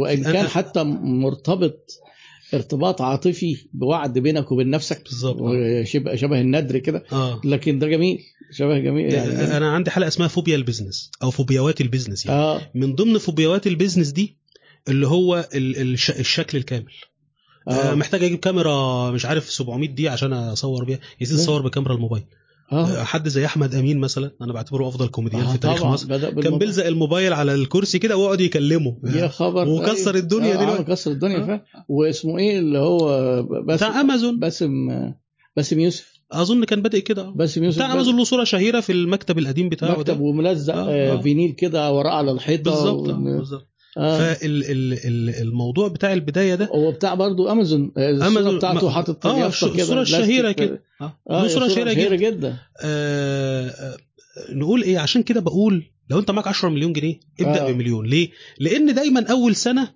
أو أول سنتين أنت هتلطش.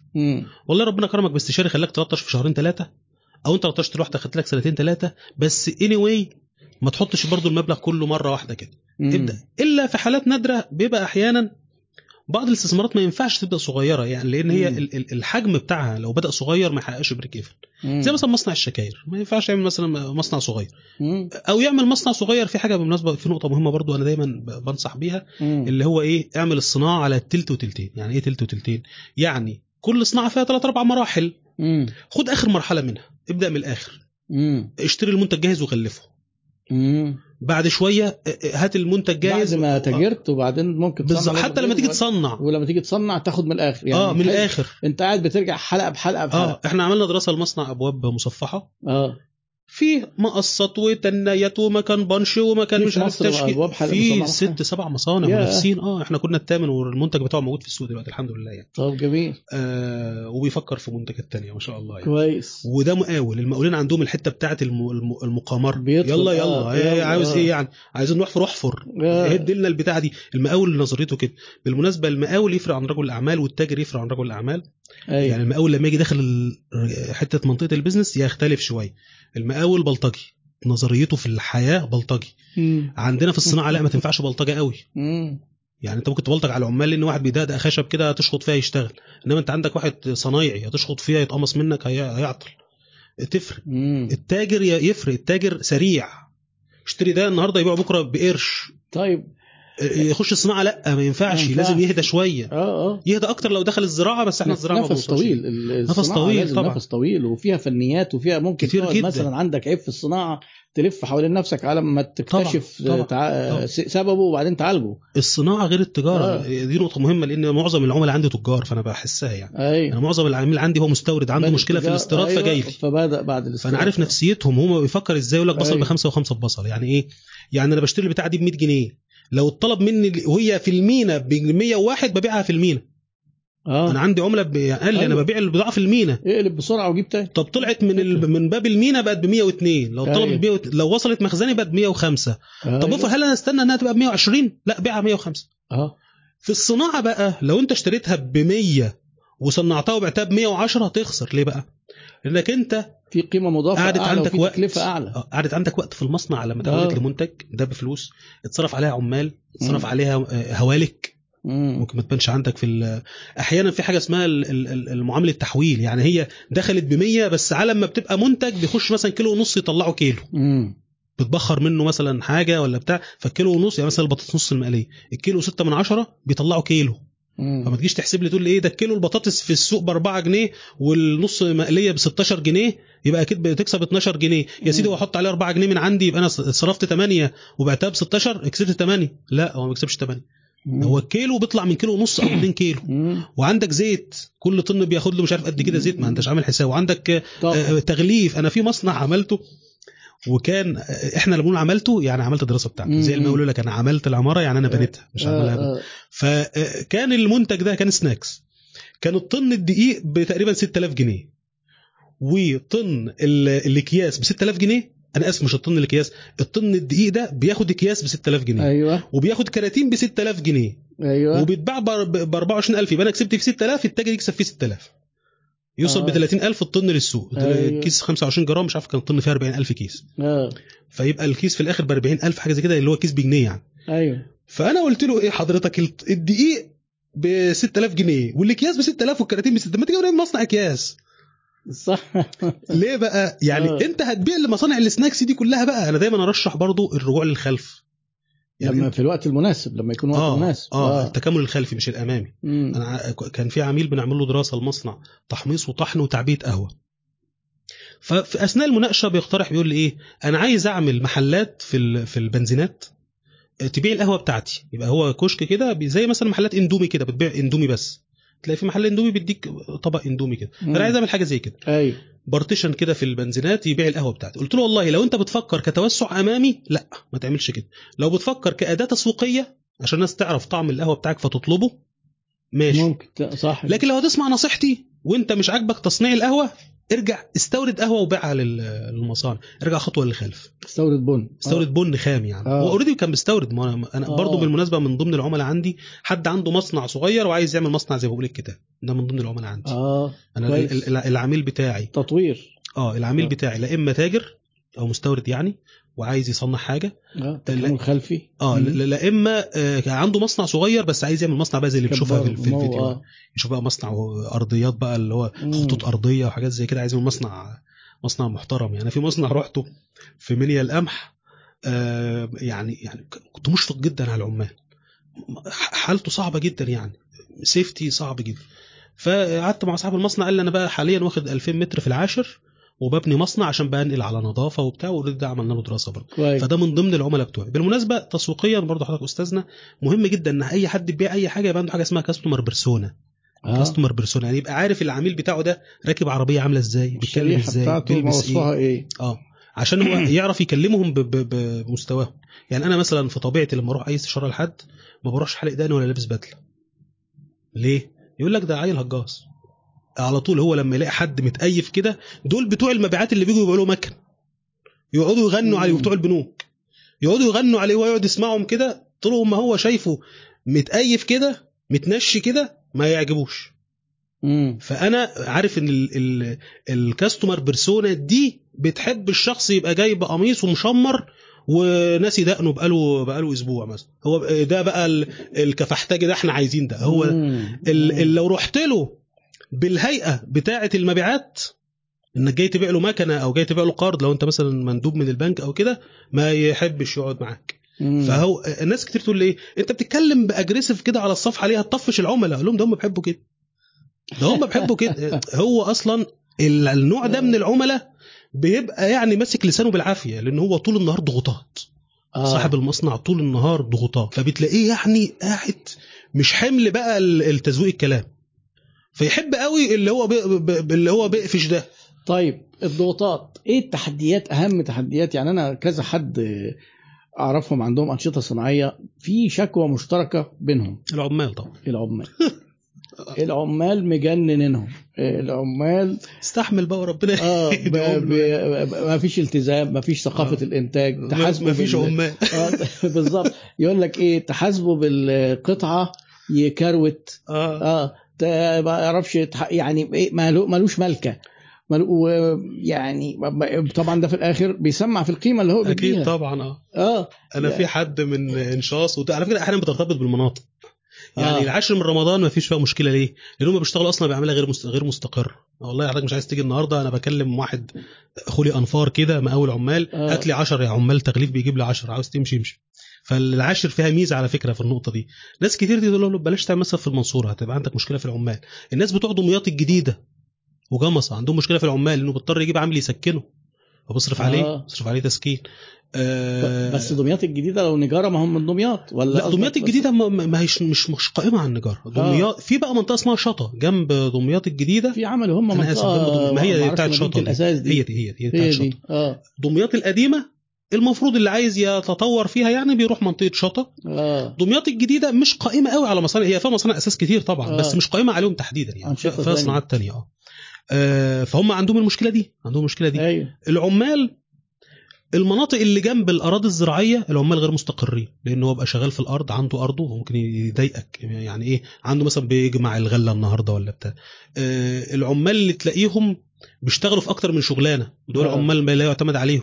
ممكن العمال بتوع السادات مثلا بيروحوا المزارع بتاع الخطاطبه والكلام ده فتيجي انت شغال يقول لك إيه ده إحنا عندنا مثلا موسم جمع الفراولة مثلا فما تلاقيه أنت بتديله 100 جنيه في اليوم وهو بياخد 200 يروح جنيه. يجمع. يروح يجمع.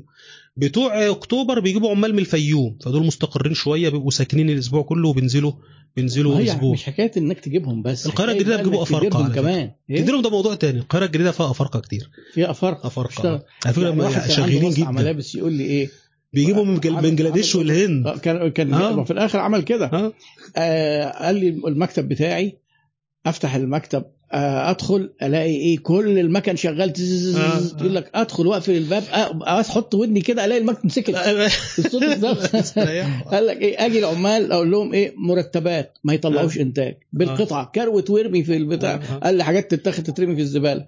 يقول لك ال break ياخدوا break ويقول لك بقى إيه نصلي قبل ال break ونتغدى بعد ال break. يعني آه ياخد ال break كامل يعني. ياخدوا ال break مرة إيه؟ لا ونص. يضربوا ال break في فين اثنين. بالظبط. آه. طب بتصلوا دلوقتي ما في break تصلوا فيه؟ لا آه، حضرتك بقى الأذان ما أعرفش إيه. بعدين محتاجه محتاجه محتاجة هندلة ادارتهم جدا. رهيب. هندلة- أنت بقى. قابلتك أكيد المشاكل دي؟ والله أنا أنا شخصيا عندي بعد حل عندي. حل كده. آه. ألا وهو إيه؟ مش عارف أسميه إيه. يعني أنت مثلا عايز 10 عمال. آه. هات 20 يتظبط خمسة وتطرد خمسة وتقوم معين ال خمسة 20 كمان. هتبقى أنت معانا؟ ما أنا هقول لحضرتك. تكلفتك ما أنا هقول لحضرتك أهو. آه. أنا هعمل إيه؟ عارف اللي بغير زيت ال- زيت الفتيس؟ امم ما بيفضيش الفتيس كله ويملاه ما بيحصلش كده لأن الفتيس أصلا ما يقدرش يف- يفضي زيته كله. امم فانا أنا عاوز 10 هجيب 20 آه، خمسة هيجروا وأنا هشتم خمسة وأمشيهم وأعين خمسة كمان بقوا 15 امم وأقعد اغربل فيهم كده 15 إيه أطرد اثنين وأعور واحد واوديه المستشفى وأجيب ثلاثة تانيين. لحد ما استقر على إيه؟ غربلة في غربلة في غربلة في غربلة في غربلة لحد ما أوصل ل 10 اللي أنا عايزهم. آه. وعين اثنين بقى كده فوق البيعة. البقاء للافضل بقى. واطرد اثنين كل سنة. اللي هو في قاعدة آه. كده في التوظيف إن هو لازم تطرد تمشي 10% ناس عشان يبقوا اندر مينيموم ستريس بس ده هو آه. معظمهم في صناعات تانية بيشتكوا من دوران العمالة. دوران آه. وبيخطفوا العمالة خصوصا لما تكون حاجة فنية والعمالة الماهرة فيها قليلة. آه. بيقعدوا ادفع فلوس بقى. ادي آه تعلي مرتبات كويسة. وهي هي في أنا عندي آه تقريبا من أطول الفيديوهات اللي عملتها في مفاهيم مهمه في ال business فيديو اسمه المرتبات ساعتين ونص. مم. ساعتين ونص بقى بشرح كل الاحتمالات اللي ممكن تحصل. آه، طب آه، ننمي الولاء بتاعه ولا ما ننميهوش؟ طب مسؤولين عنه ولا مش مسؤولين عنه؟ طب آه، آه، بقى over qualified طب قصة قصة هي أكبر مم. بالمناسبه هي أكبر معضلة يعني. طبعا. وطبعا من الحلول النظرية بتاعتها أو الحلول النمطية بتاعتها بلاش حلول نظرية ال automation. أيوه. ال automation بيحل ناس كتير يقول لك أنا. نفسي في مكان ما إيه يعمل الحاجة ما تمدش إيدك. أقول لك تعمل automation. إزاي؟ أقول لك آه. تعمل automation إزاي؟ شوف العمال اللي بيعملوا الشغلانة دي واضرب مرتباتهم في 10 سنين. إذا كانت أرخص من الروبوت أو من الآلة اشتري الآلة. يعني الشغلانة دي مثلا على فكرة تطلع أرخص على فكرة. آه. الآلة تطلع أرخص. يعني آه. بمعنى إيه؟ أنا آه. عندي مثلا الشغلانة دي ممكن روبوت يعملها مثلا ب 3 مليون جنيه مثلا يعني. تقول يا 3 مليون رقم كبير قوي أقول لك والله الشغلانة دي بيعملها كام عامل؟ مثلا خمس عمال. العامل بياخد كام كام مثلا بياخد 3000 يبقى كده 15000 جنيه في الشهر في 120 شهر. يطلعوا مثلا رقم. 10 سنين. آه ما آه. 120 شهر. يطلعوا مثلا العمال دي في ال 10 سنين ياخدوا 2 مليون جنيه مرتبات. آه. أنت عارف حضرتك هات روبوت ب 2 مليون جنيه دلوقتي أحسن. لك آه، من ضمن الحاجات اللي قالها كوتلر حتى في كتاب ال آه، 5.0 بيقول من ضمن عقبات آه، انتشار التكنولوجيا في العالم إن آه، في الوقت اللي فيه دول المرتبات فيها عالية لدرجة إن ال robots بتوفر جامد جدا في بعض الدول المرتبات منخفضة جدا لدرجة إنه مستحيل يفكر يجيب الروبوت. لأن تكلفة العمالة آه، قليلة. فهو حتى كان بيسميها في الإيه، ال digital divide الانقسام آه، حوالين التكنولوجي تمام. الناس اللي إحنا عندنا مشكلة تانية. مشكلة هم إيه يعني من ضمن آه. آه. الخرافات يعني اللي هي يقول لك إيه اصل ما تقطعش رزقهم وفي مشكلة ثالثه يقول لك إيه يقول لك إن ال... أنا أول مصنع اشتغلت فيه كنت لسه متخرج بقى. المصنع اللي أنا اللي هو بقول لك بتاع الموبيليا ده رحت أول ما اشتغلت اشتغلت فيه. امم بعد ما اتخرجت على طول ما أعرفش اللي هو. ف آه، فكانوا جايبين مكنة 5 axis مكنة يعني خطيرة يعني في الوقت ده وكانت محتاجة ساعتها المخابرات توافق عليها للدو- قصة كده يعني عشان آه. تدخل مكنة آه. 5 axis ف وأنا اللي جاي أشغلها والحمد لله يعني يعني شبه شغلتها يعني لاني ما لحقتش أقعد كتير في المصنع. فالشاهد إن عامل قام قايل لي إيه مش أنت اللي جاي عشان ت... كانت المكنة عطلانة ما بتشتغلش. جابوها وبقت واقفه زي التمثال كده وما بتشتغلش. قعدت يجي شهر ألف حواليها يعني. والحمد مم. لله وصلنا للنتيجة في الآخر. فبس ما لحقتش أكمل. الشاهد يعني فلقيت عامل بيقول لي مش أنت اللي جاي عشان تشغل المكنة اللي تحت وتقعدنا في البيت؟ في وشي كده. فطبعا آه. أنا حسيت إن واحد دلق عليا جردل تلج. آه. فقمت واقف كده إيه مستجمع قوايا كده. أرد عليه أقول له إيه؟ ما هو أنت هتشغل المكنة هم يقعدوا في البيت والصنايعية في دمياط. الرتب بتاعتهم هي كام صابع طاير. يعني اللي طاير له صابع ده لسه ملازم. أوه لسه ظبوط صغير. اللي طاير له صابعين ده نقيب مثلا. اللي طاير له ثلاثة ده رائد. اللي طاير له اللي صوابعه كلها طايرة ده, ده لواء. فأنت كل اللي بيكلموك صوابعهم طايرة من مكن الحلية. مكن الحلية ده اللي هو عارف. الزخرفة. والكلام ده. فأنت بتكلم واحد طاير له مثلا أربع صوابع. وبيكلمك وبيقول لك انت جاي تقعدنا في البيت يعني بعد ما عملنا ده كله بقالنا 40 سنة مثلا شغالين في المجال انت هتشغل بقى مكنة ال CNC ال 5 axis وهي تعمل شغلنا وإحنا نقعد في البيت. آه. فطبعا اتحطيت في موقف لا أحسد أنا كنت لسه عيل طالع من الكلية يعني 22 أيوة. سنة ما أعرفش أقول كلمتين على بعض. قلت له حضرتك ال- كنت أنا بقى ذاكرت الحتة دي في الكلية فعرفت أرد عليه. قلت له حضرتك ال- الروبوتات أو المكن اللي زي كده معمول لأشغال معينة ألا وهي إن يكون صناعة خطيرة جدا أو حاجة خطيرة جدا زي مثلا الروبوتات اللي بتفك ال- المتفجرات مثلا إن تكون حاجة مرهقة جدا زي مثلا رفع الأوزان والأوناش والكلام ده مرهقة جدا أنا ليه أجيب عامل فين الأدمية مم. أنا رحت مصنع مرة في جمصة فالمصنع ده بيعمل أعلاف في اليوم حوالي آه، 100 أو 150 طن بتحط. عليهم ملح بحوالي 10 طن المصنع مصنع الأف تلاقيه مثلا له أربع خمس أدوار. بيبتدي من فوق كده ويفضل ينزل لحد تحت زي المطاحن. يعني الصناعة بتبتدي من فوق لتحت. تنزل. فهو بيطلع 10 طن ملح كل يوم. فيجيب مم. عمال يطلعوا له 10 طن ملح كل يوم. فين الأدمية والرحمة إن عامل يفضل طول اليوم يطلع ملح؟ مم. فقام عامل سير يطلع البتاع. فقال لي أنا عملت كده. قلت له والله ربنا يكرمك. ده دي حتى من من احترام أدمية البني آدم يعني. فيجي حد يقول لك إيه؟ يا سيدي ما العامل ده ما تسيبه يطلع هو رزقه كده. يا سيدي ما يشتغل في حاجة تانية. ربنا. سبحانه وتعالى قال إيه؟ آه، أو من رزقناه منا رزقا حسنا. مم. ففي رزق وفي رزق حسن. أيوه. يا سيدي اشتغل في حاجة. وبالمناسبة كل روبوت أو كل تطوير صناعي اللي أنت بتقول ان هو هيقعد الناس في البيت إحنا بقالنا م- 3000 سنة بنعمل روبوتات وما بنقعدش ناس في البيت. مم. يعني حضرتك لما تيجي تخرم بالشنيور في الحيطة مش كان في قبل كده كان في بتاع بيخرم باليدوي آه. اللي اخترع الشنيور ده قعد الناس في البيت ما قعدهمش في البيت مم. الراجل بتاع دمياط ده بيزود بتاع. مكن الاوميا ده أو الاويما مم. أنا آسف في اوميا بتاع البلاستيك وفي الأوميا بتاع بتاع ال- آه. بتاع الاويما أو بتاع الزخرفة ده ما كان قبل منه بيعمل بالأزميل آه هل أنا أجي أقول لك أنت الراجل اللي شغال على على الاويماجي أو كده أجي أقول لك أصل أنت قطعت عيش الراجل بتاع الأزميل لا. طب ما انت موجود اهو. يعني لما الازميل لما الازميل وقف انت حضرتك موجود. طب لما المكنة اللي هتيجي بعدك يبقى إيه؟ تجدد أو تبدد. يبقى لا اما حضرتك تتعلم تشغل المكنة الجديدة انما تقعد تعايز تقول لي صوم قطع وعيشي. لا مفيش حاجة اسمها كده. في شغلانة جديدة طلعت. لازم نعمل خش اتعلم الشغلانة الجديدة. إحنا كنا. بنرسم بال- بالورقة والقلم. يعني أنا لحد ما اتخرجت من الكلية كنا بنرسم بالورقة والقلم. طلعت البرامج. اتعلمنا البرامج. هل واحد ك... واحد مثلا خطاط ما طلع بعد منك الفوتوشوب وطلع البرامج اللي هي ال... ال- اللي هي بتاع الخطوط العربية آه. والكلام ده اللي ما اتعلمش الحاجات دي قفل آه اتعلمها إنما صح. فكرة إن إيه لا والله خلا بلاش تعمل automation عشان ما تقعدش ناس في البيت لا ده. مم. بدليل إن ألمانيا ما الناس مش شغالة فيها آه هل هم قعدوا في البيت؟ يعني أكتر بلد فيها روبوتات. طبعاً. اليابان هل قعدوا في البيت؟ أكتر دولة عندها robots وميكان mechanics وال mechanical هم هم يعني رواد المجال ده عندهم آه، آه. براندات زي KUKA ومش عارف إيه. آه، ما قعدوش في البيت. تمام. إيه لو في أسئلة يا جماعة إيه إحنا مستعدين دلوقتي ممكن نبدأ نستقبل أسئلة. محمد مجدي بيقول ربنا يبارك لك يا باشمهندس بجد ولا أروع. أكبر إفادة. أنا مهتم بالصناعة جدا ويشرفني التلمذ على ايد حضرتك نعم. إيه محمد مطاوع علي بيقول لك إيه إيه قول لي قصيدة من آه، قصائدك آه، أنا كتبت نشيد للكلية بدل نشيد الكلية اللي كنت ظباط الاحتياط اللي كان موجود يعني. آه. أول بيت شعر كتبته كان عندي 14 سنة وأنا بتأثر بيه لسبب يعني. آه. اللي هو يعبر عن شخصيتي دلوقتي. أيوه. اللي هو الحد اللي هو الخشن واللي بيقول الكلمة ما يهموش وبتاع. أول بيت شعر كتبته في حياتي كان بيقول الكلمة بنتي في صدري لا أملك قتل بنياتي. آه. الكلمة بنتي في في صدري. هقولها هقولها لو ملتش هتموت. يعني أموت بنتي عشان أريحك يعني. آه. فده أول بيت كتبته. الكلمة بنتي في صدري لا أملك قتل بني فأنا إيه ببقى حريص إن أنا ما أديش الكلام اللي هو لو هيطلع اللي جوايا تبقى مشكلة كبيرة. فأنا بلم الدنيا بقدر المستطاع. جيت بعد كده مثلا في معظم القصائد اللي كتبتها كانت في الجيش. كنت آه. شعر السرية كنت بكتب الشعر. مثلا يا آه كنت عامل مثلا ندى أو هتاف. إحنا في الجيش دايما تلاقي فيه هتاف. أثناء الجري بحيث يحمسني. زي مثلا إيه صعقه صعقه مش عارف إيه حاجات زي آه. كده. فأنا كنت كاتب مثلا هتاف من ضمن الهتافات اللي كتبتها كنت كاتب آه، يا والدي ارتاحوا ارتاحوا. أنا هفديكوا بروحي ودمي. لازم تلاقيها متقسمة على ثمانيه آه. يا والدي ارتاحوا ارتاحوا. أنا عشان على خبطة الرجل الشمال يعني. أيوه. أنا هفديكوا بروحي ودمي. لو مش هفدي ديني وبلدي مين هيفدي؟ أبويا وأمي. كان. في آه، بتاع برضه. كانت ظريفة قوي مم. بس كانت ميزتها إنها دوارة. يعني كانت بتقول إيه آه يلي تعبت تعبت ليه؟ ما انتش راجل ولا إيه؟ الرجالة ما بتتعبش. خليك راجل زي الوحش. واللي ينام إحنا نصحيه. صوتنا يعلى ينادي عليه. يلي تعبت تعبت ليه؟ ترجع تجيب من الأول. تفضل تقولها آه. لكن كقصيدة عمودية يعني نصين كانت. أكبر قصيدة كانت اسمها منتهى المعارك.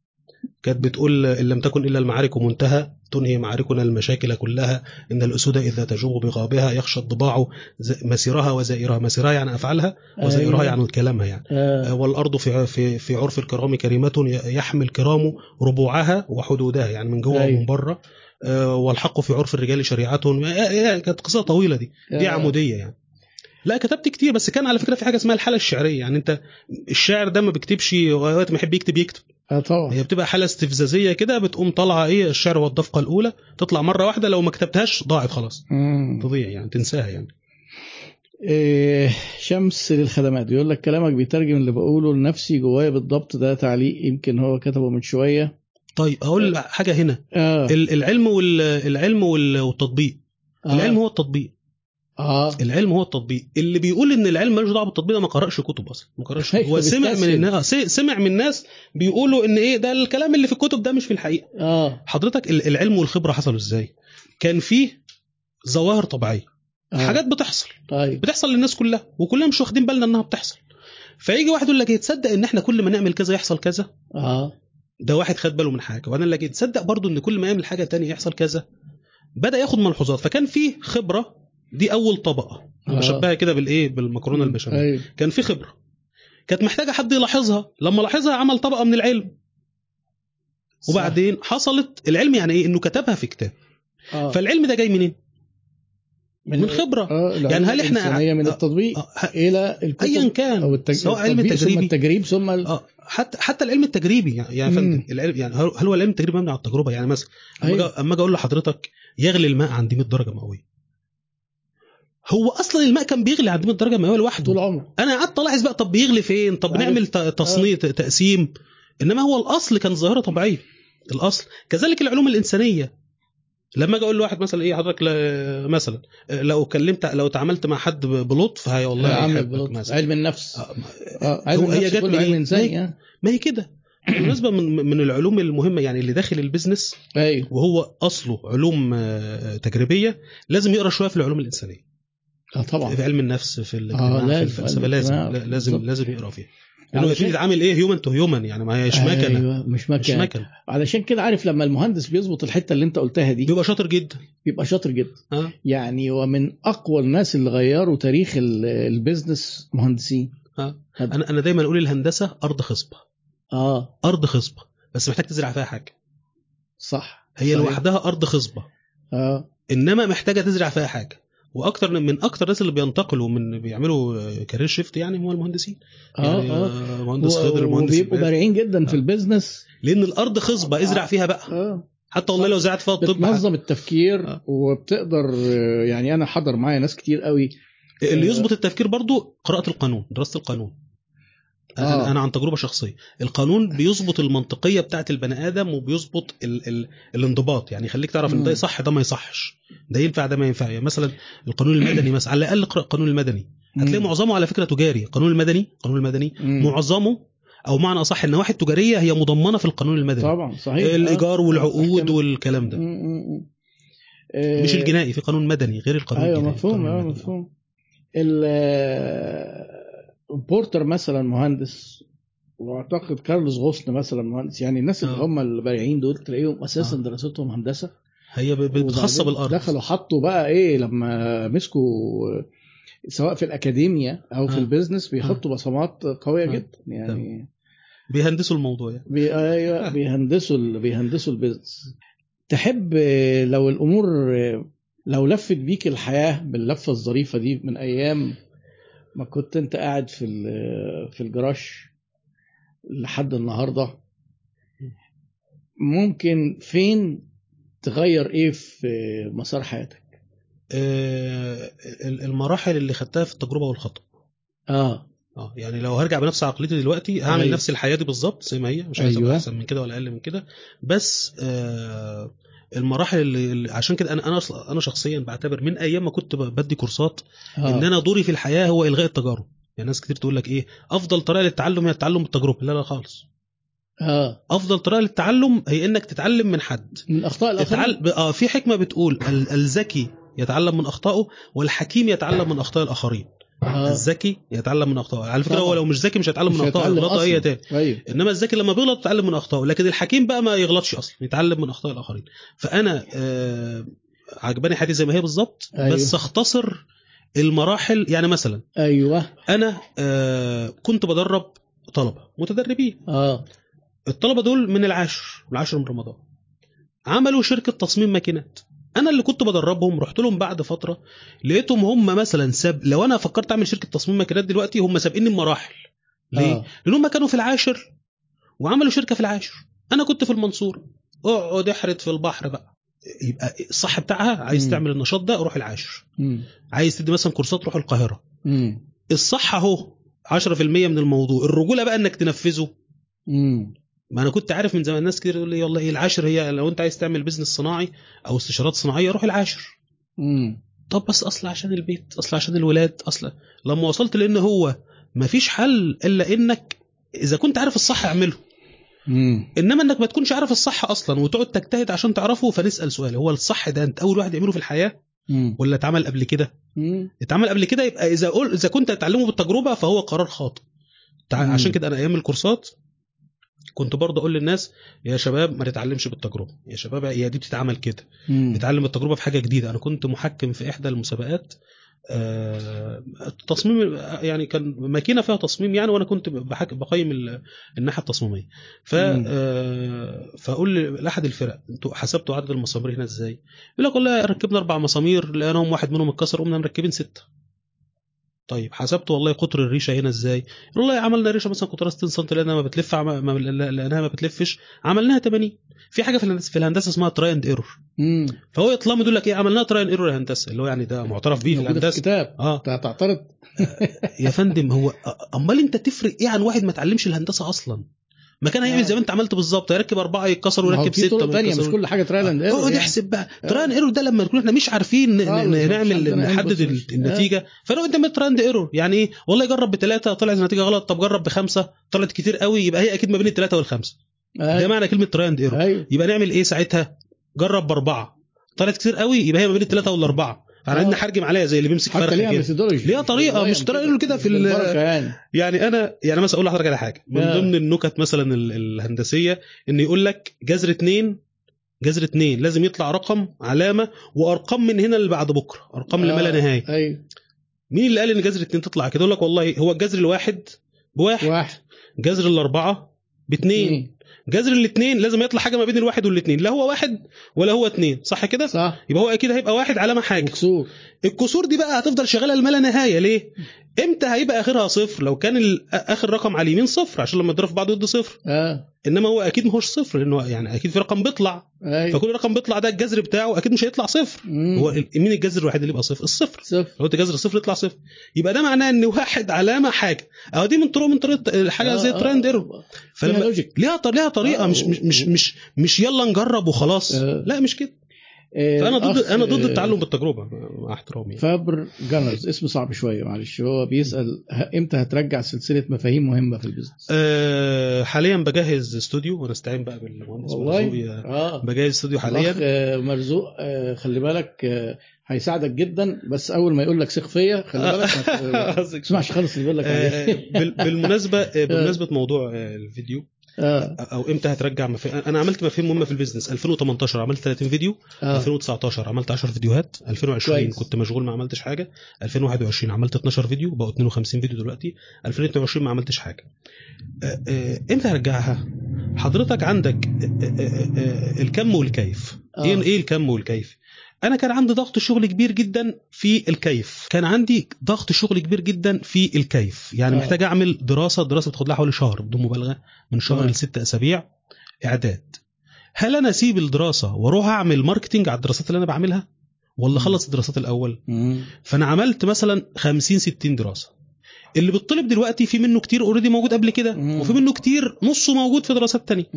يبقى بدأ يتوفر وقت صح لما يتوفر وقت يبقى اشتغل بقى في ال marketing إنك مم. إيه تبيع بقى ال- ال- الحصيلة اللي أنت صنعتها مم. إنما في ناس كتير بتغلط غلطة اللي هو يبقى ما عندوش أصلا محتوى ما عندوش قيمة وبعدين يقعد يعمل بقى branding على يعني هي حتة بتاع قد كده حتة آه حتة سكر قد. كده يعمل عليها دورق شربات قد كده.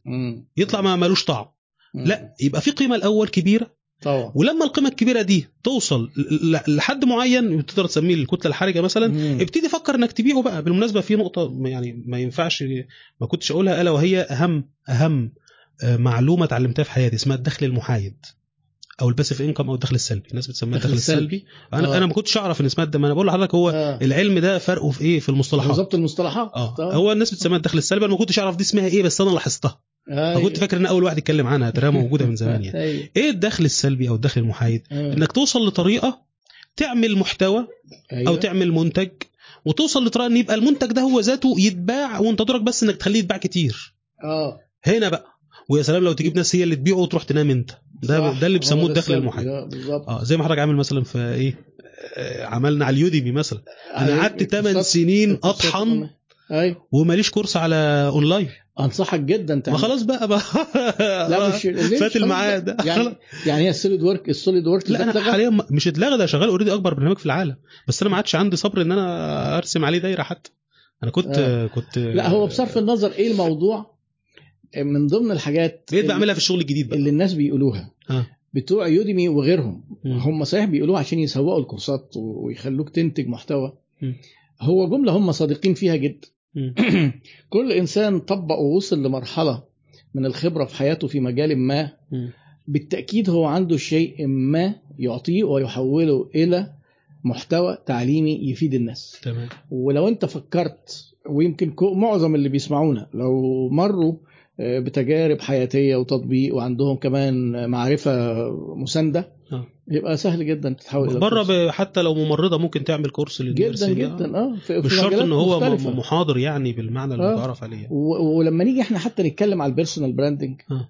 ال personal branding بالنسبة للدنيا كلها قايم على شوية حاجات كلها في صناعة المحتوى آه. محتوى يكون تعليمي تمام وده شغلنا إحنا محتوى ترفيهي ده بتاع انت sugary آه. أنا قمت من النوم لقيت الدنيا أنا ما بدورش على فكرة على ما بدورش على ال trendات. أي ترند بيطلع ما. بدورش عليه. بالظبط. دمي بيتحرق ما بدورش عليه أو محتوى معلوماتي مثلا زي الناس اللي هم عاملين صفحات أخبار رياضة بتاع. لكن إحنا شغلنا فعلا القيمة اللي بنحاول نوصلها للناس. إن إحنا بنعلمهم المحتوى التعليمي ده طبعا في جزء منه مجاني كتير وفي آه، جزء ب- مدفوع. بيسموه فريميوم آه فهي القيمة جاية من هنا وإنت حضرتك يعني لو ده محتوى سلبي أنا أنصحك بيه من تجربة وأنا يعني آه ده دخل سلبي عشان بس دخل سلبي أنا, دخل سلبي أنا قلت إيه آه محتوى سلبي آه. الدخل السلبي إن هو يعني أنا أنصح أي حد إن هو لازم مهما يجتهد آه. لازم يوصل الشغل بتاعه لإطار الدخل السلبي. انه أو الدخل المحايد اللي هو بمعنى أصح إنه ما يبقاش معتمد أنا دايما أضرب مثال بممثل السينما وممثل المسرح مم. ممثل المسرح لازم يكون موجود على المسرح كل يوم مم. ممثل السينما سجل الف- الفيلم وهو يروح ينام في بيتهم بقى الفيلم بيتعرض في الم... في السينما كل يوم هو بيجي له أجر كل يوم.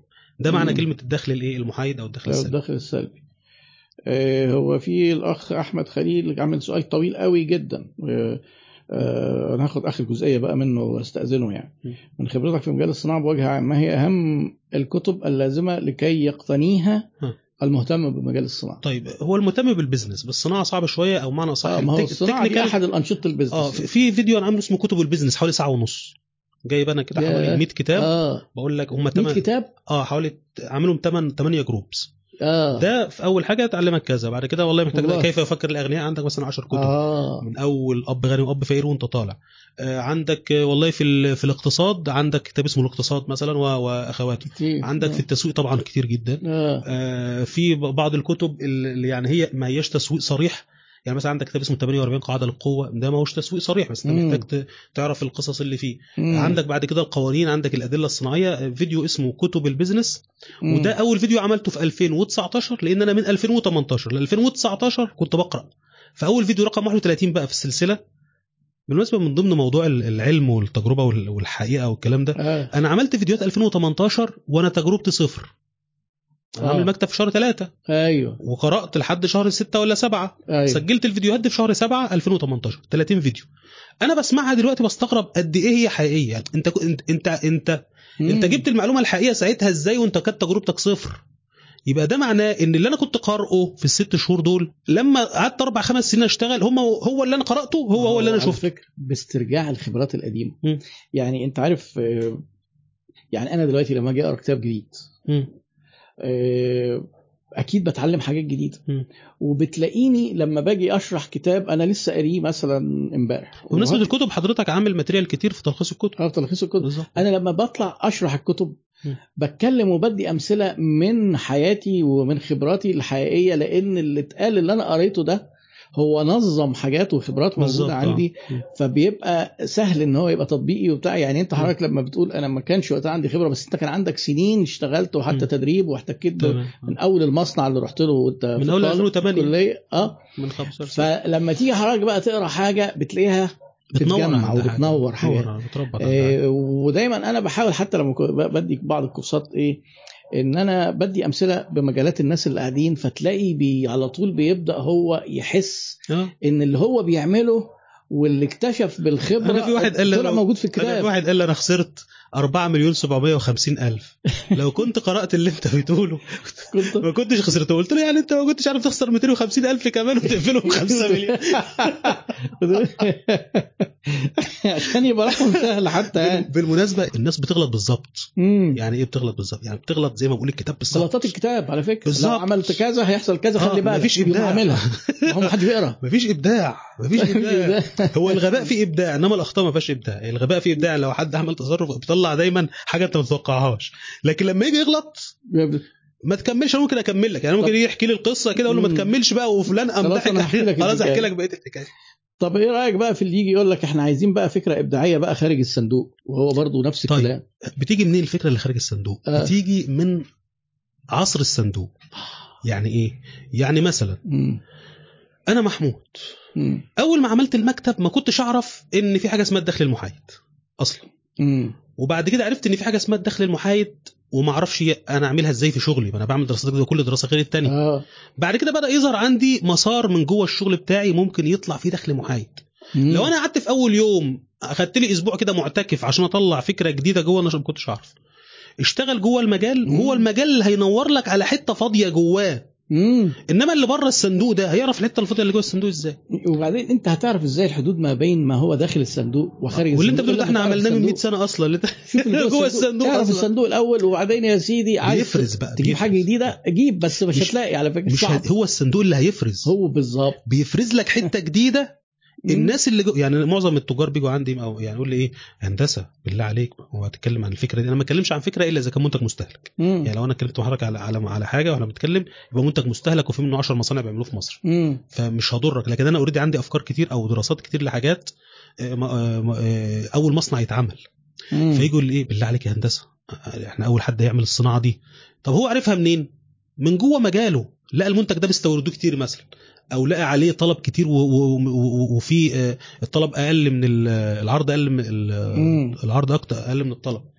فمن جوه الصندوق بيبتدي يكتشف حاجات.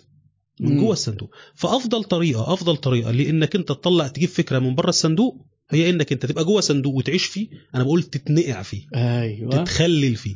آه. هو الصندوق هيحن عليك. أنا دايما أقول أحن مجال عليك هو مجالك. حنين. صح. يعني إيه حنين؟ حتى ال ال ال الأستاذ خالد الشافعي قال قال الجملة دي. قال أنا في مجالي لو لبست بضاعة أعرف أتصرف فيها.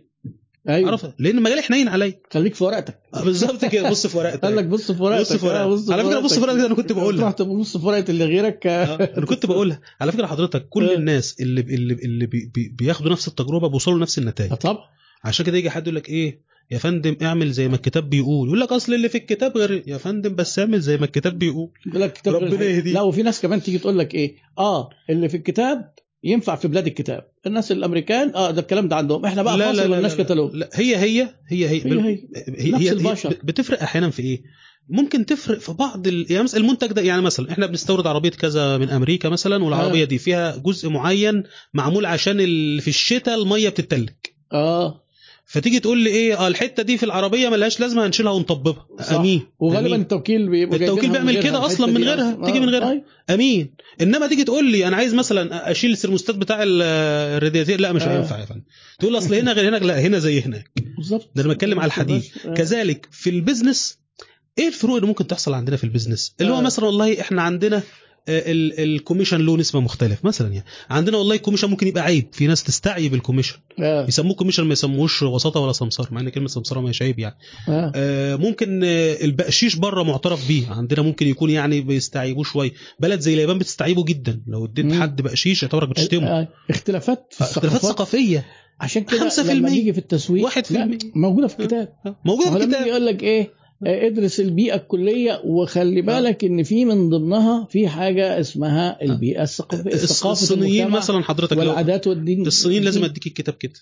كده. آه. كده ما ينفعش. والكارت. الكارت كده. آه. طيب يا سيدي هي دي. يعني هي دي خلاص. طيب خلاص. لا ما هو ده احترام للمتغيرات اللي ما بيننا كمجتمع. أنا في بنت صينية. أنا آسف في قطع كلامك. آه آه، بعتت لي في في في محادثة على الواتس يعني بعتت لي حد بيطلع لسانه. صورة إيموجي. آه، واحد بيطلع لسانه. أيوه فقلت لها إيه ده؟ قالت لي إيموجي بيضحك. قلت لها لا ده بيطلع لسانه. قالت لي صوت يعني. قلت لها لا ده عندنا دي عندنا عيب دي كده آه. حد بيطلع لسانه لحد ده حاجة عيب يعني. آه. قالت لي والله أنا آسفة ده, ده ما أعرفش وبتاع. خلاص. اختلاف ثقافه هو ده اللي فرق اللي في الكتاب. موجود. إنما هتلاقيه مو... على فكرة أنا أول ما اشتغلت وقرأت كتاب اسمه business ethics أو اتيكيت في آه. فرق بين ال ethics وال etiquette. أكيد ethics طبعا. أخلاق واتيكيت اللي هي المعاملات. أيوه. بدأت أشوف الحتة دي. طب إمتى أبقى لابس كرافته إمتى أبقى لابس من غير كرافته أيوة. semi formal و formal و casual. صحيح. ودي موجودة في الكتاب. فلازم أنت آه ده الكلام ده موجود كله يعني أحترم. إيه إيه نصايح حضرتك للمهندسين حديث التخرج؟ سعيد الجزاوي بس. طيب في فيديو اسمه مراحل العمل الأربعة ويصبر على المراحل الأربعة. يشتغل موظف خمس سنين ما يقولش أصل أنا ذكي. آه. وفهمتها في سنة. اقعد خمس سنين إن شاء الله تكون فهمت كل حاجة خمس آه. سنين موظف خمس سنين عمل حر مم. يفرق إيه العمل الحر إنه لا هو عنده شركة ولا هو شغال موظف مم. شغال على مسؤوليته الشخصية بعد كده يبتدي يعمل بيزنس يجي بقى في اللي إحنا اتكلمنا عنه بقى اللي هو التجارة والتصنيع ده الغير والقصة الطويلة دي بعد كده في الآخر يبقى فكر في الاستثمار لكن حضرتك متخرج النهارده وعايز تعمل بيزنس أرجوك. ما تخترعش عارف صح. المثل بتاع التسع قلل اللي اتكسروا هي المفروض مش مش كل مرة تسلم الجرة يعني لو سلمت مرة مش هتسلم التاني مم. لا هي اتكسرت تسع مرات تسعة زيك عملوا نفس التجربة وقام من. بكرة واتكسر انت بقى اللي هتيجي هتيجي بقى أنا آه تسألي علي حلمي آه، بيقول لك حضرتك شايف الصناعة الفترة الجاية إزاي؟ الصناعة في الفترة الجاية والفترة اللي فاتت وال business في الفترة الجاية واللي فاتت هي business واحد. البحر آه. البحر آه، هائج تعلم العوم في الإيه؟ في البحر الهائج. إنما أيوة. تنتظر إن البحر يهدى والله يعني عمره ما هيهدى. عمره ما ولا عمره هدي. كان حد بيسألني عمره قريب هل دي ظروف مواتية إن إحنا نبدأ؟ قلت له السؤال ده أنا بسمعه آه. بقالي 30 سنة. و- من أول ما اتولدنا. وإن السوق بايظ آه، نشتغل دلوقتي ولا نستنى ما يتحسن؟ عمره ما يتحسن. لا عمره ما اشتغل دلوقتي. البني آدم بيصحى وينام يصحى وينام. مم. ما فيش كده إيه حل ممكن نخليه يفضل يفضل صاحي على طول. هي طبيعة السوق كده. آه، اسمه إيه الفيديو بتاع كتب هندسة؟ بيسألك اسمه كتب. البيزنس. كتب ال business. كتب ال business. آه، هي السلسله آه. كلها اسمها مفاهيم مهمة في موجود على ال business. قناة يوتيوب. هو قناة اسمها إيه؟ اسمها المكتب المصري للتطوير الصناعي. آه المكتب المصري دي. القناه آه، للتطوير للتطوير الصناعي. وهي السلسله هتلاقي أول اسم سلسلة الصفحة برضو. آه اسم الصفحة. اسم الصفحة. آه. فحضرتك هتلاقي السلسلة اللي هي مفاهيم مهمة في ال business دي مش عشان أنا اللي عاملها لكن هي آه يعني السلسلة اللي أنا ذاكرتها. آه. إنما الفيديوهات التانية فيديوهات كده بطلع الكاميرا وأصور. ما آه. بهتمش أنا بالهدوم أنا بس لابس كده عشان حضرتك بس. يعني أعتذر إني مش لابس كرافتة لكن أنا بطبيعتي بطلع الكاميرا وأصور على طول فلكن آه. السلسلة اللي معمولة بقى متذاكرة فعلا ومعمول لها سكريبت وكده لا هي مفاهيم مهمة في ال business وإن شاء الله قريبا نستكملها لما نعمل طيب. يبقى جميل آه موضوع الاستوديو ده بقى مرزوق بقى مش مرزوق بقى. يساعدنا فيه إن شاء الله يعني هو بقى قريبنا آه، على فكرة صحيح. كان بيعمل لي رابكه زمان حضرتك تقوم قايل إيه وإيه الكلام الفارغ اللي بيقوله مرزوق ده؟ أقول يا رب لا يكون قرأ بوست ليا. يا خبر. أه والله. يكون قرأ بوست ليا. وأكون مثلا أنا زعلت الدكتور في إيه؟ ما هي مرزوق اللي بيعمله مرزوق ده؟ مرزوق بيعمل أه آه لحد ما عرفت إن في حد اسمه مرزوق بقى. هو اللي عامل لي هو ال- اللي قاعد يبوظ موترني. هو اللي قاعد بيبوظ اللايف كل مرة هو مش فلان. ربنا يبارك فيه آه، مقولة أثرت في حياتك أو كانت نقطة تحول سمعتها؟ كل أو أربع نصيحة. كل أربع سنين آه، مجهودك بيقل أو أو قيمتك بتقل للنص. ده معناه إن مش هينفعش تقف. كل أربع أيوة. سنين لازم تنط من على موجة الموجة. ما ينفعش. دي, دي المعلومة الثانية الدخل المحايد. كان في مثال في أحد الكتب في يعني أنا قلت إن هم ثمان أنواع من الكتب. في نوع مم. منهم اسمه كيف يفكر الأغنياء. دول أيوة. حوالي 10 كتب. وبعديها كيف تبدأ الشركات. ده موضوع. تاني. فكيف يفكر الأغنياء من الأمثلة اللي خلتني وقفت و... و... و... يعني, يعني اتصدمت. عارف لما تكون ماشي مثلا رايح اسكندرية واحد يقول لك على فكرة ده طريق أسوان. اللي هو صدمة. فبيقول مثال أنا ممكن واللي هو هيترجم بعد كده باسم الدخل المحايد. بيقول واحد حلاق أشطر حلاق في المدينة. أشطر حلاق في المدينة. وجنب منه واحد بيبيع إقلام. أشطر حلاق في المدينة ده بيحلق كل يوم مثلا ل 10 انفار وأكتر واحد بيبيع إقلام ده بيبيع كل يوم مثلا 10 كراتين. فده بيحلق ل 10 وده بيبيع 10 كراتين. جينا بكرة في 100 واحد عايزين يحلقوا وفي 100 واحد عايزين يشتروا كراتين اقلام الحلاق هو يحلق ل 10 ال 90 الباقيين يروحوا. صح. بتاع الإقلام بتاع الإقلام هيشتري 100 كرتونه جديد. ده المعنى زي- الفرق بين الدخل المحايد والدخل غير المحايد. آه. إن الراجل اللي بيبيع إقلام ده الموضوع بيعتمد عنده على إيه؟ على ال scale. والله يكبر. ال scale انقص ال scale. يقدر آه. ي scale. بالظبط scalability ال- ال- ال- الدخل المحايد لها حاجتين لها حاجتين يتبنى عليها ال scalability أيوه. والمؤسسية. إنك أنت تقدر تدير المؤسسة عن بعد أو يعني ما تبقاش آه. موجود على رأس المؤسسة. آه. يعني بدون مجهود الاداره اما مش الإداري يعني المباشر. 5% لو أنت بقى بتفكر إن يعني مثلا أنا واحد بعمل دراسات جدوى بقول لك إيه؟ ما حدش يعرف يعمل الدراسه إلا أنا. طب لو أنا. عايز أعمل 100 دراسة في الشهر نفس مش. هينفع. نفس طب- فكرة طب الحلاق هل ينفع تتنازل وتقول ده في شباب ممكن يعملوا أجزاء من آه. الدراسة؟ أيوه هنا بقى. وهنا أنا كتبت بوست مرة اسمه أو الصورة بتاعته الكلمات المتقاطعة. آه. بنروح لشركات كتير يقول لك والله أنا علمت الناس وسابوني ومشوا آه. ليه سابوه ومشوا لأنه اداهم شريحة رأسية من الشغل. حضرتك يعني إيه شريحة رأسية؟ يعني عرفوا المشتريات بتيجي منين؟ الخامات بتتصنع إزاي؟ بتتغلف إزاي؟ بنعمل لها marketing إزاي؟ بتتوزع إزاي؟ بنحصل الفلوس إزاي؟ علموا ده كله. يقوم واخد الشريحة الرفيعة دي ورايح بيها. على جنب وشغال بيها على scale صغير مم. لا علمه شريحة أفقية مم. خليه أشطر واحد في التصنيع أشطر مم. واحد في. التسويق مم. لكن ما يعرفش اللي قبله بيعمل إيه ولا اللي بعد. خليهم مليون واحد بقى ما يضركش في حاجة مم. وتفضل أنت تدير المؤسسة دي وتكبرها طبعا ساعتها حد يقول لك إيه أنت بقى مش عايز تعلم الشباب يعني أنا عامل فيديوهات 200 300 ساعة بعلم الناس ويجي حد يقول أصل أنت مش عايز تعلم الناس أنا عايز أعلمهم بس إحنا عايزين نعمل مؤسسة كبيرة تمتد. أيوه. بالمناسبة أنا شايف م- لو أنت هتمسكني وزارة الصناعة بكرة هعمل إيه؟ آه. هشوف مين أكبر 100 رجل أعمال في مصر وأقول لهم اللي أنتوا عايزين تعملوه اعملوه وأنا من ايديكم دي لايديكم دي. امم دول خلال عشر سنين هينقلوا البلد. كل الدول العظمى الكبرى اتبنت كده. اليابان مثلا هتلاقي تويوتا ده بني آدم واحد اسمه تويوتا. مم. خواجة اسمه تويوتا. آه، الحاج. تويوتا. آه. عندك أمريكا هتلاقي مثلا بوينج ده بني آدم. أيوة. هتلاقي كارير ده بني آدم. فورد آه. ده بني آدم. فأنت تعمل إيه؟ في حاجة اسمها ال- الإنسان رشيد. يعني إيه الإنسان رشيد؟ الإنسان مش محتاج إنك أنت تشتغل كدولة عشان تأكله وتشربه. وتقول أنا أيوة. هصرف على الناس إزاي؟ يا سيدي سيب الناس تشتغل. هي الناس رشيدة بطبيعتها بتميل للربح. فانت بس ادي لهم المساحة. آه بالظبط آه. كده آه. يعني أنا كتبت post مرة بقول لو كل واحد فكر في مصلحته الشخصية كلنا. هنبقى أحسن بلد في العالم ليه. لأنك أنت لما تفكر في مصلحتك الشخصية فتبقى دكتور شاطر جدا وده يبقى مهندس. قوي جدا وده عنده شركة كبيرة جدا هتبقى دولة كبيرة آه فتيجي تقول لي إيه أصل كل واحد بيفكر في مصلحته الشخصية أنت تزعل. مني لما أسرق اللي هو جنبي الاقتصاد قايم على كده آه. إنما أفكر. في مصلحتي الشخصيه واكبر مش عيب مش غلط طبعا حد بيقول مبسوط وأنا بسمع ال live يا ريت ضروري جدا محتاج تليفون دكتور محمود أو طريقة موجود الواتس موجود على الصفحة آه الواتساب موجود على الصفحة بالمناسبة برضو اختصارا لحاجات. كتير. أنا عندي تسلسل معين حد بيجي يكلمني حضرتك بتكلمني عايز تعمل مشروع. ولا هندردش ده موضوع وده موضوع بنسبة كبيرة إحنا عايزين نعمل مشروع حضرتك آه، آه، في مجال لك خبرة فيه مم. ولا هنضيع وقت حضرتك مم. في مجال خبره فيه معاك راس مال ولا هنضيع وقت مم. فتلاقيني أجريسيف جدا في, في الفلترة آه أيوة. فأنا ما عنديش مشكلة يعني يعني إيه آه ب- وبرضو في نقطة برضو يعني خلينا أستغل البث ان أنا أقولها آه إن أنا في الحقيقة مش aggressive زي ما أنا aggressive على الصفحة يعني أنا في هو واضح والله ده آه شخص لطيف جدا يعني هو أنت ده مع بعض الناس يقول لك إيه ده أنت جايب الراجل بتاع ال block يعني إيه يا جماعة لا هو هو ال- ال- ال block آه. ال block ليه؟ ال block ان إن في حد لا إما بيض- بيضيع وقت الناس أيوه أو بيدي معلومة غلط للناس يعني مثلا حد يخش يقول لك إيه مصر ما فيش فيها صناعة؟ حضرتك إحنا مصر. لا ويدافع ويتخانق ويغلط آه. في الناس. هقول لحضرتك على حاجة. أنا بشبه مصر بدولتين دولتين. حجم كل دولة 50 مليون بني آدم. آه. كويس كده؟ آه. 50 مليون بني آدم.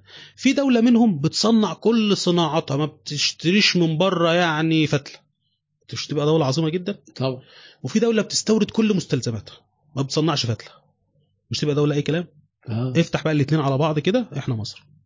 خمس- كده إحنا ال 100 كده. مليون آه. بنصنع صناعات كتير جدا وبنستورد واردات كتير جدا مم. فلما تيجي تقول ما فيش صناعة قول إنك ما. تعرف في حاجة اسمها نفي الوجدان لا لا ينفي الوجود يعني إيه. نفي الوجدان لا ينفي الوجود لما أقول لحضرتك مثلا إيه والله أنا دورت في الشنطة ما لقيتش القلم ممكن يكون القلم في الشنطة بس أنت ما لقيتوش أنت ما آه ده. اسمه نفي الوجدان مم. فحضرتك مش عشان أنت أنا في لحد الآن بتصدم بمصانع موجودة في مصر وده مجالي مم. وأنا ما زلت بتصدم ما بالك بقى اللي من بره المجال آه. أكيد متخيل إنه ما فيش إذا كان أنا يا أنا جوه المجال وما بقاش عارف إن إحنا بنصنع المنتج الفلاني ما بقاش عارف. فطبيعي. جدا إنك أنت كمان ما تعرفش لانك بره المجال. طب ما تخشش بقى تدي معلومة. هت... هتيأس الناس. زائد إن أصلا ال business ال businessman لازم يكون عنده وجهة نظر تفاؤلية. غير أنا أنا بكون وجهة نظر واقعية أنا بتاع. دراسات. لكن هو لازم يكون متفائل.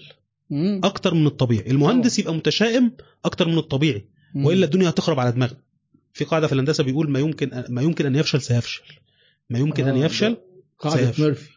ده دي قوانين مورفي. قوانين من. ضمنها قانون من كده مورفي ده كان آه. متشائم جدا. يقول لك لو الموبايل ده وقع يقع على وشه. يعني مش. ممكن على ظهره يقع على وشه. الكوباية لو وقعت هتقع على سيفها عشان تتكسر. ده مورفي. فمن ضمن القواعد بتاعته حاجة بتقول ما يمكن أن يفشل سيفشل. يعني لو أنا بصمم ماكينة فيها 100 قطعة والقطعة دي احتمال تتكسر. لا هي هتتكسر. ليه بقى. مش عشان مورفي متشائم. عشان الجهد وهو ماشي في المكنة هيعدي على القطعة كلها ويجي عند القطعة دي يقوم كسرها آه فأنا كمهندس آه. لازم أنا كنت بقول أيام التصميم كنت بقول إن قيمة المهندس قيمة المهندس هي توقع هي توقع طرق فشل الماكينة. مش إنه يصمم ماكينة. كان في شباب بيصمموا العربية الفورمال عندنا كانوا بيقولوا إحنا بنصمم العربية نص مجهودنا في تصميم العربية وهي بتقع وهي بتعمل حادثة. مش وهي ماشية. ده ممكن أكتر من نص مجهودنا وهي. بت... لما الكاوتش يفرقع هيحصل إيه طب يا سيدي إن شاء الله مش هيفرقع يا سيدي هو هيفرقع. إذا كان ممكن يفرقع يبقى هيفرقع. صح. طب لما يفرقع يحصل إيه؟ نبتدي نتكلم بقى. طب الفرامل ممكن آه، تيجي تربط كده ما تربطش؟ أنا كنت في مطار ألماظة. حصل موقف إن الطيارة نزلت والفرامل ما فرملتش. طب مش ممكن يحصل؟ نو. طيب إحنا عاملين في آخر الممر ستارة نايمة تحت الأرض. وفي وفي عمودين كبار جدا قويين جدا. لو حصل في أسوأ الظروف بيقوم الستارة دي مرفوعة مثلا 6 8 متر تقوم الطيارة داخلة فيها زي الشبكه زي الكرة بتخش الجون كده. تقف بتمسكها زي- شفت الكرة لما تخش أيوة، الجون؟ تخش هي زيها بالظبط. طب المهندس اللي قاعد عمل الفكرة دي؟ حط اسوء هل تقول أنت راجل متشائم؟ لا. هو لازم يبقى متشائم. لازم. لازم يبقى متشائم. طب افرض إن الطيارة نزلت والعجل ما فتحش. ينزل في الرمل. الطيار يتعلم ينزل في الرمل من غير ما العجل يفتح. يعني وينزل في الميه ويسوق الطيارة من غير محركات خالص. محركاتها كلها تفصل فيشتغل طيران شراعي. لازم الطيار يعرف يشتغل طيران شراعي. فأنت كمصمم كل نظام في الطيارة double. كل حاجة لها سكتين. آه plan A و B و C في ساعات. آه عربيات فولفو بتعمل كده على فكرة. كل مم. جزء في العربية يعني البنزين جاي لك من الماسورة دي وجاي من ماسورة تانية. عشان لو دي نظم الحريق على فكرة آه. أنا عملت دراسة لمعدات الحريق نظم الحريق بتبقى دايما على سيركل مم. يعني مش المية بتعدي في ماسورة ده المية بتخش في ماسورة والماسورة دي عاملة زي الدايرة مم. عشان لما تسد من هنا تشتغل من هنا نظم مم. الحريق هتلاقيها موتور كهرباء طب افرض إحنا عندنا حريقة فالكهرباء فصلت مم. يبقى في موتور بنزين أو ديزل يعني مم. فالمهندس لازم يبقى متشائم.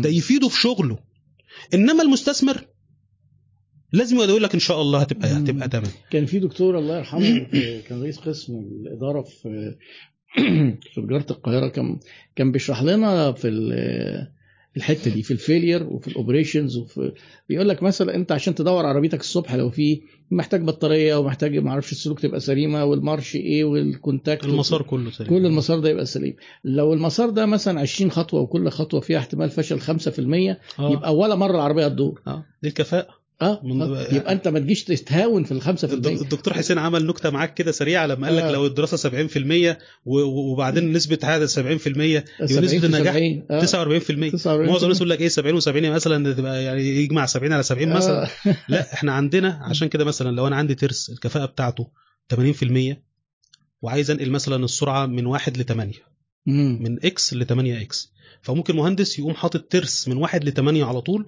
ومهندس يحط ترس من 1 ل 2 وبعدين بعديه ترس تاني من 1 ل 2 وبعدين ترس تاني من 1 ل 2 هتبقى نسبة هنا مم. 1 ل 8 مم. حضرته اللي حط ثلاث تروس ورا بعض ده في كفاءة 80% هنا تتضرب. في 80% تانيين نزلت 64 أيوه تتضرب في 80% تانيين تنزل مثلا 50 إنما أنا الأولاني اللي عمل ترس واحد ده خد ال 80% كاملين آه فتفرق صح، تفرق تفرق إنك. تمشي مرحلة ورا الثانية دي هي المعدلات دي موجودة بقى في علم الإنتاج يعني القصة. إيه مش إن إحنا بنحاول ن... آه، نصعبها على الناس. ده بالعكس انت بتسهلها وتستفيد من العلوم دي عقلية. المهندس اهي. بعد آه. ما عملت له ده كله بقى أمين يا فندم واحتمال مثلا يوم ما دي يعني يعني ال worst case scenario إنك نكسب 50% مم. طب أنا موافق. هنا بقى المستثمر لازم دي نفسية المستثمر. أيوه. أنا حسبت وموافق وخدت المخاطرة وأنا داخل. صح. آه اللي هو بيسموه الموست لايكلي والاوبتيمستيك والإيه والبيسيمستيك والبيسيمستيك هي هو اللقاء آه، يعني أنا قاعد مستمتع ودايما بكتشف إن. بيمر كده الوقت. المرة دي برضه أنا اسف أنت عارف إحنا بقالنا قد إيه؟ أنا ما ببصش في الساعة عشان ما بقالنا أربع ساعات إلا ما ربع شاء الله ما شاء الله. ف أنا بشكرك على الوقت والمجهود ده, أنا اللي بصراحة بشكر حضرتك و... ويعني أنا سعيد وأتمنى إن إحنا نكون قدرنا نوصل قيمة أنا حقيقي أنا وصلت لي قيمة وأتمنى إن يكون الناس برضه. يوافقوني ده جزء يعني والله من آه، فضل حضرتك علينا يعني. ربنا يبارك فيك بجد بدون- بدون و- مبالغة. وشكرا لمجهودك على فكرة آه، المهندس محمود جاي من المنصورة مخصوص وطبعا طريق المنصورة للي بيسافر ورايح جاي. عارف إن هو آه، مش سهل يعني وأشكركم برضو إن أنتم متواجدين ومتابعين وإن شاء الله نلقاكم باستمرار على خير في الحلقة القادمة من عيادة الشركات. شكرا لكم. شكرا جزيلا. والسلام عليكم ورحمة الله وبركاته.